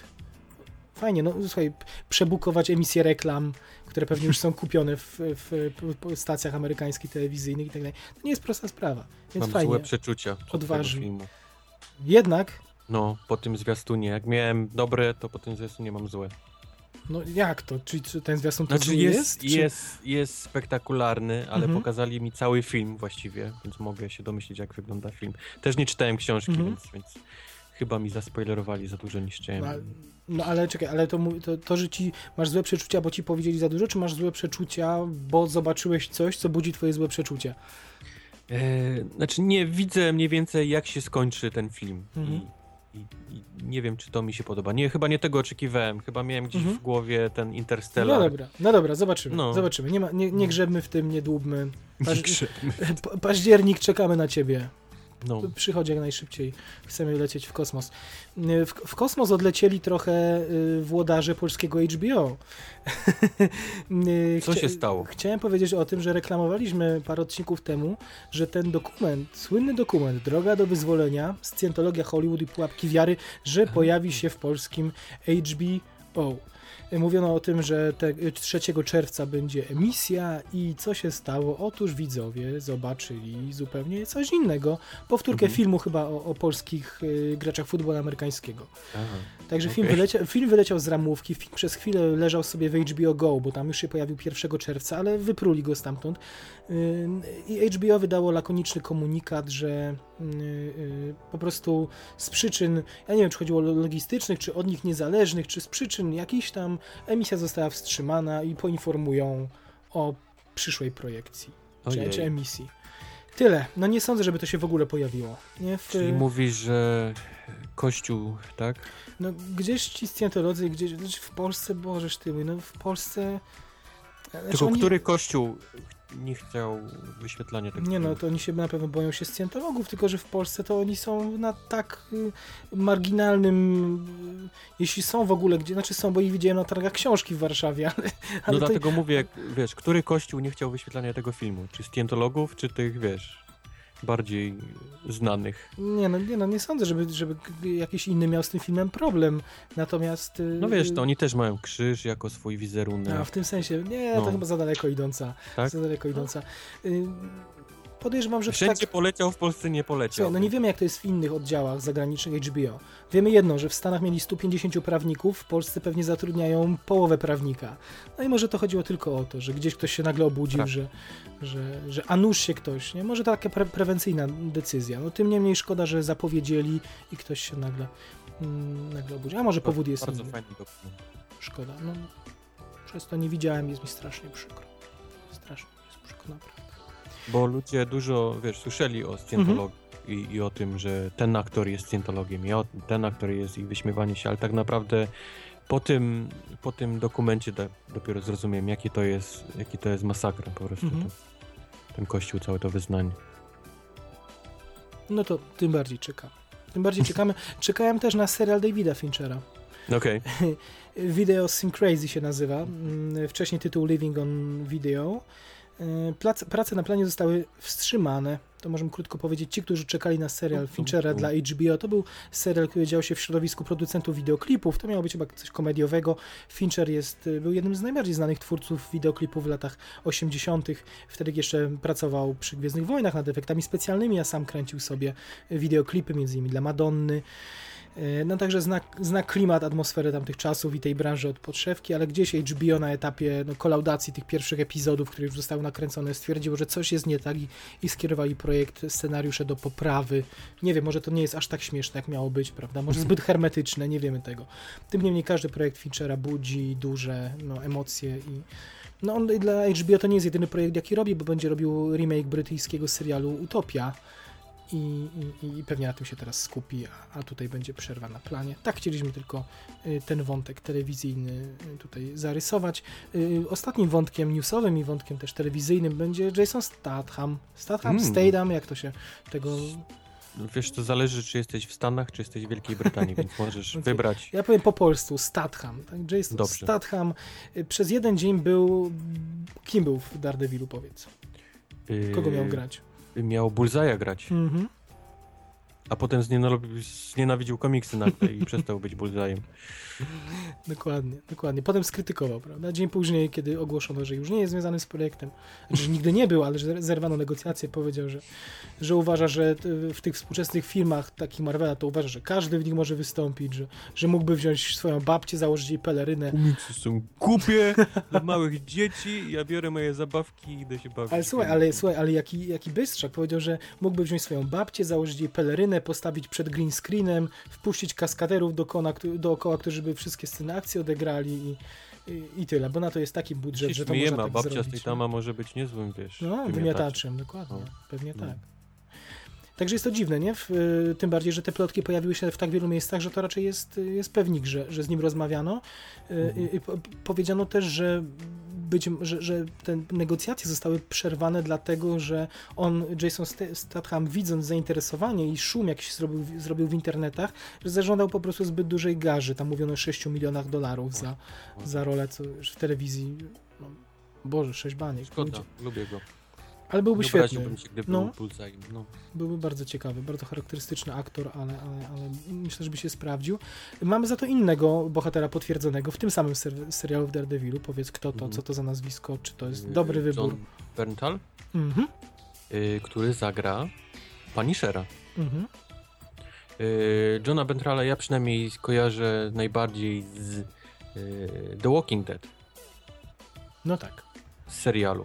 Nie wiem skąd ty go jakoś najbardziej ci przypadł. No, ja widziałem tylko, ja widziałem półtorej sezonu y, The Walking Dead, ale oczywiście No właśnie ja też, tak. ale dlatego, dlatego mniej więcej Ale ma, ma bardzo taką y, ciekawą twarz, o tak, więc tak, zapamiętałem On go, ale... przeważ, Przeważnie gdzie by grał, gra zawsze złego gościa, albo gra gościa z jak, jakiegoś takiego psychopaty totalnego, więc mi to przynajmniej pasuje do, Mhm. do Punishera. Pod jednym warunkiem. Pod jednym warunkiem, pod warunkiem takim, że w Punisherze, znaczy twe, w, y, w drugim sezonie Daredevila będzie grał y, złego. Czyli będzie przeciwnikiem. A, że nie będzie jakby sprzymierzeńcem Daredevila, tak? Tylko... Nie, nie, bo jednak Daredevil jest dobrym człowiekiem, czyli Mhm. ma, mimo tego, że lubi tam skopać tyłki, to jednak nigdy nie, nie morduje ich na taką skalę, jak, jak robi to Punisher. I myślę, że oni Jasne. przez większą część sezonu będą się ze sobą gdzieś gryźli i, i pojawiać w jednych miejscach i ze sobą walczyć, po to, żeby na koniec, powiedzmy, to jedno z, większe zło też, też Mhm. się zjednoczyć i pokonać. Myślę, że tak będzie wyglądał taki sezon. No, tym niemniej fajnie, że wprowadzili taką y, no, ikoniczną postać do tego serialu. To znaczy, że wiążą z tym, że, że ten serial ma znaczenie, że, Mhm. że słuchaj, no to jest olbrzymi krok, bo patrz na agentów tarczy. Tam, jeśli pojawia się jakiś y, z pierwszej ligi bohater, to albo mignie ręką gdzieś przez ułamek sekundy, albo, No. albo ma dwie sceny w ciągu całego roku. I boją się tych pierwszoplanowców wciskać do tego serialu. A Daredevil dostanie jednak postać po prostu ikonę, uwielbianą. Koszulki się nosi z tym logo. Oj, jeden z no, najpopularniejszych jest wielki, przecież. nie? No, no. Więc to pokazuje, jak to jest prestiżowy projekt dla nich. Yy, Być może właśnie dlatego to będzie wydarzenie na Comic-Conie, to, to co mówisz, te, ten serialowy blok Marvela, z którym się pojawią. Bardzo chciał, żeby Netflix zrobił też agentów tarczy. Remake, tak? Reboot. Żebyś się wziął za nich, no. Albo Mhm. za agentkę Carter. mhm. No tak. Oni, oni tam mają za mało pieniędzy i widzę i, i jaj, żeby coś z tym serialem zrobić. Netflix się tego nie boi, po prostu Mhm. on posypie kasą i będzie tyle bohaterów, ile on chce. No, tego się już nie doczekamy. Ale niech wymyślają nowe projekty i, i niech sobie radzą.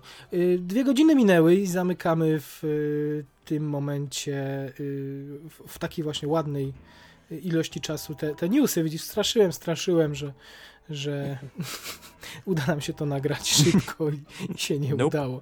Ale, no, ale musimy być wobec was yy, rzetelni. No, tyle się wydarzyło przez trzy tygodnie. Nie, nie dało się To prawda. inaczej. Nie dało się inaczej. Y, Jeszcze miałem ochotę prze, prze, poskakać sobie po zwiastunach, których tak wiele było ostatnio premier, ale, ale chyba już nie będziemy tego robić, tylko przejdziemy do filmów. Może powiem tylko, y, jeśli nie widzieliście, wskoczcie sobie na YouTube'a któregoś wieczoru i zróbcie taki seans, bo, bo jest tego masa. Jest pierwszy zwiastun Everestu, jest y, film The Walk Zemekisa o tym spacerze Mhm. nad, między World Trade Mhm. Center. Jest The Bridge of Spies Spielberga, w końcu pierwsze fragmenty z Tomem Hanksem filmu kręconego w Polsce. Jest Kosogłos, część druga, którego bardzo miałem ochotę zapytać się, czy wiążesz jakieś większe nadzieje po, tym, po tej zajawce. Nie, Nie wiążesz, okej, nie. dzięki dalej. Jest The Program, to jest o, z kolei o Lensie Armstrongu film. tak. Y, Kung Fu Panda 3, świetny zwiastun moim zdaniem. Brian No i Cranston najważniejszy w dubbingu. zwiastun. No i na sam koniec y, pozostawiłem Sicario Denisa Tak jest. O Jeżeli którego... jeden macie jakiś zobaczyć, to zobaczcie o tym Sicariu. Tak, o który się obawialiśmy, myślę, możemy powiedzieć, obawialiśmy się po Cannes, ale, ale ten Mhm. zwiastun wygląda magicznie, zdjęcia są przecudowne Rogera, Zdjęcia, te, te szerokie kadry. O, Rogera Dekinsa są oszałamiające. Co ciekawe, krytycy podkreślali po Cannes, że ten film dzieje się głównie w nocy, a zauważ, tam nie było w ogóle nocnych zdjęć. no właśnie. Także no. albo nami manipulują i wybrali te najlepsze sceny z akcji, które się dzieją w ciągu dnia, albo coś tu jest. Albo dos dostaniemy może nową wersję filmu, która się dzieje w dzień. Who knows? Ale wygląda Fajnie, ale pięknie. wygląda, jest, jest brudno, widać, że Tak. jest Emily Blunt nikt jest... sobie nie ufa, że jest brudno, że, że jest jakieś, yy, jakieś szachy za plecami Mhm. wszystkich się odbywają. Strasznie fajnie, no.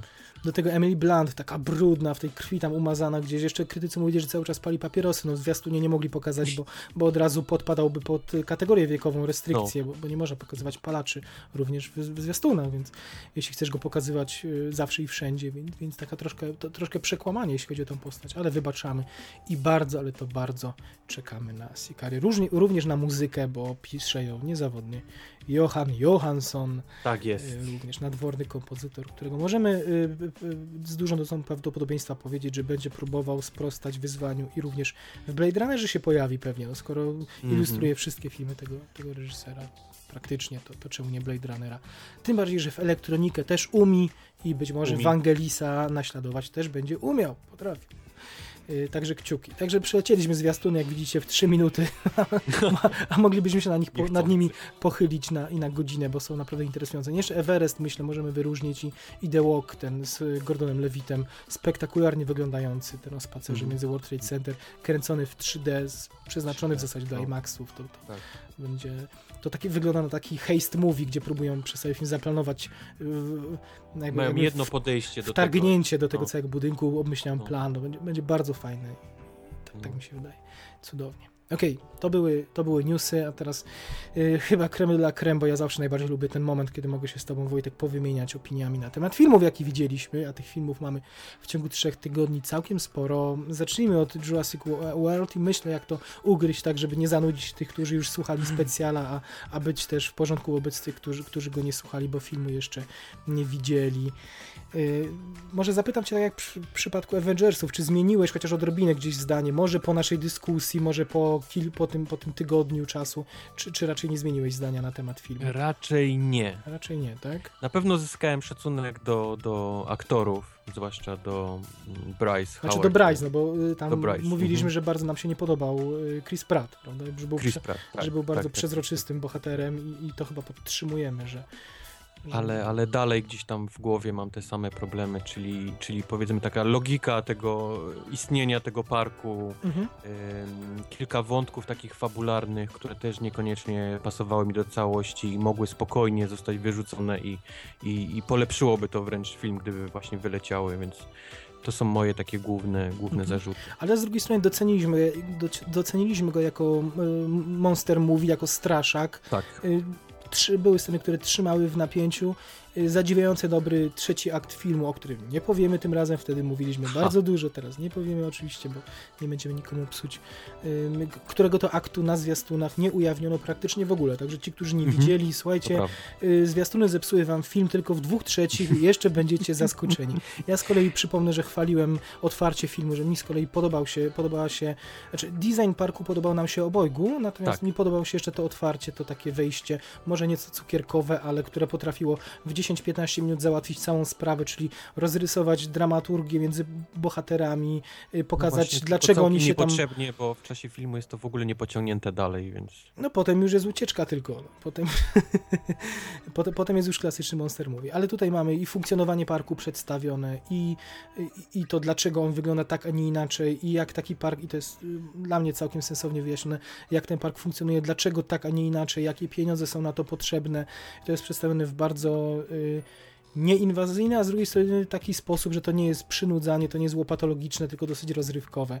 Docenialiśmy tą postać, ojejku, gdzie zapomniałem jego imienia, nazwiska, tą komediową postać, która w kwaterze głównej e, jest takim naszym takim naszym odbiciem kogoś, kto wyraża mm, wszystkie obawy związane z tym Mhm, filmem. Tak? mhm, Czyli, mhm. Pamiętasz, jak się nazywał? Nie pamiętasz? Y, Też mi wyleciało.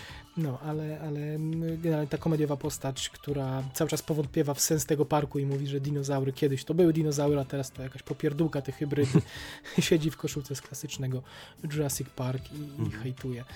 Mm, Jest, jest też bardzo, bardzo fajną kreacją. No Bryce Dallas Howard, tak jak mówisz, urosła w naszych oczach tutaj i zdecydowanie highlight tego no. filmu.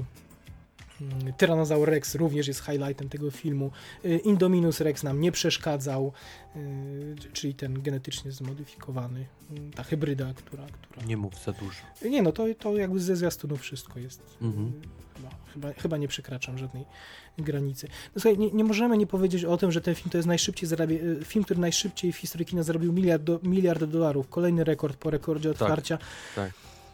Ja bym naprawdę chciał, nie mamy na to za bardzo czasu, ale chciałbym gdzieś e, podumać nad tym, znaczy nad tym fenomenem, bo, bo jasne, że mówili, mówiłem o tym, że być może to jest kwestia niedoszacowania, że być może mm, poszły dzieciaki, na które nikt nie, nie w ogóle nie brał ich pod uwagę, y, zakładając, że to film dla Mhm. starszych, bo jest bo brutalniejszy, bo to, bo tamto i tak dalej, bo nie ma wersji z dubbingiem, a, a te dzieciaki jednak poszły, bo dinozaury i nabiły. Ale ale takie pieniądze za granicą i Chiny, każda szerokość geograficzna, olbrzym, olbrzymie Mhm. pieniądze. Gdzieś problem, sam nie mam diagnozy, ale gdzieś, gdzieś ten fenomen musi być większy niż tylko nostalgia i to, że niedoszacowane dzieciaki. Ja nie, może, może ten film jest, może to jest idealny, idealny film na lato rozrywkowe. Może, może właśnie odkryto, że, że człowiek chce, że ludzie szukają mieszanki strachu, efektów specjalnych, mieszanki z takimi, a nie innymi bohaterami. Może Bryce Dallas Howard jest na tyle wielu osobom też przypomina. Mo, może to jest, nie, może ta postać jest szalenie taka na nasze czasy napisana. Nie? To jak ona, Może. jak ona myśli o życiu, jakie ma podejście do życia, jak traktuje ludzi, jak potem ewoluuje, że to jest postać idealna, idealna na, te, na te czasy, taka, w której ktoś się może, wielu ludzi się może przeglądnąć. Część w Bryce Dallas Howard z początku filmu, część w tej z Bryce Dallas Howard z końca filmu. Nie, nie wiem. Do tego y, Chris Pratt, który, który też na pewno przyciągnął tłumy po Strażnikach Galaktyki. Mhm. Zobaczyli go na plakacie i, Mhm.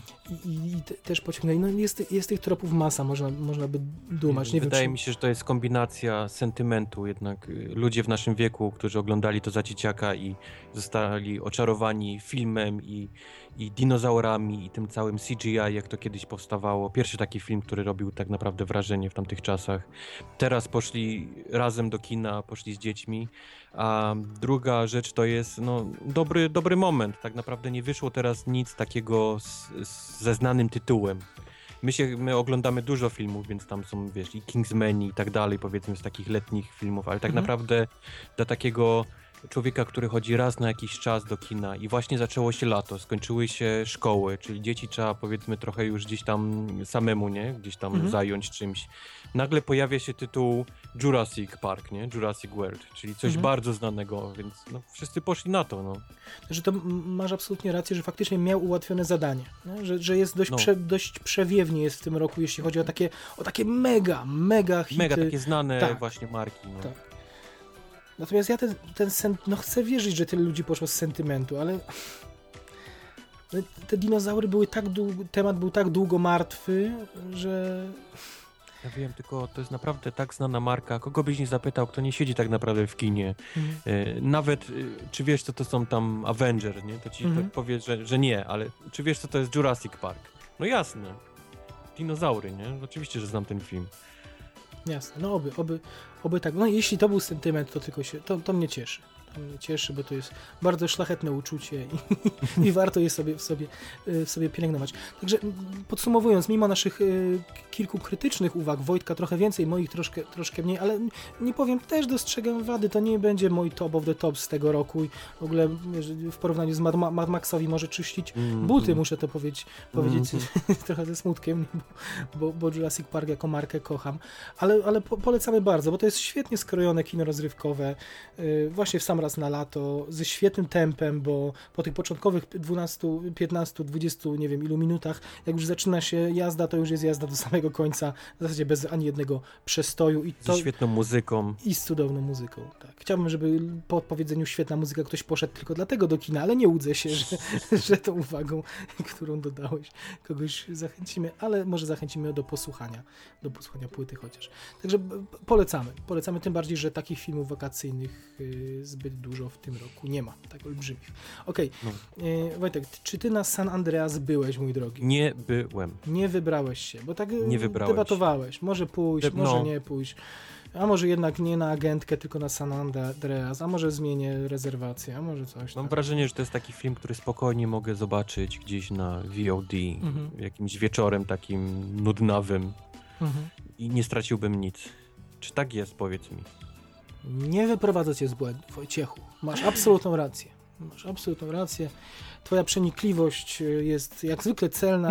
W tym przypadku trafiłeś znowu jak bullseye, po prostu w dziesiątkę, prosto, prosto w, w środek tarczy. Y, Ale zdziwię się, że nie poszedłeś dla Roka, no bo... Ej, Właśnie uwielbiam Roka. uwielbiamy jest, Rocka. Jeżeli jest coś takiego, co, co mnie ciągnęło i powiedzmy próbowałem tam gdzieś zmieniać jakieś Mhm. bilety czy coś, to jest Rok, to prawda. Bo, bo sama historia trzęsienia ziemi absolutnie mnie nie, do kina nie zaciągnęła, tylko, tylko jest to jedynie Rok. No i muszę przyznać, że to jest festiwal roka. Znaczy rok, zajmuje większość czasu y, ekranowego i faktycznie y, wszystkie te jego przymioty, czyli raz fizis, dwa suche, y, jednozdaniowe odzywki, to wszystko jest tutaj. W, w ilości odpowiednio większej niż w Szybkich Wściekłych na przykład, gdzie ma oczywiście ograniczoną ilość ekranowego czasu. Tutaj tego czasu ma pod dostatkiem. Nie? Więc oczywiście już film zaczyna się sceną, gdzie tam dziewczyna, tam jest, w tym filmie jest myślę, bardzo dobre CGI, bardzo dobre efekty, a w tym, tej początkowej scenie to, to jest, to, to wygląda fatalnie, gdzie dziewczyna rozbija się samochodem, wisi na jakiejś gałęzi, gałęzi u stóp przepaści i rok z uśmiechem przylatuje helikopterem i tam próbuje ją wyciągnąć i, i od razu przylatuje z nim ekipa telewizyjna, która kręci reportaż, bo oczywiście zabiera się dziennikarzy na, na pokład helikoptera ale ratunkowego. powiedz mi, czy strzela oko do kamery? Masz takie wrażenie, jak obraca się właśnie, Mhm. obraca się do kamery dziennikarza, ale równocześnie ta kamera jest kamerą, w którą Tak. patrzy telewizji, i, że, ki- przepraszam, telewizji, no, y, widz w kinie, obraca się i mówi, że y, ja wykonuję tylko swoją robotę, nie? ja jestem tylko No. skromnym ratownikiem, no i ty wiesz, Super. ty, ja wiem, co ty myślisz, wracasz do domu, naoliwisz się tym olejkiem i mówisz sobie, jestem skromnym ratownikiem. Nie? Natomiast y, faktycznie on tam buduje swoją legendę, że tam nie wiem, 400 akcji w Afganistanie odbył, że oczywiście ma takie dziedzictwo. Więc to klisza na kliszy, czyli były wo- wojskowy, który teraz ratuje ludzi. Wojskowy, który notabene y, dowiaduje się o kataklizmie, ale przygotowuje się do akcji i pakuje pół dnia. Gdzie trzeba już ludzi ratować, ale oni wiesz, wyruszamy tam jutro o któreś. Nie? Ludzie giną, trzęsienie ziemi, ale oni wyruszają za, za 12 godzin. No przecież No. trzeba się spakować, trzeba, trzeba krakersy kupić na Biurokracja podróż. musi być, Tak. no. Tak, tak. Y, Ale i oczywiście no, ten film przede wszystkim trzeba brać w, sza, w szalony nawias. No, to, tam nikt Jasne, nie ukrywa, że to, są, że to są jaja. No. Y, Obsadzenie w ogóle Aleksandry Daddario, do, o której już wspominałem dzisiaj wcześniej jako córki Roka, to jest przebiegły plan. To jest przebiegły plan. Wojtek, z czym kojarzysz Aleksandrę Daddario? Czy z czym kojarzyłeś przed San Andreas? Przed San Andreas. Hmm, jakby Nie, to... powiedz, powiedz. No, słuchają nas dorośli, więc śmiało. No tak niespecjalnie z filmami dla dzieci, powiedzmy, nie? Znaczy, kojarzyliśmy ją z jedną sceną w zasadzie. Kojarzyliśmy ją ze sceną y, z serialu Detektyw. No, y, ze sceną, w której grał Woody Harrelson i o, Mhm. ona grała jego kochankę. I ona w ogóle była ubrana w tym serialu przez wszystkich? Nie, była raz scena w tym barze, tak. to chyba była scena, że była ubrana, ale rozmawiała o czymś zupełnie, o dość lubieżnych rzeczach wtedy, w tej scenie. B- b- W każdym razie, no, m- musimy powiedzieć to otwarcie, że, że ta właścicielka chyba najpiękniejszego biustu w Hollywood, tak mi się wydaje, ta dziewczyna Okej. bardzo młoda, nie wiem, no, no 20 lat, no, no po prostu w tym filmie jest przykładną córeczką tatusia y, niewinną, na którą tatuś, nad którą tatuś roztacza parasol bezpieczeństwa. I obsadzać dziewczynę w takiej roli rok po scenach, w których każdy zapamiętał ją tylko i wyłącznie z tego w zasadzie, jak wygląda jej biust, który jest faktycznie przepiękny, powtórzę to po raz, pamiętam tą scenę. po raz drugi, y, y, bo i przyznaję to ja, ale przyznają to i moje y, koleżanki otwarcie mówią, tak? Rozmawialiśmy o tym, o, o właśnie o San Andreas i same mu przyznawały, o, o że, biustach? Także kobiety też, kobiety też przyznają, że Aleksandra Daddario ma wow, ale zajebiste cycki, cytuję, tak, cytuję, cytuję koleżankę, więc jestem, No kry, okej. jestem kryty, żeby nie było, że tu szowinis, Okej. szowinistyczny podcast nagrywamy. No i słuchaj, słuchajcie, no z, jednej, z jednej strony mamy tutaj przykładną córkę tatusia, czyli jest to gra z wizerunkiem podobna jak będzie troszkę, będzie musiała być w tym, tym spin-offie Harry'ego Pottera, tam, że, że dzieciaki, że ktoś wpisuje Daddario, a, a dostaje z Google'a zupełnie co innego niż się spodziewał, że, że jest ten dysonans, że tutaj wcześniej gramy taką postać, a tutaj gramy tak bardzo niewinną, familijną, ale jeszcze to by było mało, to twórcy sobie z tym igrają, bo ona już w pierwszej scenie leży nad basenem w bikini. Czyli, Yes! czyli ej, to jest niewinna córeczka, ale my i tak wiemy, o co tutaj kam, o co chodzi i wiecie, po co przyszliście do kina. Tak więc to jest takie, jest taki dualizm i, i, i to jest zabawne bardzo. I te, póki ktoś nie traktuje tego filmu... Ale jest nago? Nie no, gdzie? No to jest Nie fami- ma. familijny jest. No, No, nie, nie, no, nikt się nie fajnie. posuwa, nikt się nie posuwa dalej niż ta scena w bikini, Nie, gdzie ona gdzieś rozmawia... przeczytałem, że jest Że jest, takie tak? Biusty się pojawiają w tym Nie no, filmie, to czy ona czy przez, to cały, przez cały film biega w kusym topie na A, ramionczkach. rozumiem. Więc Okej, ma- ma- okej, jest to okej, wszystko bardzo bardzo ściśnięte, w zasadzie pod szyją. Jest, przepraszamy w ogóle, że, że na tym się skupiamy, ale to jest, y, tego jest film, to jest przez cały czas w filmie. No, to, jeśli nie ma Roka na, na ekranie, Dwayna Johnsona, to jest biust Aleksandry Daddario. Najpierw jest jej biust, a potem jest ona. No tak to wygląda niestety, bo, bo oni ją kadrują, to jest ka- z każdej możliwej strony, ona biega, każą jej dużo biegać, żeby... No, Na razie mi bardzo dobrze reklamujesz ten film. żeby, wiem, żeby Próbuję fizyka... dojść do momentów, kiedy będziesz narzekał. Nie, nie będę chyba narzekał, tak szczerze, bo, Okej. bo jeśli godzimy się na konwencję, to, to y, do tego Karla Gugino, chyba tak się, tak się wymawia tą panią, która gra żonę Roka. Żonę, powie- powiem to od razu, ona nie jest najmłodsza, tam widać na jej zmarszczki, ale piękna kobieta. To jest fajnie, że nie obsadzili tutaj młodej dziewczyny, która by konkurowała z Aleksandrą Daddario na wiek, ale mama jest równie obdarzona przez naturę i równie tak samo ubrana w, w, w taki właśnie kusy ściśnięty top. Ja żartowałem po, po wizycie w kinie, że y, od y, konstrukcji scenariusza ważniejsze dla nich było rozpisanie na storyboardach momenty utraty kolejnych części garderoby przez Aleksandrę Daddario, bo ona traci najpierw kurtkę, potem koszulkę. Oczywiście to nie jest zwykła utrata, tylko ona bohatersko wiąże, obwiązuje ranę swojemu przyjacielowi, który ją tam, którego y, w pewnym momencie filmu się, się natyka i oni potem razem wyróżniają w to, w to kino drogi, bo ten film jest kinem drogi, oni tam podróżują cały czas, są w ruchu. Podróżują różnymi środkami transportu. The Rock lata samolotem, pływa motorówką, yy, lata na spadochronie, no na wszy- wszystkim możliwym yy, podróżuje, tak? a biedna Mhm. Aleksandra musi biegać. Yy, Z, z biustem pod szyją, dodam to po raz kolejny, bo naprawdę ten biust powinien być w napisach końcowych wymieniony. Yy, Tak, tak, tak, tak Powinien uważam. być gwiazdę swoją, Do tak, tego, Hollywood, na, To jeszcze poczekamy. Poczekamy, ale, ale być może kiedyś, kiedyś będzie. Jest taka scena, ona jest pod koniec filmu, ale chyba nie mówimy, to nie ma co w tym filmie mówić o spoilery czy nie spoilery. No każdy wie dokładnie, jak taki film Rok- katastroficzny przebiega. Bije się z tym trzęsieniem ziemi i. Dokładnie. Ale jest taka scena, kiedy. To, to w ogóle muszę powiedzieć, to jest kolejny film, w którym y, trzeciego aktu nie, nie zdradzono na zwiastunach. To jest też fajne, bo widzimy faktycznie większość tych scen z efektami specjalnymi, które są w zwiastunie. To jest wszystko, co widzimy w kinie. Oczywiście gdzieś tam pogłębione delikatnie. Natomiast trzeci akt dzieje się już w, za, w zalanym San Francisco. Zalanym wodą, po tej wielkiej fali, która jest w zwiastunie, w trailerze, na którą rok bezwstydnie próbuje szarżować małą motorówką i stwierdzi, że że, że osiągniemy, że, że, że przepłyniemy, że damy radę tam Ej, wszystkie. ej, mówimy o roku. On da, no oczywiście. przesady. Jak rok naciśnie pedał gazu, to nie ma, nie ma we wsi. Także w ogóle w tej scenie jest jeszcze jedno zaskoczenie, którego tutaj nie zdradzę, ale jest taki moment, że wydaje ci się, że może on jedzie na tą falę i, i wiem już w zwiastunie, jak to się skończy i nagle jest BUM! Że w ogóle nie spodziewałeś się tego. To jest fajne, ale nie powiem o co chodzi, ale to jest, to jest fantastyczny moment, bardzo, bardzo fajny. Natomiast potem cały ten trzeci akt dzieje się już w zalanym San Francisco, gdzie rok pływa między tymi zalanymi na wpół budynkami, wśród tego gruzu. To jest naprawdę świetny plan, świetny plan zdjęciowy, to, to jest połączenie na pewno CGI-u, ale, ale s- musieli nieźle nabrudzić i zalać spore, spore połacie yy, jakiegoś studia Studia. te- filmowego wodą i I robi to duże wrażenie na mnie zrobiło to. I on w tym finale oczywiście gdzieś tam próbuje do, do, dobrać się do córki, która jest zamknięta. Mówię, troszkę spoiler, ale naprawdę, Dobrać uwierzcie mi, złe. Y, O, przepraszam, y, wróć, y, ale dobrać, bo jest za szybą, no, zła szyba zaaresztowała jego córkę i on próbuje ją stamtąd wyciągnąć. Ten moment akurat był na zwiastunach, że, że są pod wodą oboje. Pal licho, że są 5 minut i tam nabierają powietrza tak rzadko, że już by się potopili, ale to rozumiem, dramaturgia tego wymaga. Jasne. Kino katastroficzne. Bardzo naiwne, bo to mu- musimy przyznać, San Andreas odwołuje się do takiego bardzo naiwnego kina katastroficznego nie wiem, z lat 70., myślę, jak, jak, pamiętamy wtedy, i, i nie ukrywa tego. I to jest cała magia jest, właśnie jest w tym.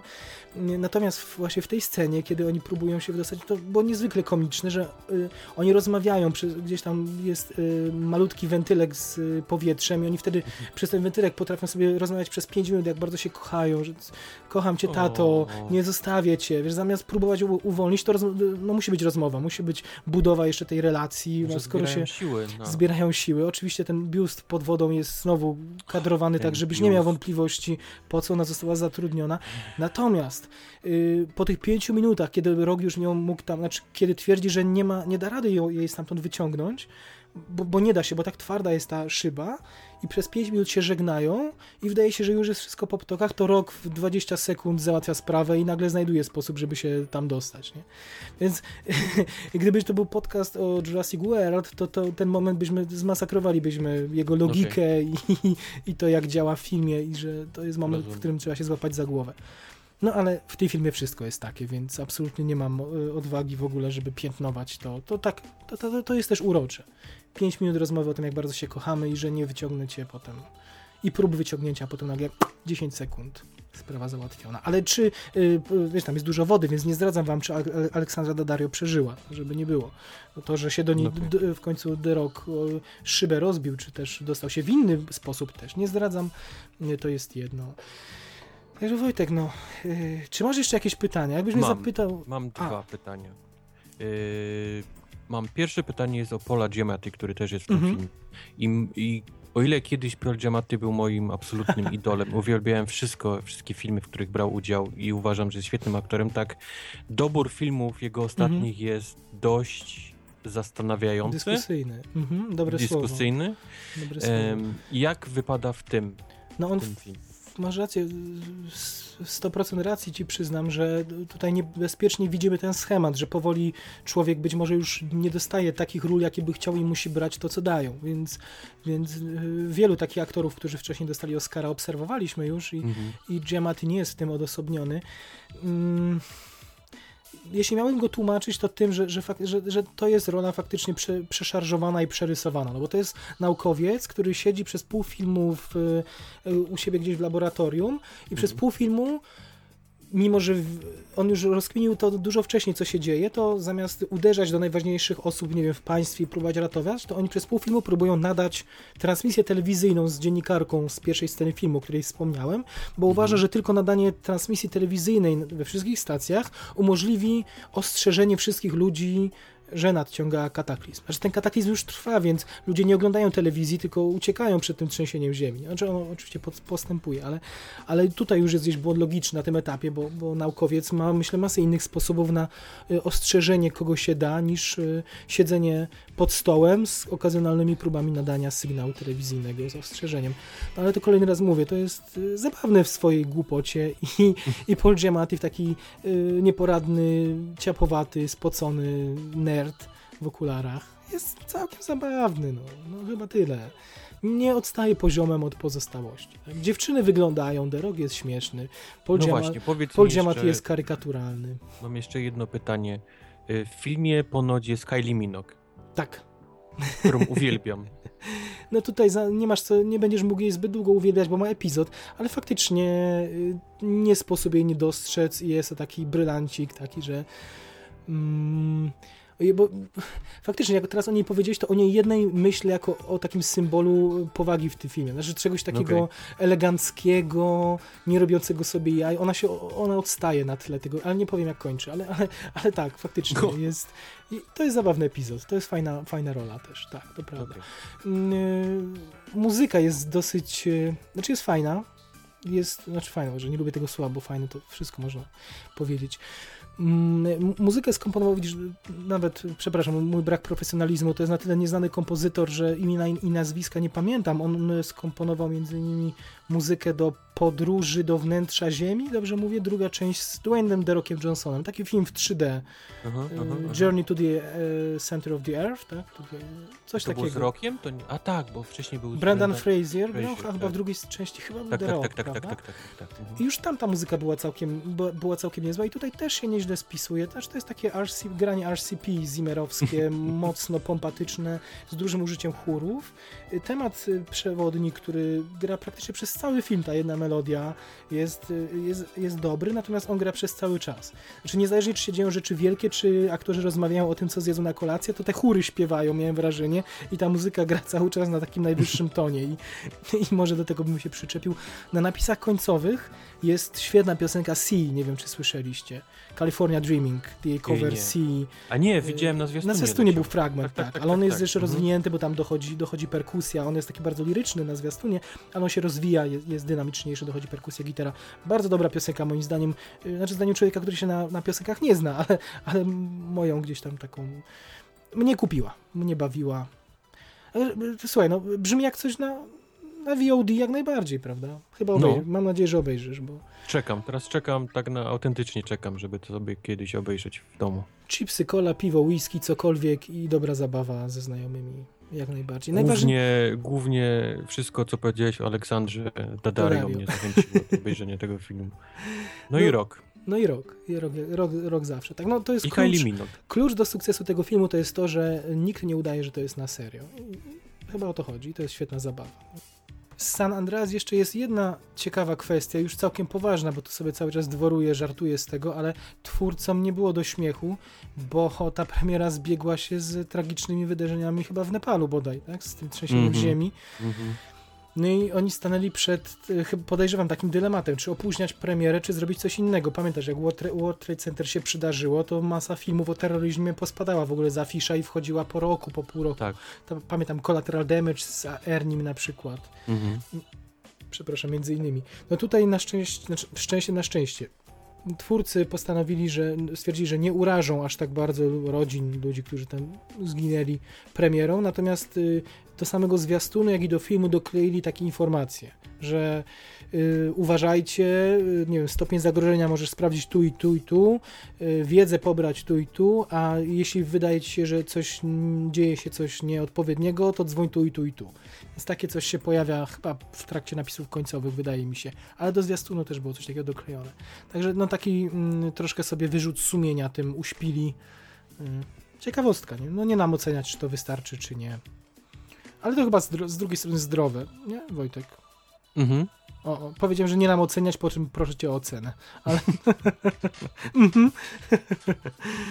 Ojej. Mm, Nie, powiem, powiem tak, nie dajmy się zwariować. Nie? Spokojnie. Myślę, że, że ci, którzy idą do kina, idą do kina, a, a no. Nie urazi, myślę, nikogo.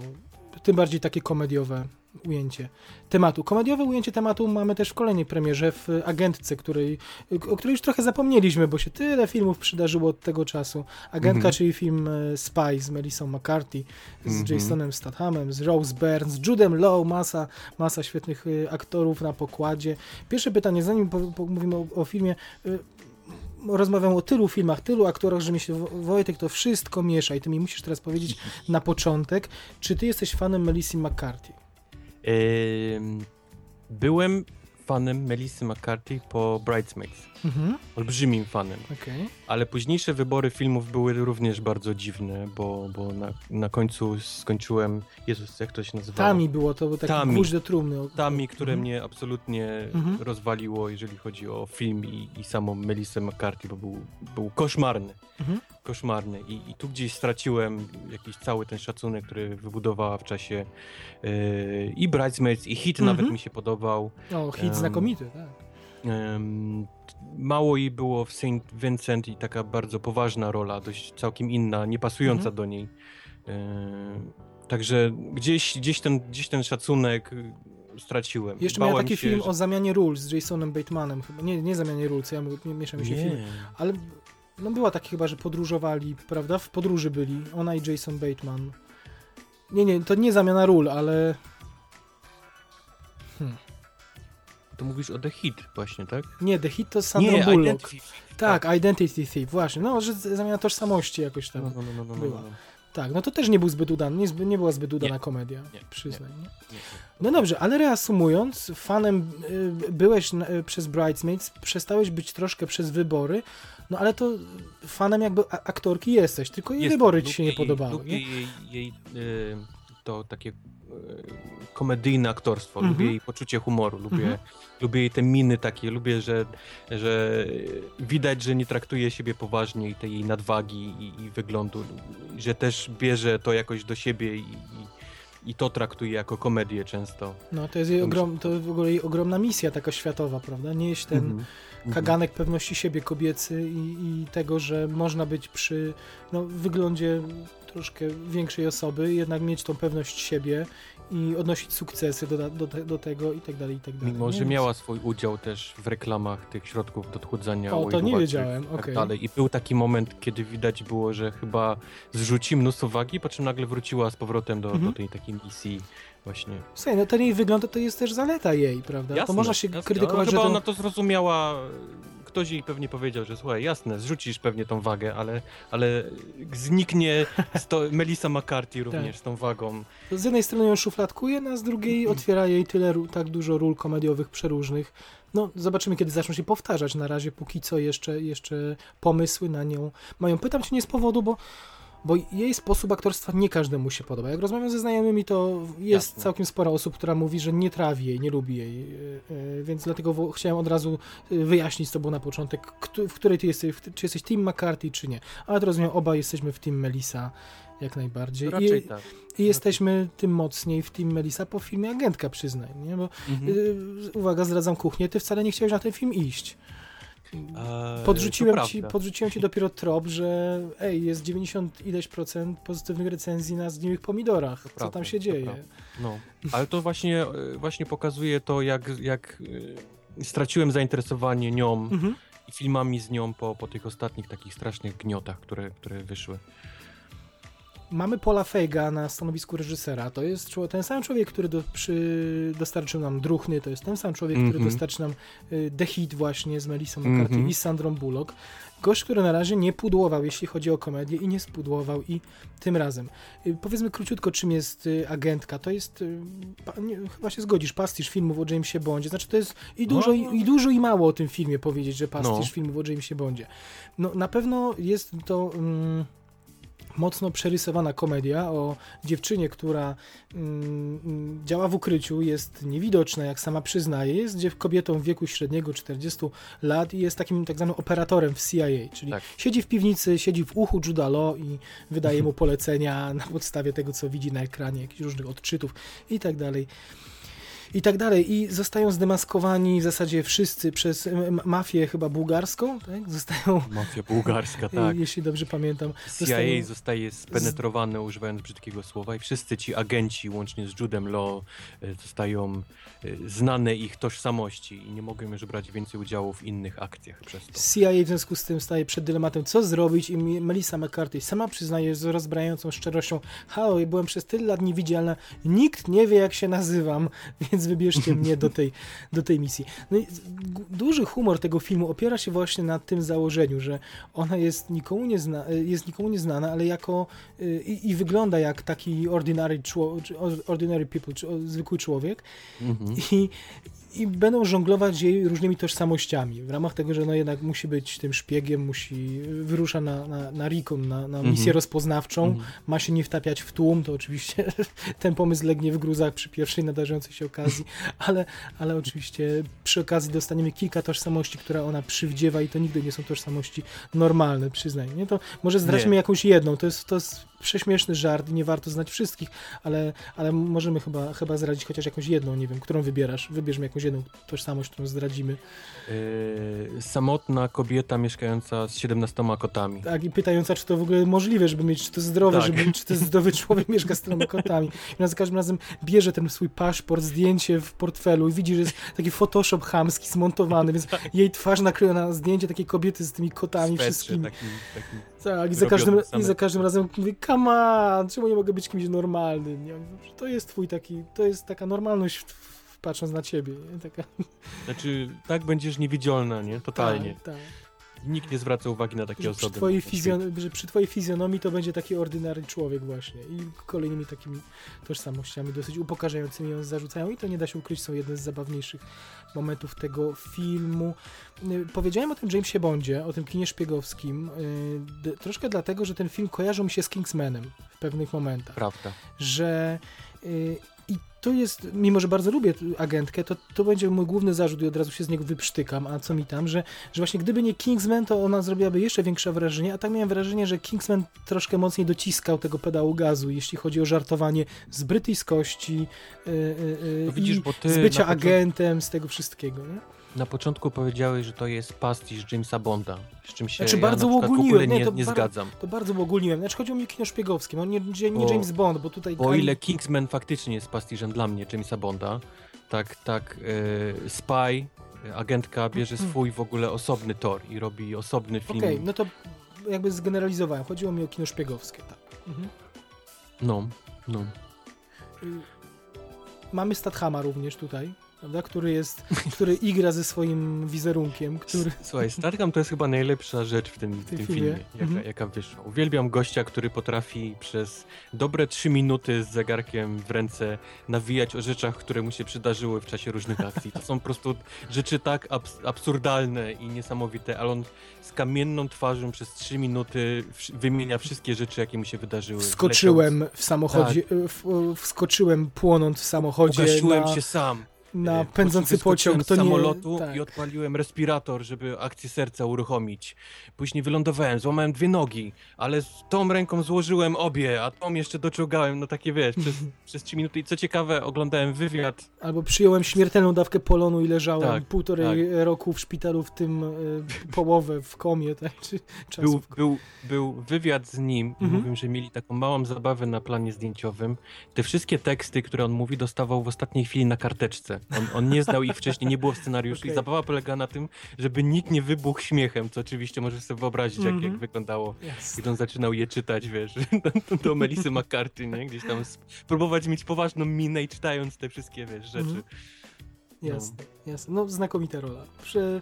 No i to zrobił w dobrym momencie, bo, bo tych swoich filmów, w których odgrywał tę samą postać w kółko i w kółko miał tyle, że bardzo fajnie, że Że tutaj... On jest parodią samego, Samego siebie. siebie, no, no. wrażenie. I, i, i, potrafił to zrobić, Mhm. wiesz, niesamowicie. Ja bym, on był tak dobry, że nawet bym był w stanie powiedzieć, że oglądałbym film z nim Mhm. w takiej, takiej roli. Jasne. Czyli gościa, który myśli, że nie wiadomo czym jest, a jest ostatnią fight łapą największą, wiesz, w tej agencji tak Jasne. naprawdę. Ale, ale to była ciekawa postać, bo on nie był, nie był aż poza tymi tekstami, nie był aż tak bardzo przerysowany. Znaczy, nie był, to nie była fajtłapa totalna, więc to jeszcze dodawało Tak. mu realizmu, nie? Bo on jednak brał udział cały czas w tych akcjach, gdzieś się przewijał. To nie był pierdoła, który odpadał na pierwszym zakręcie, tylko, tylko to gdzieś mu dodawało No tego, właśnie, tej wiarygodności tej postaci. Ten film, więc... mimo tego, że jest komedią tak naprawdę, to on jest bardzo poważny i bierze rzeczy na serio. Tam Mhm. nie dzieją się rzeczy, których spodziewałem się, że będą po tym filmie wcześniej, zwłaszcza, zwłaszcza z Melissą Mhm. McCarthy. Mhm. Taką, że ona będzie agentką i nagle się gdzieś y, potknie na schodach i zleci i pokona na przykład bandę tam 20 bandziorów niechcący.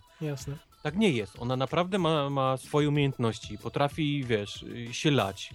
Y, Jest dobrą agentką, ma dobre rozpoznanie w terenie i to mi się strasznie podobało w tym filmie, że on, że on właśnie nie próbował być taką chamską parodią Mhm. dla głupich śmiechów i, i wiesz, i żartów z- z bąków i tak dalej, tylko on jest Jasne. bardzo brutalny, bardzo dobry film akcji. Mhm. Tam naprawdę świetne, świetne sceny akcji są w tym filmie. Jasne, jasne.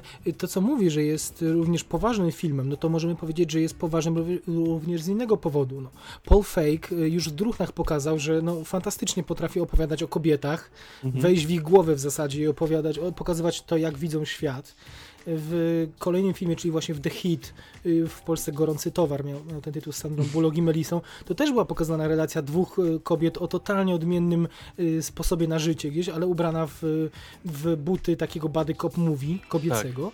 Tak. No a tutaj z kolei też mamy ciekawą, po- postawienie ciekawej sytuacji, bo w tym wszystkim, o, czym- w tym wszy- wszystkim, o czym mówimy, pobrzmiewa taka, taka gorzka ref, refleksja, znaczy gorzki temat właśnie kobiety, która ma lat 40, który jest, Mhm. która jest zamknięta gdzieś w tym boksie w czterech ścianach, bez e, absolutnie żadnego życia prywatnego, która Z się nietoperzami. co, z nietoperzami, co jest najgorsze, która się na to wszystko godzi. Prawda? Znaczy ona w ogóle nie dostrzega, że, to że coś złego jest w jej życiu. Ona twierdzi, że jest na coś takiego, że to jest jej nie wiem, powołanie, że tak, powin, tak jej życie wygląda i, i tyle. I, i, Tak, e, nawet jest ta scena, kiedy ona mówi, że miała chyba y, mama i pisała na ten, na pudełku Tak. z kanapkami do szkoły, Mhm. tam y, Susan, nie wychylaj się. Dokładnie, nie? patrz pod Albo- nogi, cały czas takie wierszyki, tak. Znaczy, że głowa wiesz, w dół. Nie ryzykuj w życiu, nie? Mhm. Bądź w Tak. cieniu szara. Zawsze głowa w dół, nigdy do góry, tak, tak. I to jest gorzkie, ale to jest prawdziwe, no wielu ludzi tak zmaga się z czymś takim, z piętnem swojego rodzica, z czegoś. Tutaj dodając jeszcze jej właśnie ten wygląd taki, a nie inny, który też ma na pewno na to, na to wpływ. Do tego jest przecież element nawet tego stłamszenia jej osobowości przez mężczyznę, bo to jest wyraźnie zarysowane też, że Law, Y, tak, że ona gdzieś pozbyła się własnych y, ambicji, marzeń jako kobieta i tak dalej, i tak dalej. Właśnie przytłoczona przez mężczyznę o zbyt, wygór, zbyt dużym, y, no, zbyt mocnym charakterze silnym. I to też się niezwykle zdarza w, często w obecnych czasach gdzieś, że właśnie facet potrafi gdzieś kobiety tak nieświadomie często przy, Mhm. Zgasić. O, może to takie naj, najbardziej ogólne słowo. Więc, więc też tych tropów jest sporo w tym filmie. W tym cały czas, przypomnijmy, mówimy o komedii będącej w jakimś Mhm. sensie pastiszem kina, już faktycznie nie bondowskiego, ale kina szpiegowskiego. Ja mówię bondowskiego, bo cały czas jak myślę agentka, to tą pierwszą scenę widzę, w której Jude Law w smokingu infiltruje No, willę, okej. kiedy jest y, ucieczka, jest to zakończone wielkim wybuchem, potem mamy czołówkę jak w Bondzie z piosenką, czołówkę Mam animowaną, nie? wrażenie, że wszystkie męskie Więc- role są taką, taką prawdziwą parodią. Y, Parodią, a wszystko, co jest z kobietami, Mhm. jest, jest filmem akcji. Widzisz, świetny trop, tak, masz rację. Aha, masz rację. Bo mamy i Jude Law, który jest właśnie mówi, że jest scena praktycznie jeden do jeden do Jamesa Bonda, ale jest, ale on kicha, to jest na, na, na tym, na zwiastunie. Kicha i oczywiście zabija ważny cel, przez co cały, cała akcja filmu się później tak naprawdę rozten. Mhm. Mamy, mamy Statehama, który jest absolutną fight łapą, mimo tego, że potrafi 10 minut nawijać o tym, jaki to on nie jest boski. A, a po drugiej stronie właśnie mamy te szare takie kobiety, które tak naprawdę one ciągną ten film i, i biorą największy udział w tych ta wszystkich przyja- akcjach. przyjaciółka Melisy McCarthy, ta szara mieszka, no absolutnie fantastyczna, taka trochę joj, jo, Nancy, no. jojcąca, zawodząca, która, ale która okazuje się, że w tym najbardziej potrzebnym momencie sprawdza się jako przyjaciółka i Tak. jako pracownica CIA również. Także też świetna, świetna postać. No Rose Byrne, muszę powiedzieć, mnie się nie podobała po pierwszym seansie, byłem dwa razy na seansie, dwa razy byłem na agencji. Złamałeś mi serce, kiedy mi to napisałeś. tak, że, że. mm, Ale powiem ci dlaczego. No ona gra córkę tego tak bułgarskiego mafioza, która oczywiście wychowywana w Londynie, więc y, angielski zna, bla bla bla, no ale jednak jest tą Bułgarką, więc za- zaciąga, ma ten lekki akcent tutaj wschodnioeuropejski. I to jest wszystko ładnie i faktycznie konsekwentnie brnie w ten akcent, konsekwentnie brnie w dziwne ubiory, w dziwne szczególnie uczesanie włosów, z czego Melissa McCarthy po prostu przez cały film sobie drzełacha, mówiąc zdejmij to gniazdo z głowy w końcu że tak. tam jej się w końcu jakieś pisklaki, pisklaki wylęgną, ale ona, ona jest, uważa się za, za, za, za damesę, ta Rose Byrne i, i w ogóle nie bierze absolutnie, nie wie o co chodzi Melisie, więc to jest wszystko ładnie, tylko że ja, że ja przez cały czas widziałem Rose Byrne, znaczy ona jest dla mnie tak określona jako Brytyjka i jako właśnie, jako Rose Byrne, jako, jako jakby nie widziałem tej Bułgarki w tym, ale to jest już mój osobisty problem, nie? Ale kojarzysz tą scenę, kiedy on mówi przestań, przestań mówić tym, tym bułgarskim akcentem. Ona od tej pory mówi już normalnym, takim brytyjskim.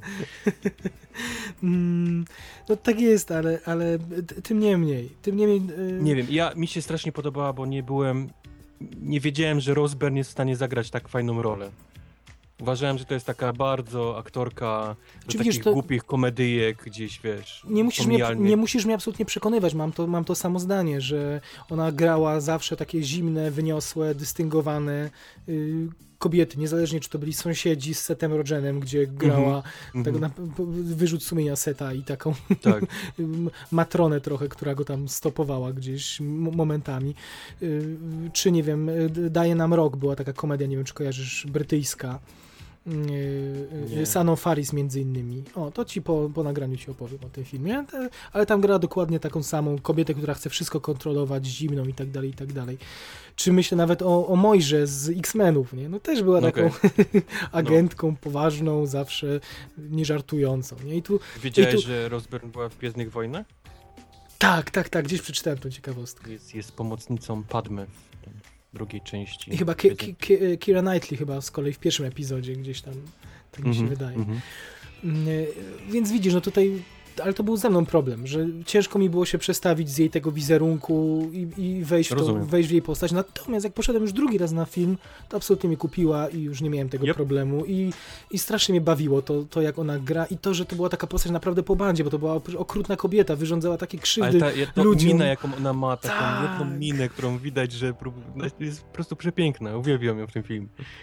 No i, i, i ta krzywda, która się dzieje w tym ludziom, to co powiedziałeś, ten film jest niezwykle brutalny, nie? No i tak. Znaczy inaczej, ten film zrobił na mnie jeszcze większe wrażenie, gdyby nie Kingsman, który właśnie do, docisnął w, w temacie szydzenia z kina szpiegowskiego i, z, i szczególnie z robienia użytku z brutalności troszkę jeszcze więcej wycisnął, więc ta agentka byłaby jeszcze większym szokiem, gdyby jego nie było, ale to jej nie umniejsza. To jej nie Może, umniejsza, ale nie? ja i tak byłem zszokowany Mhm. pierwszą sceną taką, taką bardzo okrutną, że pokazali to w ten sposób. Słuchaj, krew, wymioty, penisy, No, wnętrzności, wszystko jest w tym filmie. wszystko jest w tym filmie. I teraz połączcie to, te, te kilka rzeczy z tym wszystkim, z tymi poważnymi tezami, o których rozmawialiśmy parę minut temu. I to działa w No. tym filmie, przyznaj, nie? I to, i to, Działa. i to gra. Działa, no. Jest chemia między tymi wszystkimi elementami. Y, Fajnie, że Morena Bakarin się po, pojawiła też tam w też bardzo fajnej roli. Y, I po, powiedzmy jeszcze o napisach końcowych. One są bardzo, bardzo pomysłowo zrobione, bo na napisach końcowych, jeśli zostaniecie, jeśli namawiamy do niewybiegania z kina, to na napisach końcowych można zobaczyć y, opis kolejnych misji naszej agentki. Tak. I Kolej- wszystkie te przebrania, które widzę dalej jej wciskają. kolejnych gadżetów, troszkę pomysł, pomysł z 22 Jump Street, delikatnie, Mhm. ale jak najbardziej jestem za czymś takim. To, to musi, niezły ubaw musieli mieć, jak to wymyślali. I scena po napisach również się znajduje, absolutnie nie zdradzamy, co tam się, Oj tak. co tam jest. Oj, Ale tak. fani Stathama, zostańcie. Taka, taki, taki mały to. Zresztą kogo, fani 50 Centa, idźcie na ten film, bo 50 Cent, Cent też tam jest. No. Zresztą wbija szpil, mówi, że Kanie by spękał, nie? Kanie, No. Kanie by spękał. Y, Rzuca, rzuca szpilę w stosunku do swojego, nie wiem czy sławniejszego kolegi z branży, ale no powiedzmy równie sławnego. Obecnie może. Słuchaj, no, a jeszcze a propos tego Bonda, no kolejnym bondowskim elementem było to, że faktycznie oni tutaj zwiedzili pół świata. Bo była i Mhm. Bułgaria, i Budapeszt na Węgrzech, i Rzym, y, i Stany Zjednoczone. Także, także po, tym, pod tym względem Prawda, to no. też mi się gdzieś kojarzyło z Bondem. Ale to możemy szeroko do kina szpiegowskiego jak najbardziej y, zaliczyć. I to są faktycznie sceny w tych krajach. To nie były dekoracje budowane gdzieś, tylko faktycznie ekipa. W sumie w Stanach jest tam, w zasadzie nie ma scen w Stanach. Mało, mało. Możemy no. powiedzieć, że poza szerokim y, planem, widokiem na tą centralę CIA w Langley, to Mhm. mogli te, ten film mógł w całości powstać w Europie i tak naprawdę i mogli zbudować te sceny w CIA w kwaterze gdziekolwiek Mhm. na świecie i, i go na, w całości w Budapeszcie nakręcić, bo z napisów końcowych wynika, że kręcili w Budapeszcie, w Rzymie między innymi. Także y, globalna produkcja. Jak podobały Ci się sceny pościgu? Powiedz mi, tam dwie sceny chyba są pościgu. Podobały Ci się? Eee, czemu pytasz? Zastanawiam się teraz naj... Czemu pytasz? Bo, bo ta jedna scena we Włoszech zapadła mi w pamięć, y, była tak pocięta, że, że, że mnie denerwowała. A to tak, był taki jeden moment, to że prawda, nie to mogłem złapać w ogóle, wiesz, czasem czujesz topografię, to, że dlaczego on tu To zakręcanie, prawda, a, tak, a tak, dlaczego też nie. To, też to, też to to drogę, a tu miałem wrażenie, że pocięli te momenty, kiedy, które dało się ułamki sekund nagrać w szybszym tempie Mhm. i Były i w takie ogóle- ujęcia, że widać było, że jedno auto traci y, przyczepność, gdzieś zaczynają obracać, po czym nagle cięcie i ono już jechało w innym gdzieś tam miejscu prosto, w ogóle w było. innym miejscu, tak, no. tak, no i to takie to całe prawda, tak, to się... nie czuć tej spójności, tej drogi, to na, na, na tle całości takiej, takiej bardzo pozytywnej gdzieś mnie drażnił, ale to, to detal, nie? Za to yy, wyścig skuterem jest wy, wyborny. To było niestety na tym, na, na Na trailerze, tym. tak, zepsuli No. niestety świetny, jeden z lepszych dowcipów, ale jak nie widzieliście trailera, to scena z, ze skuterem. A i same wybitna. sceny walki, nawet z Melissą McCarthy są świetne. W kuchni na przykład, za, za pomocą patelni, tak? No, no, no. Fantastyczna Niesamowite. Choreografia i slow motion i to, co ona robi, a jej wideo z przesłuchania, w, czy z jego, jej egzaminów w Akademii CIA, no płakałem Tak. to po prostu. Tak, tak, tak. Ale to fajnie było pokazane właśnie ten, bo, bo wcześniej nikt nie, nie, nie myślał, że ona coś w ogóle potrafi, po czym pokazali to wideo CIA jakieś w młodości, a to jest w ogóle jakiś potwór, Terminator. No. I ona pewnie, jeszcze podejrzewam, że Melissa sama wykonała te sceny, nie? Sama udowadniając, ej, otyli też mogą takie rzeczy wyprawiać, nie? No, no. Także bajka. Także bardzo polecamy. Tutaj agentkę O, wysyłamy. jak najbardziej. Wysyłamy. To jest... Znaczy, musimy jeszcze raz powtórzyć, żeby ludzie się nie sugerowali poprzednimi jej filmami jak Temi, czy, czy to nie jest tego typu komedia absolutnie. Mhm. bardzo fajny film akcji z elementami komedii. No chyba możemy powiedzieć, jeśli lubicie Druchny i The Hit, to jak najbardziej, No, no. jak najbardziej agentka. Fajnie, że ten, fajnie, że Paul Feig jakoś tak potrafi kobiece role tak fajnie zrobić. Mhm. I, I i, nawet no- Melissa McCarthy, którą, jeżeli nie on prowadzi, to, to widzisz, co się dzieje, ale No. jeżeli on jest No. w stanie gdzieś ją tam nakierować, to wychodzi świetny film z nią. Tak, i to jest mimo, mimo tych poważnych tematów, to nie jest pretensjonalne, to jest śmieszne. Myślę, że, że kobiety się śmieją trochę z czegoś innego na filmach Paula Feiga, faceci się troszkę z czego innego śmieją, bo kobiety oglądając, niezależnie czy to są Druchny, The Hit czy Agentka, w pewnych momentach kobiety mówią, "S- skąd ja to znam, a faceci mówią, ale wy jesteście pokręcone. o, o kobietach myślę. I to jest też ten un, taki uniwersalizm z jednej strony i, i to, że, że każdy coś sobie znajdzie w tych, w tych poważniejszych momentach i, i też się uśmiechnie. No bardzo, bardzo polecamy. Oby Paul Fake teraz, jak wiemy już, y, również z Melisą, tak jak mówiliśmy, y, szlifuje łowców, pogromców duchów, Mhm. część trzecią. No, trzymamy kciuki. Y, Agentka zapowiada, że, że, że będzie dobrze. Tak? Będzie dobrze, no. Trzymamy kciuki. Trzymamy kciuki. Jak najbardziej. Kolejny film. Kolejny film to film, na który wybrał się. Wybrał się Wojtek. Może o tym teraz powiemy. film Dope. Film Dope, który, y, który nie ma polskiego tytułu, nie ma polskiej daty premiery, więc być może słyszycie Ciężko to o będzie nim- przetłumaczyć film. Pierwszy i ostatni raz być może y, słyszycie. Wiesz co, o, cieka- ciekawostka. Właśnie widzę, Mhm. że jednym ze studiów, które wyłożyło na niego pieniądze jest studio, uwaga, nazywa się Forest Whitaker's Significant Productions. Yep. Czyli Forest Whitaker tutaj odpowiada. Tam, tam y, dużo, dużo y, raperów y, maczało swoje ręce w tym filmie. Mhm. Wojtek, zanim, cię, zanim opowiesz, o czym to jest film, bo ja przyznam szczerze, że poza zwiastunem nie wiem o tym filmie nic. Y, O tym filmie dowiedziałem się w momencie, kiedy dowiedziałem się, że gra w nim Zoe Kravitz, którą bardzo lubiłem po, po Mad Maxie, natomiast y, potem w Cannes. Okazało się, że w Cannes, i- ale, ale po zwiastunie wydawało mi się, że to będzie taki, taka błahostka. Natomiast okazało się, że No. ten film był pokazany nie w konkursie głównym, ale był w Cannes i zebrał bardzo dobre recenzje. Oj, I, tak. I gdzieś no, trafił na nasz, na nasz radar obu wtedy. No ja nie wiem, czy go zobaczę w ogóle, bo, bo, bo do Polski raczej nie, nie widać, żeby nie, nie ma szans na razie przynajmniej, nie ma daty polskiej premiery. Natomiast y, powiedz mi Wojtek na początek, zanim opowiesz o czym jest ten film, bo bardzo bym chciał, żebyś powiedział Mhm. również o czym jest ta historia, a może wolisz najpierw powiedzieć o czym, ale mnie interesuje Nie, no. szczególnie ten element, czy to jest film w stylu tego kina takiego bardzo dla czarnoskórych, znaczy, że to jest taki film wykalkulowany pod czarną publiczność, Nie. czy nie, czy to jest coś więcej Nie. po prostu, Nie, nie, nie, przypomnij, właśnie y, Wy, nie. wypadł mówię o takim kinie Taylora Perry'ego na przykład, który się z Mhm. tym nie, nie kryje w ogóle, że on robi tylko dla czarnej widowni i oni wiedzą, że mają te, ten jeden, dwa filmy z nim, czy w jego reżyserii do roku i zawsze tylko oni w zasadzie idą na te filmy. Czyli Nie. tu jest, to, to nie jest absolutnie tego Nie, nie. rodzaju film, tak? No to już mnie Nie, uspokoiłeś. powiem, powiem nawet, że gdyby ten film, y, w tym filmie brały udział te takie sławne, białe powiedzmy gwiazdy tego typu Mhm. kina, m, może Seth Rogen jest za stary, ale powiedzmy coś ten desen, nie? Jakiś tam ten młody Franco o, y, i tak dalej, wiesz, takie, takie mm, komediowe, młode, takie białe postacie, wiesz, męskie. Jasne. To ten, ten film pobiłby absolutnie wszystkie rekordy tych takich głupawych, tych komedyjek typu Super Bad właśnie, czy, czy czegoś w tym stylu. Okej. Ale ponieważ to jest nakręcone dość powiedzmy małym kosztem, z aktorami raczej nieznanymi, yy, więc to pewnie gdzieś uniknie ludziom, a szkoda, bo jest absolutnie fantastyczny film. Jest, yy, Opowiedz o czym Jasne. na początku, o czym, o czym jest historia, opowiedz. To jest historia, która opowiada o trzech uczniach szkoły, y, to jest liceum, powiedzmy na, na polskiej. i pó- Późne już liceum, oni zdają egzaminy, powiedzmy to jest ten okres, kiedy się uczą do egzaminów na studia, ale jeszcze, ale jeszcze liceum. Trzech, y, trzech kolegów, jeden jest czarnoskóry, y, jest, jest czarnoskóra koleżanka, ale która jest lesbijką y, i jest, jest, y, jest chyba Hindus, właśnie nie jest powiedziane, bo on twierdzi, że, że ma 14, jest w 14% Afrykańczykiem, ale Okej. cały czas twierdzi, że jest czarny i Mhm. mówi rzeczy, które tylko czarni mogą mówić.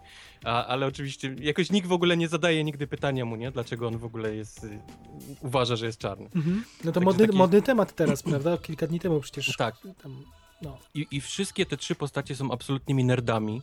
Mało tego, są tak zakochani w latach 90. i w muzyce hip-hop, która Super. wtedy leciała, Mhm.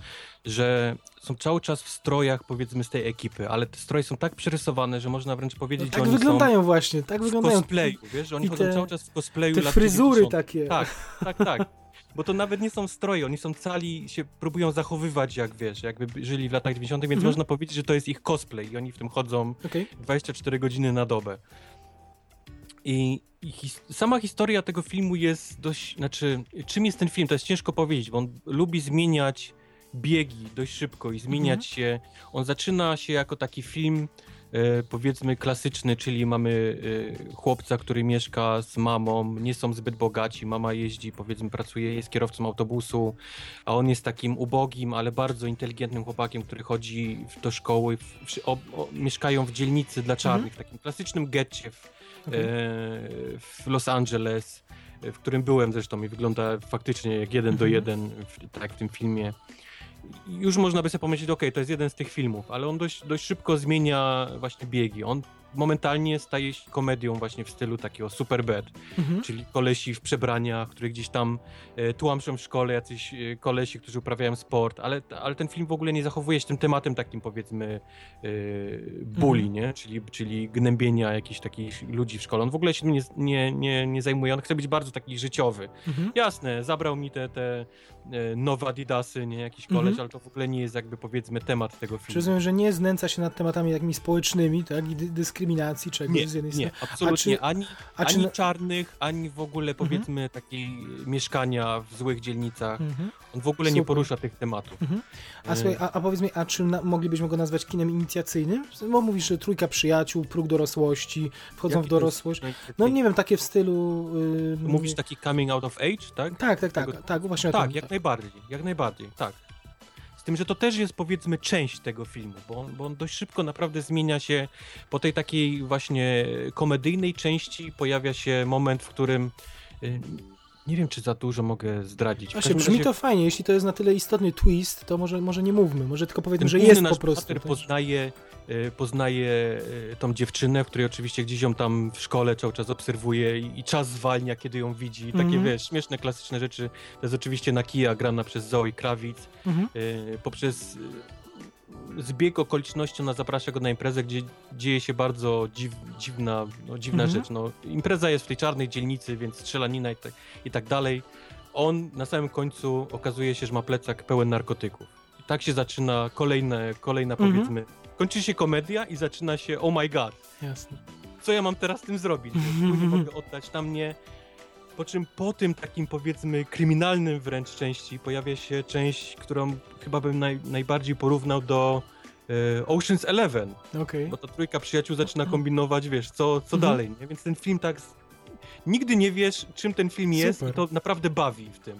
Super. Bo, bo, bo przez ani sekundę nie możesz być, okej, wiem już czym, tym, czym ten film jest i, i nie zaskoczą mnie niczym, po czym bum, on zmienia w ogóle tor, kierunku. Mhm.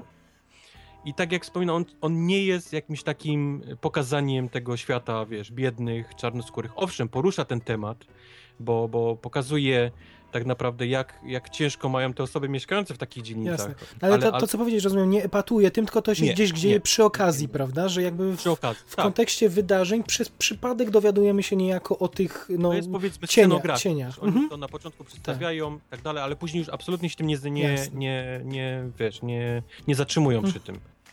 Gdzie już tylko jest na akcję, wiesz, filmu i, i nowe postacie, coraz śmieszniejsze, coraz dziwniejsze, na jakieś dziwne zbiegi okoliczności i, i właśnie i na twisty, wiesz, bo, bo naprawdę nie, nie spodziewa się niektórych rzeczy, które na, na końcu, które wychodzą. Mhm. To takie właśnie jak Ocean Eleven. nie mów, Myślisz, nie mów, że już wszystko się, wiesz, nie ma szans, żeby się z tego ten, po czym okazało się, że wszystko, wiesz, no nie chcę spoilować, bo, bo Mhm. naprawdę jest warto zobaczyć ten film dla, dla, dla akcji. No brzmi cudownie. A te lata 90. muzyka, to są licencjonowane kawałki, by łezka się To są wokół zakręci. licencjonowane y, kawałki, bardzo fajne. Powiem, że nawet dla osób, które nie przepadają za hip-hopem czy Mhm. czarnym hip-hopem, to są tak fantastycznie dobrane kawałki, że, że świetnie się tego słucha w filmie.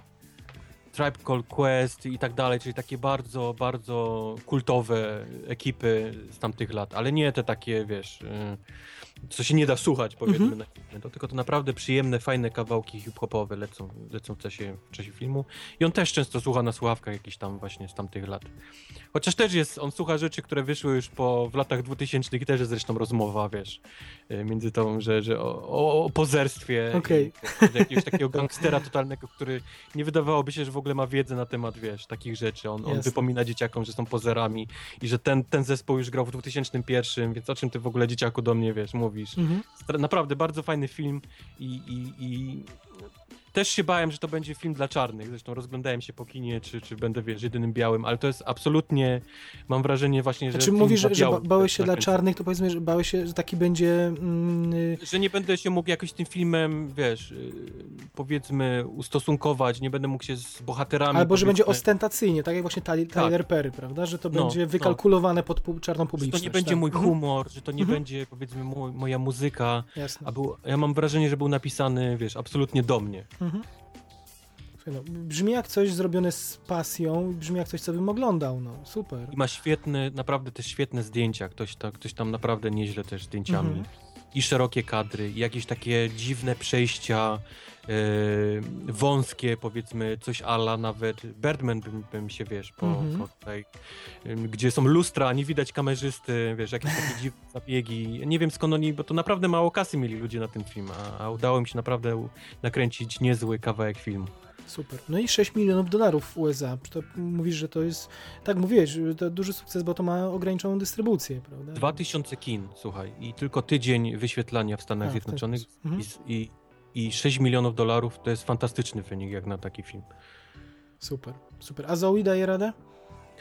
Czy Eee, będę zawiedziony, że... że Nie, jest, Zoe daje radę z tym, że pewnie jest są- jej mało. Jest mało jej dość, Mm. no. No trudno. Przyjdzie jeszcze jej czas. Zobaczycie. Zobaczycie.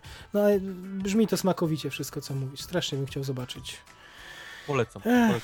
polecam. Trzymam kciuki, żeby ktoś to do nas sprowadził. Może słucha nas jakiś dystrybutor, żartowałem, ale jakby kiedyś odkopał za parę lat tą audycję, to może chociaż wtedy sprowadzi do nas y, ten film. y, To co Wojtek, y, o dołb tyle chyba? Czy, Mhm. jeszcze, czy jeszcze coś ci tam Nie, po głowie nie, śmiga?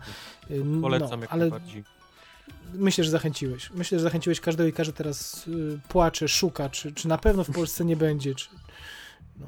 I to Pewnie się pojawi tylko w takich innych. Może jakieś najpierw na festiwalu. O, idealnie byłby American Film Festival we Wrocławiu na jesieni. Widzisz, byłoby no. super, nie? No, Takie no. kino, kino niezależne i, i bardzo w klimacie. Bardzo bym chciał. Y, Teraz, y, zanim przejdziemy do dodania głównego i ostatniego filmu, na którym byliśmy obaj, to ja jeszcze króciutko, bo film nie jest warty rozwodzenia się jakoś przesadnie. Film Dziewczyna Warta Grzechu, który pojawił się w Polsce u nas w zeszłym tygodniu, y, już do, prawie rok po premierze w, na, światowej, więc coś y, mocno odgrzewanego, ale czasem tak na wakacje sobie dystrybutor lubi wyciągnąć y, taki skromny film i dla, w kontrze dla tych wysokobudżetówek wpuścić, a nuż może ktoś się wybierze. Tym bardziej, że oczywiście na plakacie nie mogło zabraknąć Woody'ego Allena, na polskim plakacie, gdzie, gdzie jest napisane dużymi literami rozkoszna komedia i Woody'ego Allena, a małymi literami napisane godna najlepszych filmów. Woody'ego, Eee. Woody'ego Allena w sensie, tak? Okej.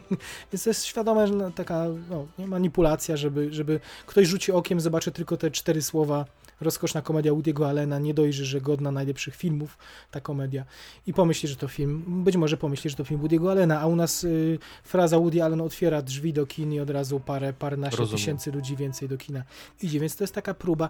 Czy, wiesz to, jest to trochę manipulacja i nieetyczne, a z drugiej strony jest w tym odrobina prawdy, w tym sensie, że ten film momentami przypomina filmy Woody'ego Allena, te, te ostatnie jego filmy, te takie pocztówkowe, nie najlepsze, często nie najlepsze, nie będziemy mówić, które były dobre, które złe. Ma, ma, myślę, że obaj mamy, mamy te, Ja które lubię lu- wszystkie. Lubisz wszystkie, tak? Okej. no Tak to- jest. Dobra. to słuchaj, może ten film też cię, też cię, też cię kupi. Mm, y, to jest historia reżysera. Oczywiście nie wiem, czy powiedzieć reżysera, czy prostytutki, bo oboje mają role prawie równorzędne. Może powiem, y, rola, y, film opowiada historię prostytutki. Imogen Poots grają. Dziewczyna o bardzo charakterystycznej urodzie, możemy ją pamiętać między innymi z Need for Speeda z zeszłego roku. Mhm. Y, I to jest główny, jasny punkt tego filmu. Gra fantastycznie, gra z tak cudownym brytyjskim akcentem, ale jeszcze odrobinę sepleni. Chyba tak naturalne ma takie, takie, takie, takie coś, więc to jest przeurocze. I ona gra y, prostytutkę, która, którą Owen Wilson, y, znany reżyser teatralny, mm, zamawia na wieczór do hotelu. Do niego ma rodzina przyjechać dzień później, więc on sobie postanawia z, zaprosić kogoś. Jak dowiadujemy się potem, jest romantykiem, bo nie zabiera się od razu do rzeczy, tylko wyruszają na, na romantyczną kolację. Potem y, przejażdżka dorożką, ona mówi mu, że o, jaki ty jesteś romantyczny. Widać, że on jej mm, uzmysławia, że on szu- jako reżyser, jako artysta szuka inspiracji właśnie wśród kobiet, że to kobiety go inspirują.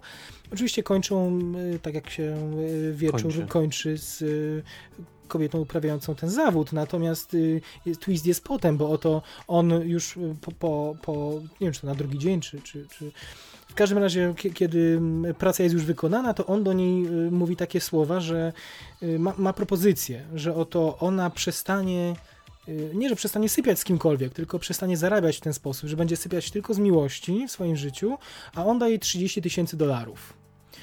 No i ona się na to, na, to, na to godzi. W międzyczasie w tym samym hotelu nocuje y, aktor, y, aktor, którego gra Rice I- Ifans, czyli y, to jest na przykład Lizard z y, Amazing Spider-Man. To jest z tego filmu między innymi go pamiętam. On jest aktorem, który, y, który no, najwidoczniej zna gdzieś tego reżysera. Y, widzi tę dziewczynę, że ona opuszcza jego, jego pokój. I już wiemy, że, że O, o. coś się, zacznie, coś się zacznie dziać. Do niego przyjeżdża przyjeżdża rodzina. Opowiadam to tak w szczegółach, bo to jest, z jednej strony to jest najciekawsze 15 minut, ta propozycja i konsekwencje jej, bo ona oczywiście, Imo, Imogen Poots, czyli ta, ta Izabela Patterson, którą gra, ona postanawia zmienić swoje życie, zrezygnować z tego zawodu, tylko że dowiadujemy się jeszcze wcześniej, że jej marzeniem największym jest zostanie aktorką. I co się Mhm. dzieje? Ona już na następny dzień trafia na casting i trafia na casting właśnie do tego reżysera, do, O. Owen, do Owena Wilsona, który miał pewnie nadzieję, że nigdy więcej jej nie spotka. W międzyczasie pojawia się żona z dziećmi, pojawia się właśnie y, rzeczony aktor, którego spotkał y, na korytarzu razem z prostytutką i który y, jednocześnie smali cholewki, który podkochuje się w jego żonie, więc tutaj robi się taka komedia pomyłek, każdy ma do każdego jakieś, każdy coś o drugiej osobie wie, więc ma jakąś ma, ma, karty do zagrania, ma też coś do ukrycia. Do tego wszystkiego dochodzi jeszcze Jen- Jennifer Aniston, która jest, wygląda w tym filmie przepięknie, ale na, na szczęście w końcu wygląda na swoje 40 parę lat. Gra terapeutkę znakomitą, której matka wyjechała na turnus y, leczyć alkoholizm i ona musi, i ona musi ją zastąpić w tej roli bardzo, bardzo niechętnie, I- ale gra taką terapeutkę, której to terapia chyba najbardziej jest potrzebna z tych wszystkich bohaterów filmu, także możesz sobie wyobrazić Okej. furiatkę, y, która zresztą spotykała się z y, gościem, który jest scenarzystą tej sztuki, do której to Imogen Poots stara się o angaż. Więc tutaj każdy z każdym ym, bohater jest powiązany. To jest gdzieś podobne do filmów Woody'ego Allena, tych ostatnich.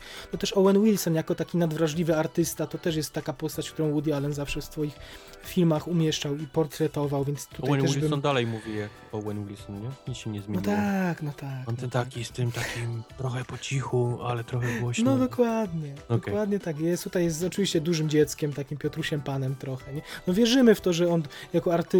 Nie, nie da Bo się ja go... byłem zaskoczony ostatnio, jak zobaczyłem zwiastun z nim i z e, Piersem Brosnanem w jakimś filmie akcji, Mhm. takim st- strasznie jakimś strasznym. Mhm. Nie wiem w ogóle kto wymyślił, że on może być, grać postać jakąś taką tragiczną w takim filmie. Ale wyglądał czy nie wyglądał? Nie wyglądał, bo ja widzę Owena Wilsona Okej. właśnie typu, wiesz, No tak. o stary, jestem, nie wiem, czy jestem No. upalony, czy taki po prostu zawsze jestem. Jasne. A tam grał ojca, wiesz, którym dzieci, wiesz, tam No tak. napada, jakiś banda terrorystów. No tak. No tym bardziej Owen Wilson przecież grał już u Woody'ego Allena w Oj o tak, północy oj w Paryżu przecież, Mhm. nie? Więc już miał jednego takiego introwertyka na, na swoim koncie i tutaj i tutaj troszkę powtarza tą rolę. No i mówię, ten pomysł wyjściowy jest y, sympatyczny. Y, dalej jest fajna ubudowa tego filmu, mianowicie ten film ma taką strukturę, że Imogen Poots y, udziela wywiadu. Udziela wywiadu, jakby na, na początku filmu zaczyna wywiad i cofamy się 4 lata w tył. Czyli Okej. wiemy, że ona już udziela wywiadu z, jakby z pozycji znanej aktorki, uznanej. Celebryty. Tak, nie, no chyba nie, bo jej ambicje były, tutaj gra w teatrze i tak dalej, i tak dalej, więc zakładamy, No. że jest wielką aktorką, artystką, natomiast opowiada szczerze dziennikarce, jak to się stało. Opowiada ze szczegółami od tej pamiętnej nocy. I to jest bardzo fajna kamera, bo ona jest narratorką tej swojej opowieści, opowiada to bez skrępowania o tych wszystkich y, y, y, no, rzeczach, które przeżyła i to jest sympatyczne. Do tego widać, że ona sobie tak jak reżyser, do którego zaraz przejdziemy, bo to też jest ciekawa postać, ona sobie ukochała to kino, więc y, różne cytaty z klasyki kina się pojawiają. Ona się odwołuje do i w tym w trakcie tego wywiadu, udzielenia wywiadu i, po, i w trakcie też y, samych wydarzeń w filmie, odwołuje się do jakichś scen z filmów, cytaty się pojawiają różne, y, Mhm. także reżyser chętnie wkłada w usta aktorów. Ona y, prowadzi narrację w czasie filmu? W ona czasie prowadzi, ta, retrospekcji, tak, czy- ale to jest narracja, jakby opowiadała, jakby udzielała tego wywiadu przez cały film. Opowiada, a my oglądamy tą jej opowieść, tą opowieść z wywiadu oglądamy Okej. Na ekranie jako, jako wydarzenia. Ale mówi w sensie coś... Tak, tak, tak, tak, tak, mówi słychać coś- ją, no, tak, słychać no, ją z- jak najbardziej z offu, tak. Y, I to jest też fajny zabieg. No, no ból jest jeden, że to po tym początkowych kilkudziesięciu minutach i, i tym fajnym zarysowaniu tych interakcji między postaciami, tego, że każdy coś do kogoś ma, każdy jest jakoś powiązany, z- jedna, jeden z kimś był, ktoś z kimś dopiero będzie, ktoś z kimś chciałby być, ktoś w kimś się podkochuje i ta biedna Imogen Poots tak naprawdę, mimo że powinniśmy ją potępiać, bo jest call girl i w ogóle, i w ogóle, to, Mhm. to jest tam najbardziej moralna i jest, i tak naprawdę sympatyzujemy z nią najbardziej i, i i to jest wszystko super, tylko że to się z tego robi taka klasyczna, taka, taka do bólu klasyczna komedia pomyłek, taka slapstickowa trochę, z myleniem pokoi hotelowych, z Okej. chowaniem się po, po prysznicach, bo ktoś niechcący pomylił pokoje, wszedł, a żona się zbliża i teraz żona pomyśli, że ja ją zdradzam, a ja jej przecież w tym momencie, chociaż ją zdradzam, to w tym momencie jej nie zdradzam, więc wejdź pod prysznic, żona wchodzi, żona musi iść do łazienki, nie, nie wchodź do łazienki i tak dalej, i tak dalej. Okej, okej, rozumiem. Nie ma z- Strasznie kliszowe rzeczy, tak? Nie, ma, nie ma zbyt wiele pon, ponadto, jasne. Nie, więc to nie jest zbyt udany pod tym względem film. Jennifer Aniston, tak jak mówię, jest wy- wyśmienita, jest, jest wyborna w tej roli. Imogen Poots się, cudownie się też ogląda. Owen Wilson już troszkę mniej. Chciałem zwrócić jeszcze jedną uwagę. W tym, nie, ten, w tym nieudanym filmie no, y, nie, nie pozwala nie zwrócić na siebie uwagi nazwisko reżysera. To jest Peter Bogdanowicz. To jest y, człowiek, człowiek legenda. To jest y, gość, który w latach 70. zrealizował dwa filmy, które w zasadzie zdefiniowały te, ten okres. To był ostatni seans filmowy i to był papierowy, y, papierowy księżyc. I to były filmy, które mogę powiedzieć bez krępacji zmieniły kino. To i kino, filmy inicjacyjne po części i takie, takie filmy, filmy generacji, filmy epokowe z, ze słynną rolą Tatum O'Neill na przykład, właśnie w papierowym księżycu, dziesięcioletni. Mm, I, I to jest gość, który zac- zaczynał z takiej właśnie wysokiej nuty, go- kogoś no, naprawdę artysty wow, kogoś, i, i kogoś, kto się faktycznie zapisał w historii kina. No i niestety jego kolejne wybory, kolejne ro, decyzje spowodowały, że skończył no skończył tak, a nie inaczej, takim, takim filmem jak y, Kobieta warta grzechu. Y, On zresztą, Peter Bogdanowicz, dwukrotnie ogłaszał swoje bankructwo w, chyba w 85, w 97 roku.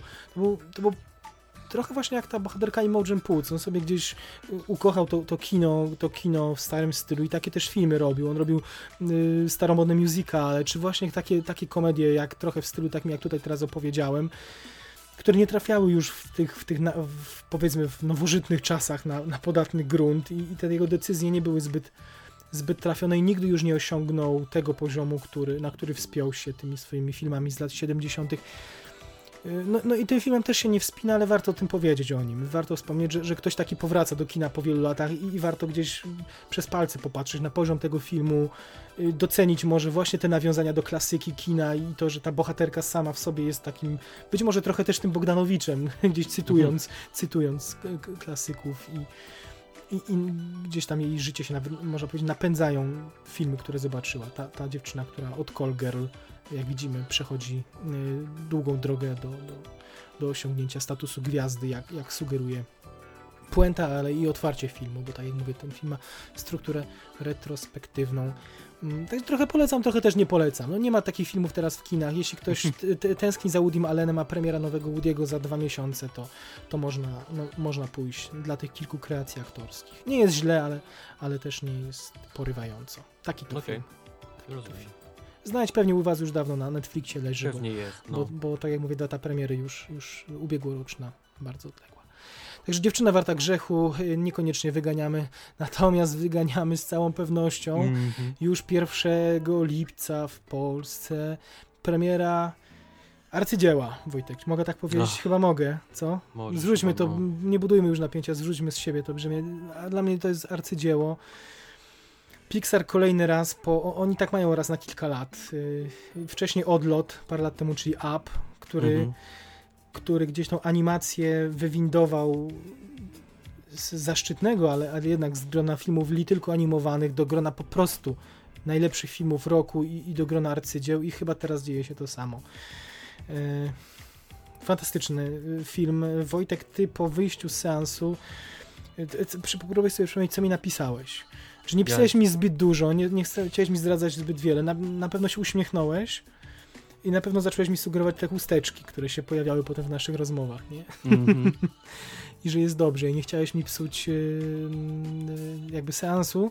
Ten film miał już u nas premierę, no, miał przedpremierę, przepraszam, premiera 1 lipca, natomiast już przedpremiery były zorganizowane tuż po terminie premiery w Stanach Zjednoczonych, bo w ubiegły yy, weekend można było zobaczyć.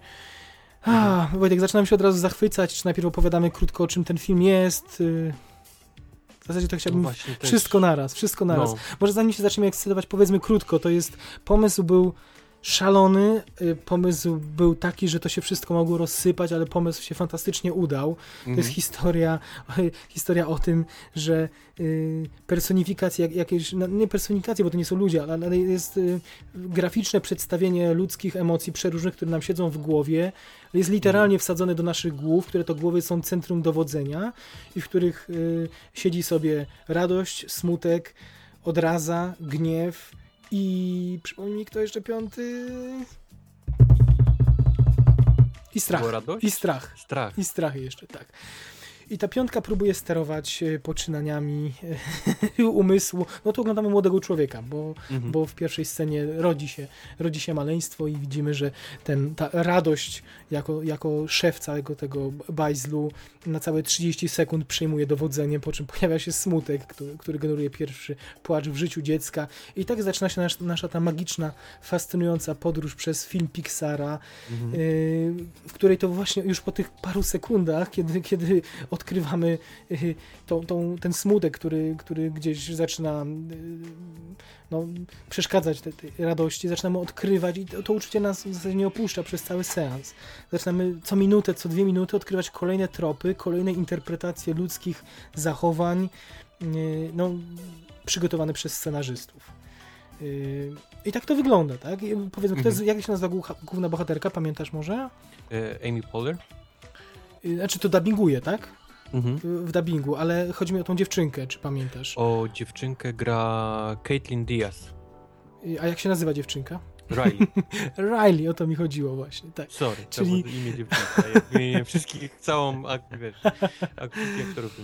Więc y, nie wiem, czy możemy powiedzieć, śledzimy losy Riley. No na pewno jest ona spoiwem tych wszystkich wydarzeń, główną bohaterką ludzką. Mhm. I y, Riley staje u progu takiego oto ważnego chyba, chyba, bo mnie to nie spotkało, ale, ale właśnie Wojtek, ty możesz trochę o tym opowiedzieć, bo też musiałeś mniej więcej w jej wieku przeżyć przeprowadzkę. Nawet dłuższą niż ona, bo ty się musiałeś przeprowadzić na drugi koniec świata, nie? I ona, i ona mm, również staje przed taką decyzją. Wiemy, że jej rodzice, wiemy to, co wie dziecko, czyli widzi, że ta, tata przez telefon rozmawia, y, będąc zdenerwowanym, że rodzice szepczą między sobą i dowiaduje się, Mhm. że muszą się przeprowadzić, przeprowadzić do San Francisco i w tym Z Minnesoty. z Minnesoty.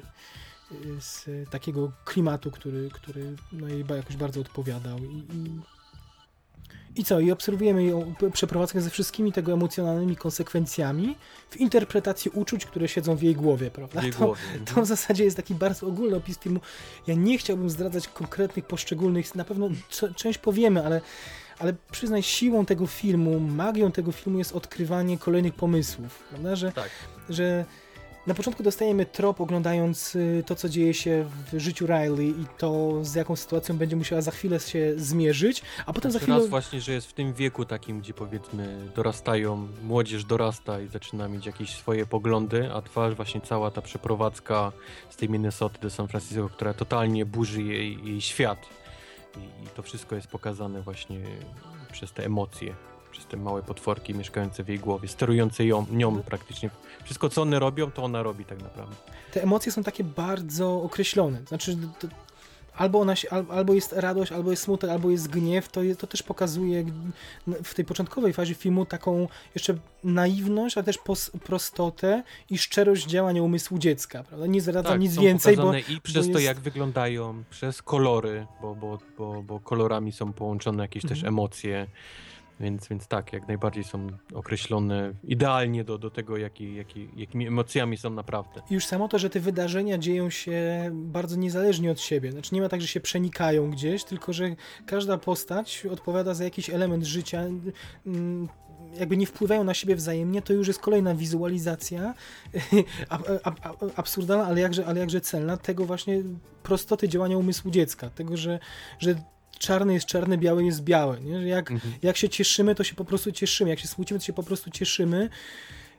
Jak mamy być uważni, to jesteśmy przez chwilę uważni i tak dalej, i tak dalej. To wszystko jest takie proste, takie niewinne i takie jest przez prawie, prawie cały ten film. Nie? I, I nie wiem, y, y, każdy jeden... ele- Aha, no i oczywiście musimy o tym powiedzieć, że coś się w tym, y, w tym sielankowym, w tym poukładanym życiu, bo obserwujemy ten schemat działania w tej kwaterze głównej jest Mhm. bardzo logiczny, jak na sytuację, która jest bardzo fantasmagoryczna i, nie, i, i, i, absurdalna i szalona w tym całym filmie.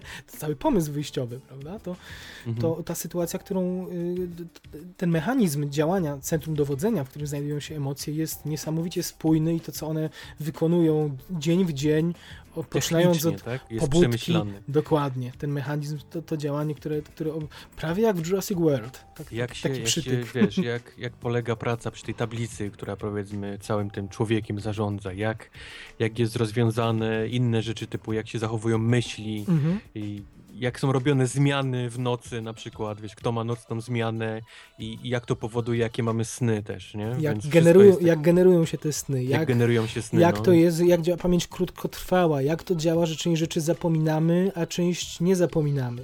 To możemy tylko wymienić właśnie, nie, nie przywołując e, tych konkretnych wydarzeń, bo to jest największa magia tego filmu. Czy jak działa, to jest w ogóle, jak działa abstrakcja w umyśle człowieka. To jak, było jest abstrakcja, wytłumaczone. Jak, jak buduje się, powiedzmy, nasz charakter, nie? Poprzez Mhm. co, jak wygląda te takie rzeczy, które my lubimy, które nas później, później Mhm. charakteryzują jako dobrego albo złego człowieka. Jak, Jak, jak najbardziej. wygląda. Mhm. Jak się buduje osobowość człowieka, nie? No. Jak się buduje ak- abstrakcyjne myślenie u człowieka i gdzie, jaki ośrodek za nie odpowiada, gdzie znajdują się w naszej głowie marzenia i jak są magazynowane, gener- generowane, nasze, nasze lęki. Miejsce, Yy. gdzie, gdzie robią sny, mnie, mnie rozwaliło totalnie, jak wygląda produkcja snów. Czy nawet w pewnym momencie spotykamy wyimaginowanego przyjaciela z dzieciństwa. No każdy dzieciństwa, jeden tak. element, który, który moglibyśmy pomyśleć, że mieliśmy w dzieciństwie w głowie, jest w tym filmie zrealizowany, jest zwizualizowany i jest tak cudownie połączony, że, to, że, że nie ma tam ani jednego zgrzytu. Przyznam. Łapiemy się za głowę i, za, i zachwycamy, co jeszcze, co jeszcze nam przedstawicie, nie? że jeszcze wam mało pomysłów, jeszcze wam za mało tam kreatywnych ludzi, co jeszcze No. wymyślicie i ryb dostajemy za dwie minuty kolejny pomysł.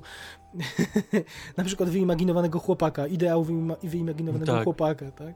Czy nie wiem, Zginąłbym dla ciebie. Miasto z chmurek to jest coś niedaleko od tego, o którym ja ci opowiadałem w przypadku Tomorrowland i tej, Tak, moich tak, tak, wymysłów tak. na temat y, kombinezonów i całego miasta z gąbki gdzieś tam, więc to wszystko to wszystko tam jest. jest tylko jeszcze więcej, nie? No. Ojejku, i to wszystko też właśnie w kontekście takiego momentu przełomowego w życiu dziecka, bo raz, że dorastanie, a dwa, że taka, a nie inna sytuacja w domu. Mm, również jakieś niewielkie sprzeczki w domu.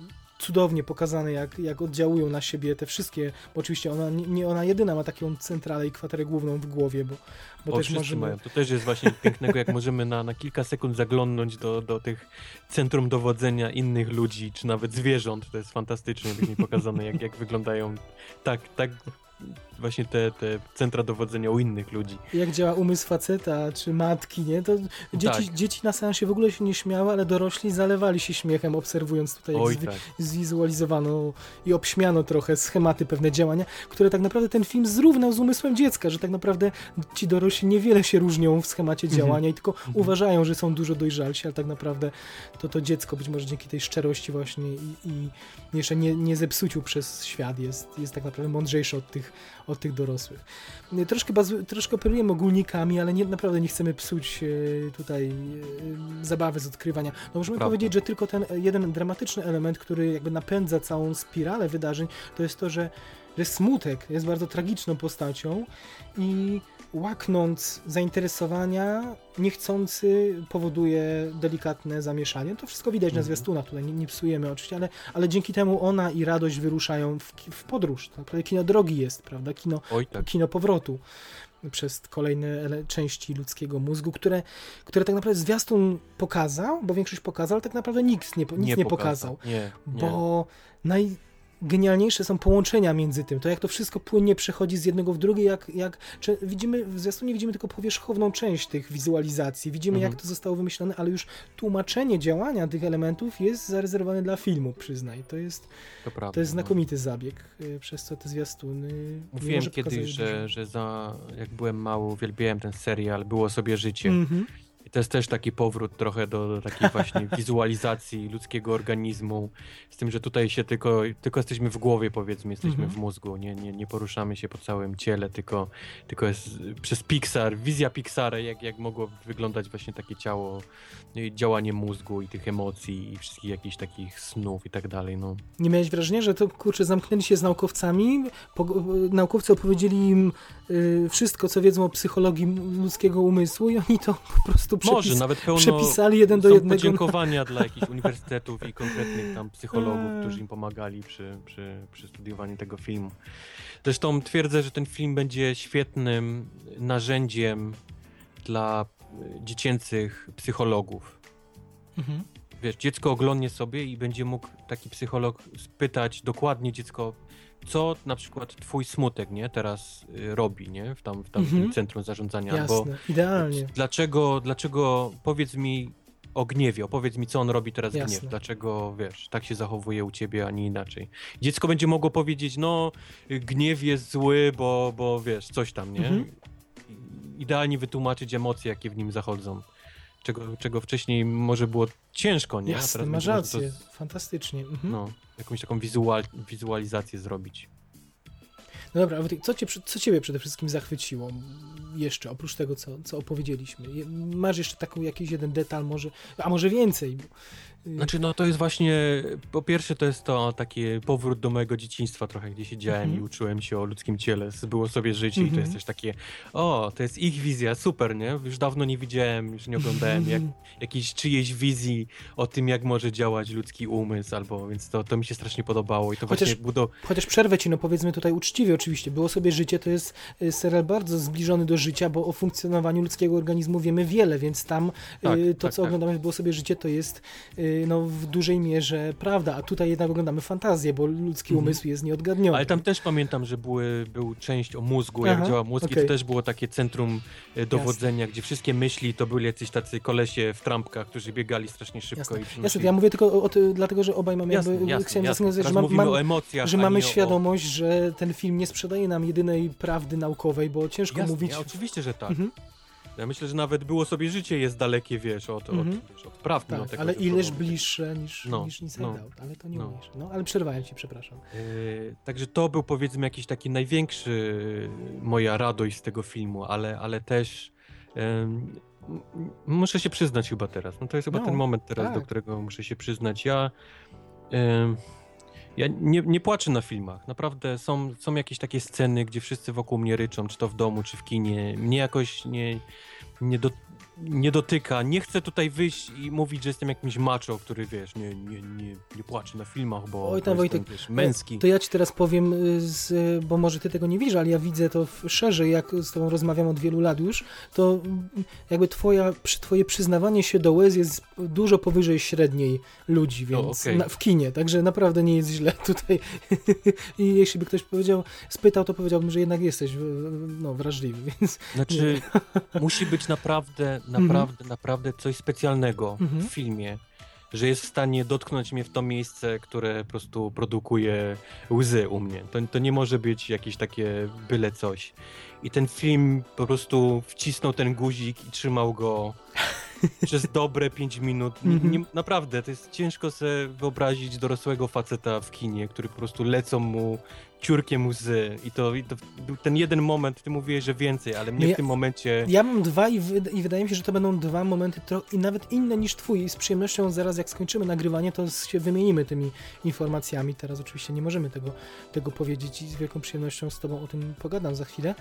Yy, ale tak mówisz, że 5 minut to aż trwało, tak? Że to cię rozstroiło. Wiesz co, to było takie, jasne, były smutne sceny Mhm. i czujesz ten taki smutek Mhm. i, i myślisz, o kurczę, nie, jakieś takie emocje i gdzieś powiedzmy to się zbiera, ale to nie do tego punktu, wiesz, żeby mógł u mnie, żebym mógł się, wiesz, gdzieś zacząć Mhm. lecieć łzy, ale I nagle ten, pstryk, tak? a nagle jest taki jakbyś dostał po prostu w łeb i koniec, nie jesteś w stanie, nie da rady i, i jeżeli film jest w stanie tego dokonać u mnie, to to jest geniusz. To jest po prostu czysty geniusz, że, że film jest w stanie mnie dotknąć gdzieś, wiesz, w tym miejscu, który jest dla mnie, wiesz, czuły i, i, i po prostu się rozryczeć, wiesz, jak małe dziecko, Aha. wiesz, na, na sali kinowej.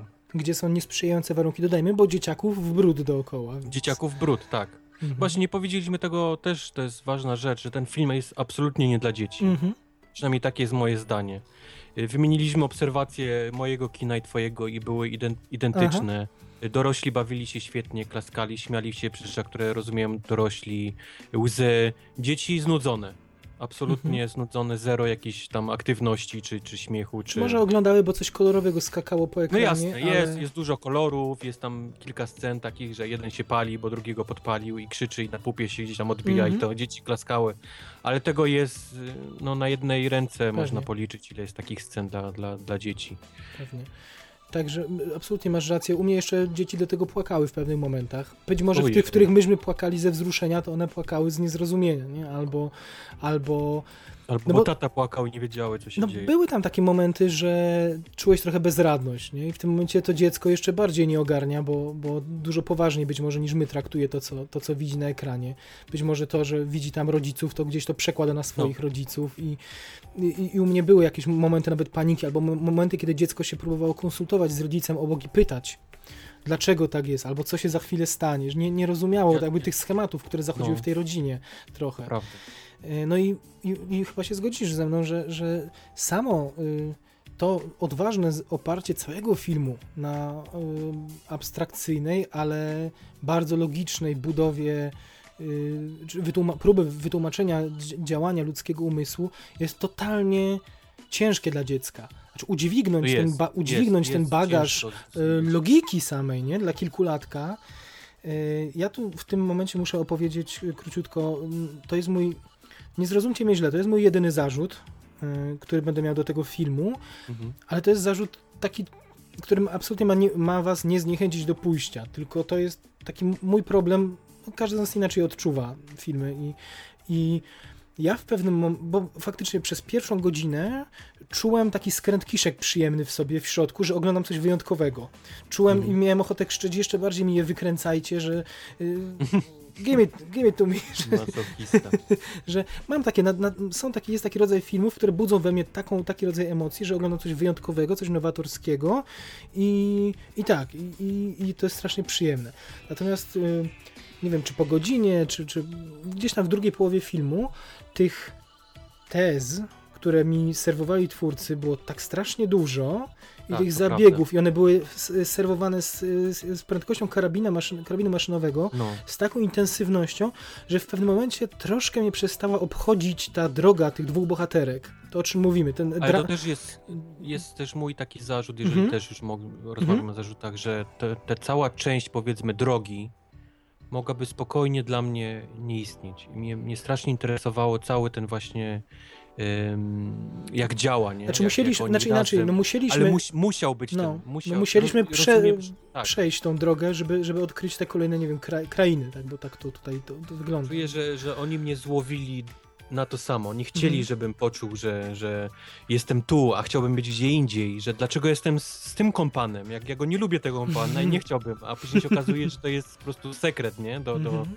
tak naprawdę do wszystkiego. I na końcu, na końcu jak przychodzi ten punkt, kiedy, kiedy to do ciebie dochodzi, no to już jest za późno, nie? Już trzeba chusteczki wyciągać, bo Więc faktycznie, czyli się zgadza, że, że, że jest y, cała ta historia drogi jest w służbie przedstawienia jednak tych pomysłów, nie? No, ale to, tak. czu, to czuć przez to, przez to, że ona jest taka trochę, sam dramatyzm tej podru- tego powrotu jest dla nas błahy, to ja może właśnie, była to trochę ja właśnie, długa. O, może, właśnie- może, no ale wiesz, ale y, w, związku i była przytłoczona ilością tych nowatorskich rozwiązań, które podczas niej poznawaliśmy i przez to ja w pewnym momencie już zacząłem, przyjąłem taką postawę, że okej, y, da- da- inaczej, że zacząłem czerpać przyjemność tylko z poznawania kolejnych pomysłów, natomiast przestała mnie interesować zupełnie ta to, czy one dotrą, czy no, przejdą, wiesz, no. zupełnie y, z nich u- uszedł dramatyzm ze mnie, przez co to przyjemne uczucie gdzieś też sobie odleciało i to się takie troszkę automatyzm wszedł, wszedł do oglądania tego filmu, właśnie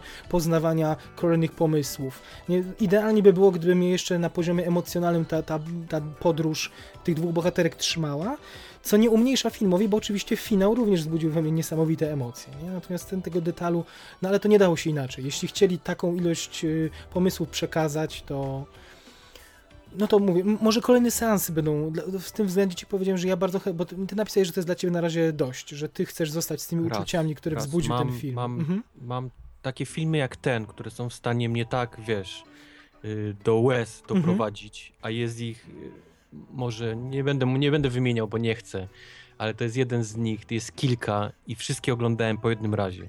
Ja uwielbiam to, wiesz, co one ze mną zrobiły, Mhm. uwielbiam to uczucie Jasne. i nie chcę iść drugi raz i przy, wiesz, nałożyć te nowe wspomnienia na tamte Pewnie. stare, wiesz, wymazać je.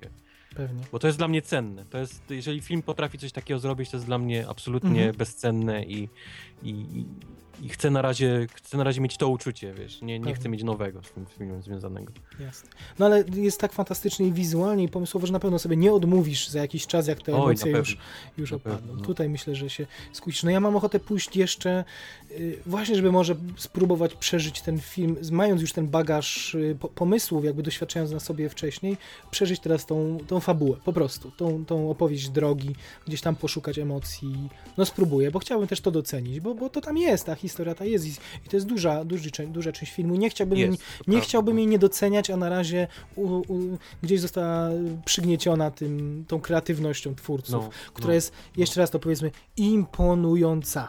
No nie pamiętam drugiego filmu, który by miał taki...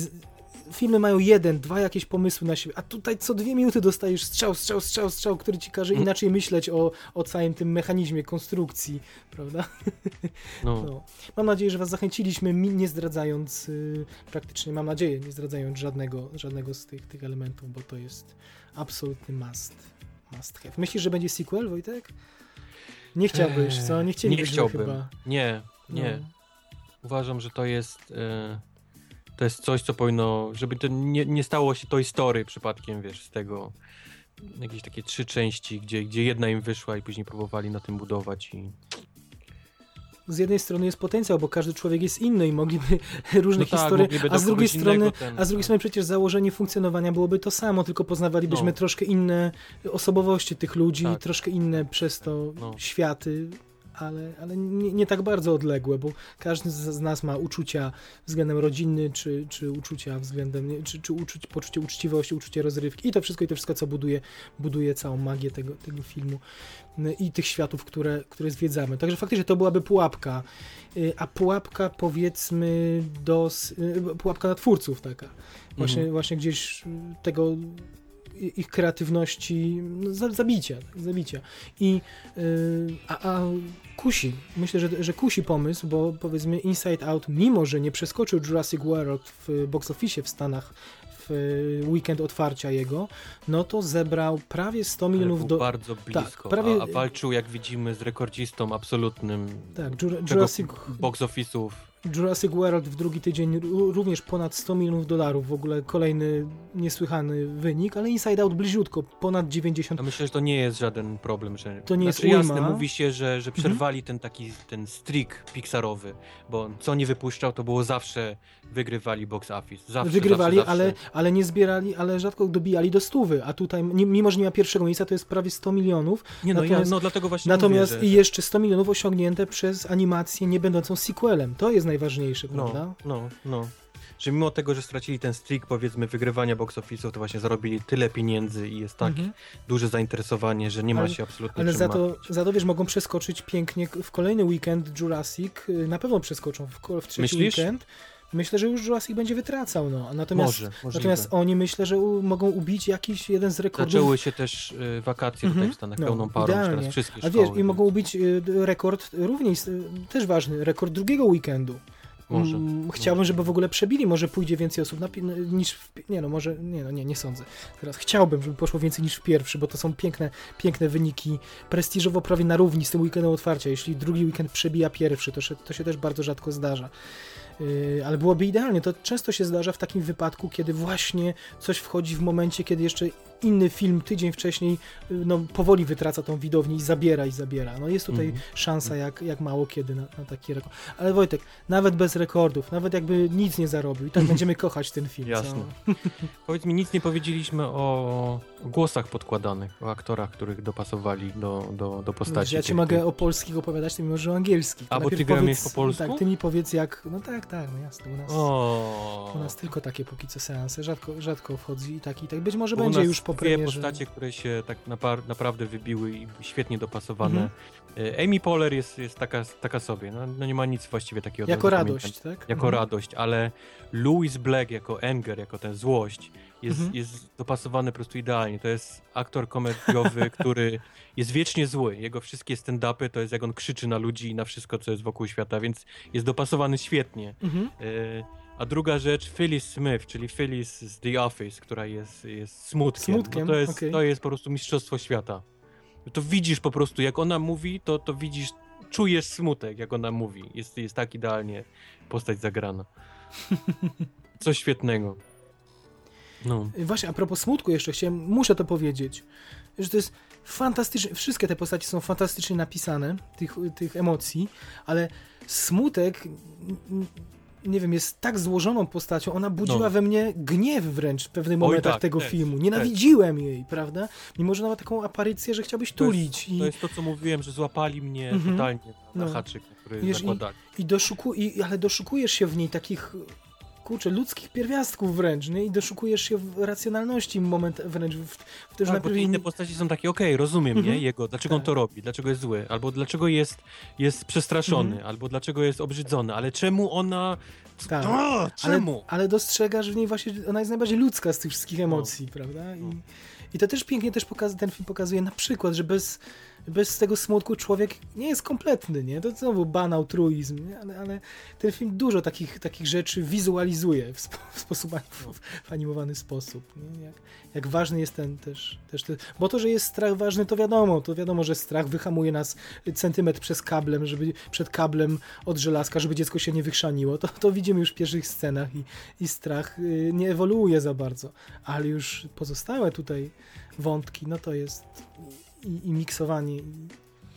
cudowna rzecz. Cudowna rzecz. Polskie, polskie głosy? Polskie głosy, znaczy, a powiedz mi jeszcze tak, czy któryś z tych, yy, w angielskiej wersji, czy któryś z tych głosów powiedziałbyś, że to jest taki mm, yy, coś ala, nie wiem, Jerzy Sztur w Szreku, wiesz, taki jeden głos, który ciągnie cały film, czy nie? Czy oni się wszyscy dostosowali poziomem do siebie nawzajem i nie ma takiej No, jednej gwiazdy? Że, że, że smutek jest Ale to- ale to to jest absolutne mistrzostwo. Ale to jest gwiazda, mój, to jest gwiazda, która przy, przyćmiewa innych w dubbingu, tak? Tak, tak, Przyćmiewa. absolutnie. No. Rozumiem. A z kolei Louis Black, czyli ten złość, to jest, to jest idealnie dopasowana postać, Mhm. wiesz, do, do, do, tego, do tego potworka czerwonego, ale z kolei Phyllis Smith, ten głos jest absolutnie coś, coś pięknego. Wiesz, Czujesz, jak każde jej słowo, to czujesz po prostu smutek w sobie. Rozumiem, ale nie, to bardziej chodziło mi o to, że mm, nie, nie ma, rozumiem, tak zagranej postaci, że dzieci będą kupować tylko i wyłącznie pluszaka, to tylko nie, tej chyba nie. emocji. O to mi Chyba nie. chodziło, nie? Bo czasem jest film, to jest błogosławieństwo i przekleństwo zarazem, prawda? Że jest taka jedna No. postać, która się znacząco wybija, bo jest raz świetnie napisana, dwa świetnie zagrana i w zasadzie przepraszam, dzieciaki w ogóle nie zwracają uwagi na pozostałych, tylko czekają, aż ta postać się pojawi.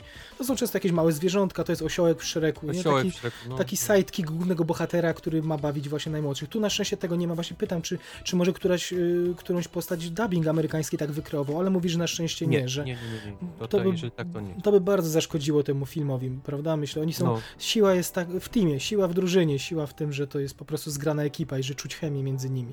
I, I w tym kontekście polski dubbing też działa, jest w porządku. Mm, mam oczywiście Jarosława Boberka tutaj, jest chyba Kinga, pra, jest chyba Kinga Praise, jeśli z- a dobrze ją... Boberek kogo? Powiedz mi kogo. nie, nie powiem ci teraz, bo, bo nie O, pamiętam. Nie On pamiętam. pewnie gra wszystkich, poza, Ale poza chyba- chyba-. Nie wiem, czy boję się, że nie, nie ma głównej, nie, nie ma żadnego z tej piątki. Chyba jest gdzieś ni, niżej. Ping-pongiem? W każdym. O, widzisz, być może, być może. W No. każdym razie, chyba jest Cezary Pazura, wydaje, ale wydaje mi się, że jeśli jest, to trosz, jest mocno zmieniony. On jest chyba strachem, ale prawie go nie czuć. Że tylko Okej. moment, momentami brzmi ci jak szczura, momentami jak pazura. Widzisz, nie mam, nie mam żadnej ścią- ściągawki, żeby się podeprzeć i nie chcę walić tutaj takich. nie, A, a byłem tak zauroczony filmem, że y, ślepo patrzyłem w napisy końcowe i nie wczytywałem się.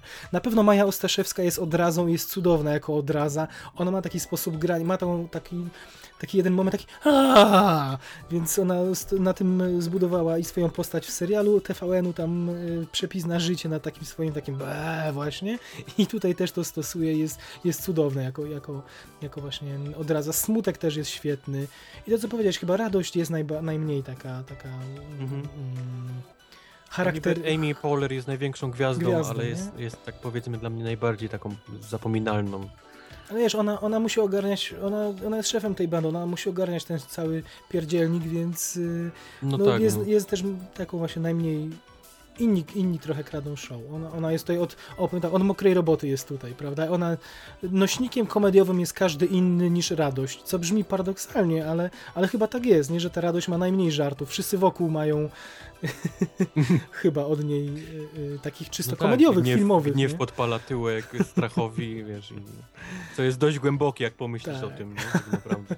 Ale samo to, że sam, jakże głębokim i pomysłowym jest to, że no, tutaj, tak jak powiedzieliśmy, w pewnym momencie kwatera główna zostaje opuszczona przez y, radość i smutek i Mhm. za wszystkie pozostałe funkcje y, emocjonalne człowieka biorą odpowiedzialność, gniew, y, Obrzydzenie i strach. odraza i strach i próbują być radosne, próbują rozmawiać z rodzicami i to nie wychodzi. I to też jest fantastyczne zilustrowanie tego, że jest pewien moment, kiedy jesteśmy w takiej sytuacji, że choćbyśmy nie wiem jak próbowali, to, to jesteśmy opacznie rozumiani, nasze reakcje są nie takie jakbyśmy chcieli, inaczej No, rozumiane. Dlatego mówię, że to jest świetne narzędzie dla psychologów. Niesłychane. Będziemy-.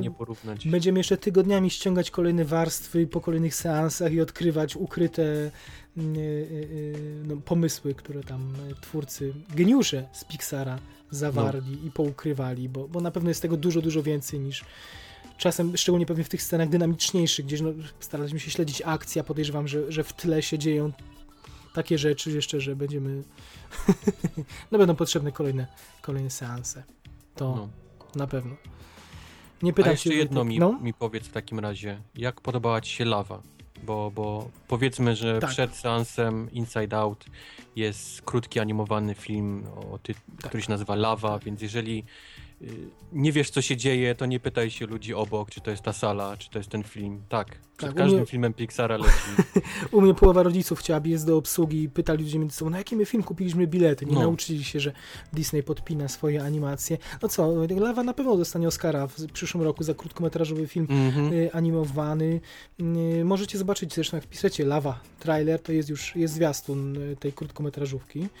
Minutowy zwiastun czterominutowego filmu, to też y, znamienne. Y, historia wulkanu, który jest samotny i który śpiewa hawajską piosenkę o tym, jak bardzo jest mu samotnie, jak chciałby kogoś znaleźć. Nie? W zasadzie Ty też tyle. miałeś polską piosenkę, Ja tak? miałem polską piosenkę, zarzut. która była tak bardzo jednost... znaczy jednostajnie, to ona podejrzewam jest śpiewana, ale jest ym, bardzo mało w niej było tej emocji, która chyba jest kluczowa do tego, żeby się wciągnąć, żeby poczuć y, żal tej góry, wiek tej góry, tego wulkanu, to ile ona Okej. A u tysiącleci mnie, u mnie z kolei po prostu był jakiś magiczny moment. A ty bo, mówisz, że cała sala śpiewała. Sala tak? zaczęła No, śpiewać pod genialnie. koniec, tak. Coś, więc coś po prostu Mhm. mnie, to już pierwsza rzecz, która mnie chwyciła, wiesz, za serce, bo, bo jeszcze nie widziałem, żeby, wiesz, żeby, żeby cała sala zaczęła nucić Jasne. albo śpiewać, wiesz, ten, ten kawałek pod koniec. Coś pięknego, no. Także nie wiem, czy to ten y, polski dubbing y, nie, wcale niezły, ale mówię, gdzieś mało dla mnie emocjonalny. Czy może ci ludzie dookoła panikujący, że nie trafili na ten film, Może na który wy, powinni, może mnie wybili. No. Więc nie, nie przesądzam. No jak zwykle u Pixara przepiękna animacja. Fajnie, że przeróżne stylistyki próbują, bo ta każda ich animacja jest zupełnie Mhm, inna wizualnie, jest inny, No. inny klimat. Yy, No cieszę się, że było. Lepiej, że jest, niż że jej nie ma, ta, ta, ta lawa. Ale do, do, Blue, um, do Umbrelli, do Blue Umbrella, która była chyba przy Ralfie Demolce, albo Tak, tak mi się wydaje. No to nie, ma- nie ma startu, to jest chyba moja ulubiona na razie. no okej. No, Okej. i wizualnie. I... No ale nic, lawa też fantastyczna. Wojtek, muzyka, tobie z kolei. Michael No. Giacchino to jego czwarta praca w tym roku. Mówiłeś, e, rozmawialiśmy, próbowałem cię zarazić, ale mówi, że to nie jest twoja. Nie, nie jest mój rodzaj typ, no muzyki, przykro mi, no, no nie, wiesz, nic na siłę niestety Mhm. nie, nie wejdzie. Ja wiesz, jakie lubię Jasne. soundtracki, takie ciemne, ponure, a ten był taki zbyt, ta część była taka zbyt wesoła dla mnie, zbyt taka Mhm. dziecinna i, i to jakoś nie, nie widzę się, żebym mógł to słuchać poza, wiesz, poza, filmem. Mhm. W filmie pasowało idealnie do wszystkiego, naprawdę. Świetnie, świetnie zagrane, ale to nie jest soundtrack, który taki mógłbym kupić po filmie i słuchać go sobie Jasne. tak, wiesz, od tak. Rozumiem. No to ja może powiem krótko, że dla mnie to jest najlepszy tegoroczny Giacchino. y, tak ocen- oceniam, ale oczywiście biorę poprawkę na, na to, co ty powiedziałeś. To broń Boże nie wbijam. Nie, nie, nie czuj, że nagle próbuję tu powiedzieć, że nie jest inaczej, jak Wojtek mówi, bo ja Jasne. całkowicie rozumiem to, co, to, co powiedziałeś, że, że to nie jest ten rodzaj, to nie jest ten rodzaj muzyki. Tak samo myślę, że nie, spo, nie, nie, nie, nie słuchałbyś y, osobno muzyki z odlotu na przykład, z Up właśnie. No, I, i, no. I to jest gdzieś podobne. Giacchino, Giacchino uderza w podobne. To, to jest, są momentami skoczne rytmy, y, moment, takie bardzo wesołe, y, y, momentami dziecinne, y, gdzieś wygrywane na cymbałkach. Y, No, Mhm. To też zależy, Mhm. jaki etap też jest życia tej, tej głównej bohaterki. To też się zmienia. Bo temat y, główny jest, ten, ten główny główny jest jeden, nam towarzyszy przez całą projekcję, ale jego aranż się zmienia i się ubogaca wraz z dojrzewaniem tej dziewczynki. To też jest, to jest piękne. Ten temat jest, temat, Boże, temat jest moim zdaniem i mówię dalej biorąc poprawkę na to, co powiedziałeś, on, y, on właśnie w filmie działa idealnie i wręcz w dwóch scenach to dzięki niemu pojawiają się gdzieś świeczki O, tak. w oczach. Tak, tak, tak, tak. tak. Jest, znowu mamy, przyznaj, ta pierwsza, pie, pierwsze 5-7 minut to jest taka miniatura, może nie będę jej porównywał z tymi pierwszymi 10 minutami odlotu, bo to jest w ogóle arcydzieło arcydzieł, ta, ta Mhm. nowela y, Up y, o życiu tego staruszka, prawda? Ale gdzieś Mhm. Inside Out też ma taki początek właśnie, aż do momentu wyprowadzki, to jest Tak. całe to, to dzieciństwo tej, tej dziewczynki, to też jest takie zamknięta całość, to mogłaby być krótkometrażówka, też tam fan, przepięknie ta muzyka jest użyta właśnie w tym fragmencie na finał. Mm, y, Już tam gdzieś pierwszy raz mnie poskręcało i poczułem, że będzie dobrze. No i jest do samego końca. Jest sporo jazzu w tym, w tej muzyce, jest sporo impro... To, co ty powiedziałeś, że ty właśnie nie lubisz czegoś takiego, kiedy jest y, bardziej dźwiękonaśladowczo, Mhm. to jest użyte, nie ma melodii, nie da się tego zanudzić, bo faktycznie Jackie no momentami bawi się instrumentami i jest tak, jest pozorny chaos w tym wszystkim. Właśnie taki jak trochę jam session momentami. Nie? Więc to, ale obaj się zgadzamy, to idealnie działa w filmie, a niektórzy niech, może jeśli komuś się spodoba, spróbujcie też na płycie. Mam nadzieję, że to będzie Oscar w tym roku. Cudowna praca. Taki chciałem mój miłosny list do mojego jednego z top 3 ulubionych. A co on ma następne? Bo on teraz po prostu... Teraz niech odpoczywa, kurczę. No.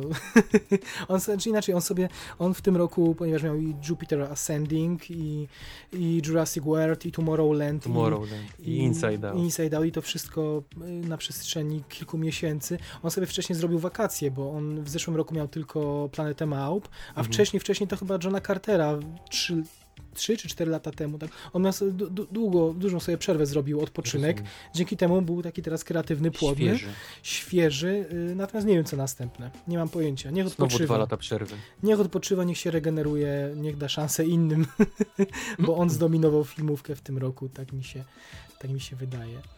Y, chyba powiedzieliśmy wszystko, Wojtek. No chyba tak. Chyba Albo za tak. dużo nawet.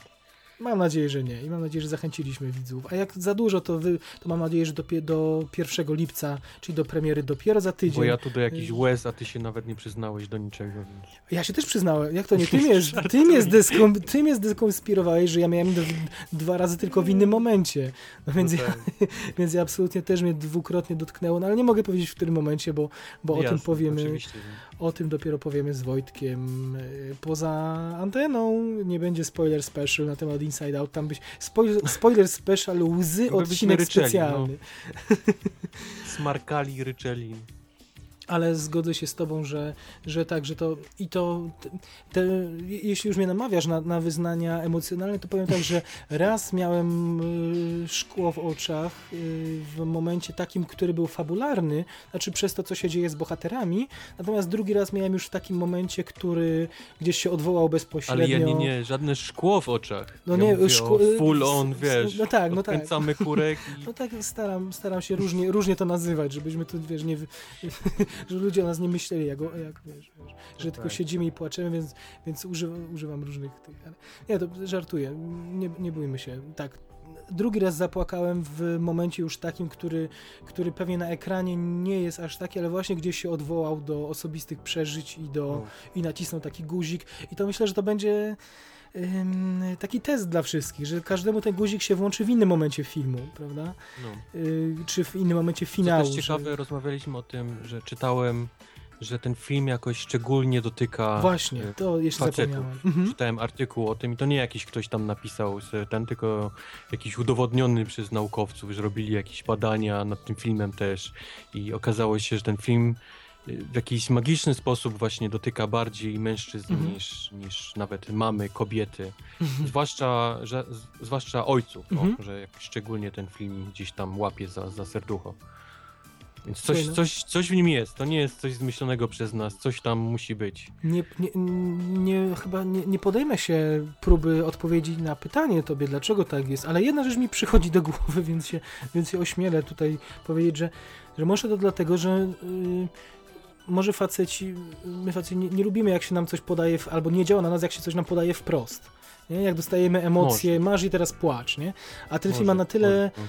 y, poukrywane te rzeczy, że to się dzieje poza nami i gdzieś ten guzik się naciska mimowolnie, prawda?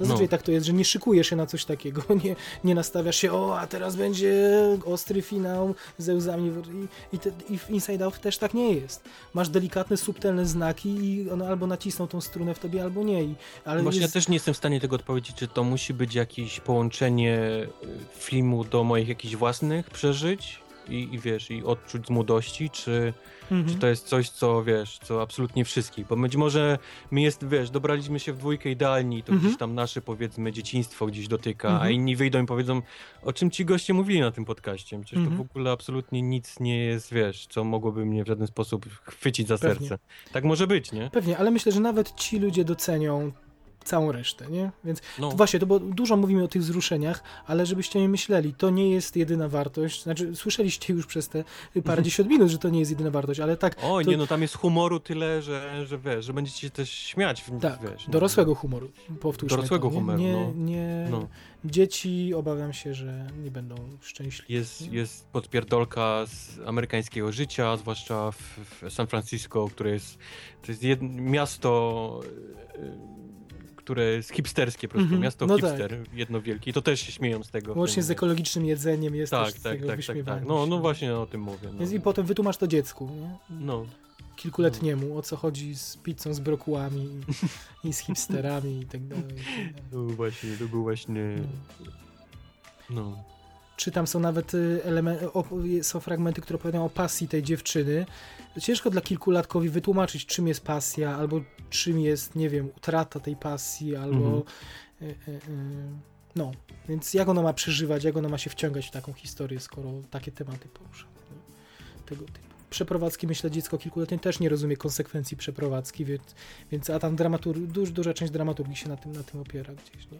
No, więc reasumując, nie bierzcie najmłodszych, czy inaczej weźcie, bo, bo będą kolorowe, krzywda się im nie stanie, kolorowe ludziki pooglądają, może im się na Znaczy, tyle będzie nawet... tyle dobrze, że nie będziecie musieli kupować później gier. Właśnie, figurek, do tego chciałem- dzieci nie będą aż na tyle zainteresowane, żeby, Tak. żeby posiadać kolekcję. Ale Za może to, za to to my sobie kupimy, sklepu, tak. Wojtek, który, którego ty pluszaka kupisz jako pierwszego? Z tej, z tej Eee. piątki. Bo że kupisz to wiem, albo figurkę. Chyba, chyba złość. Złość.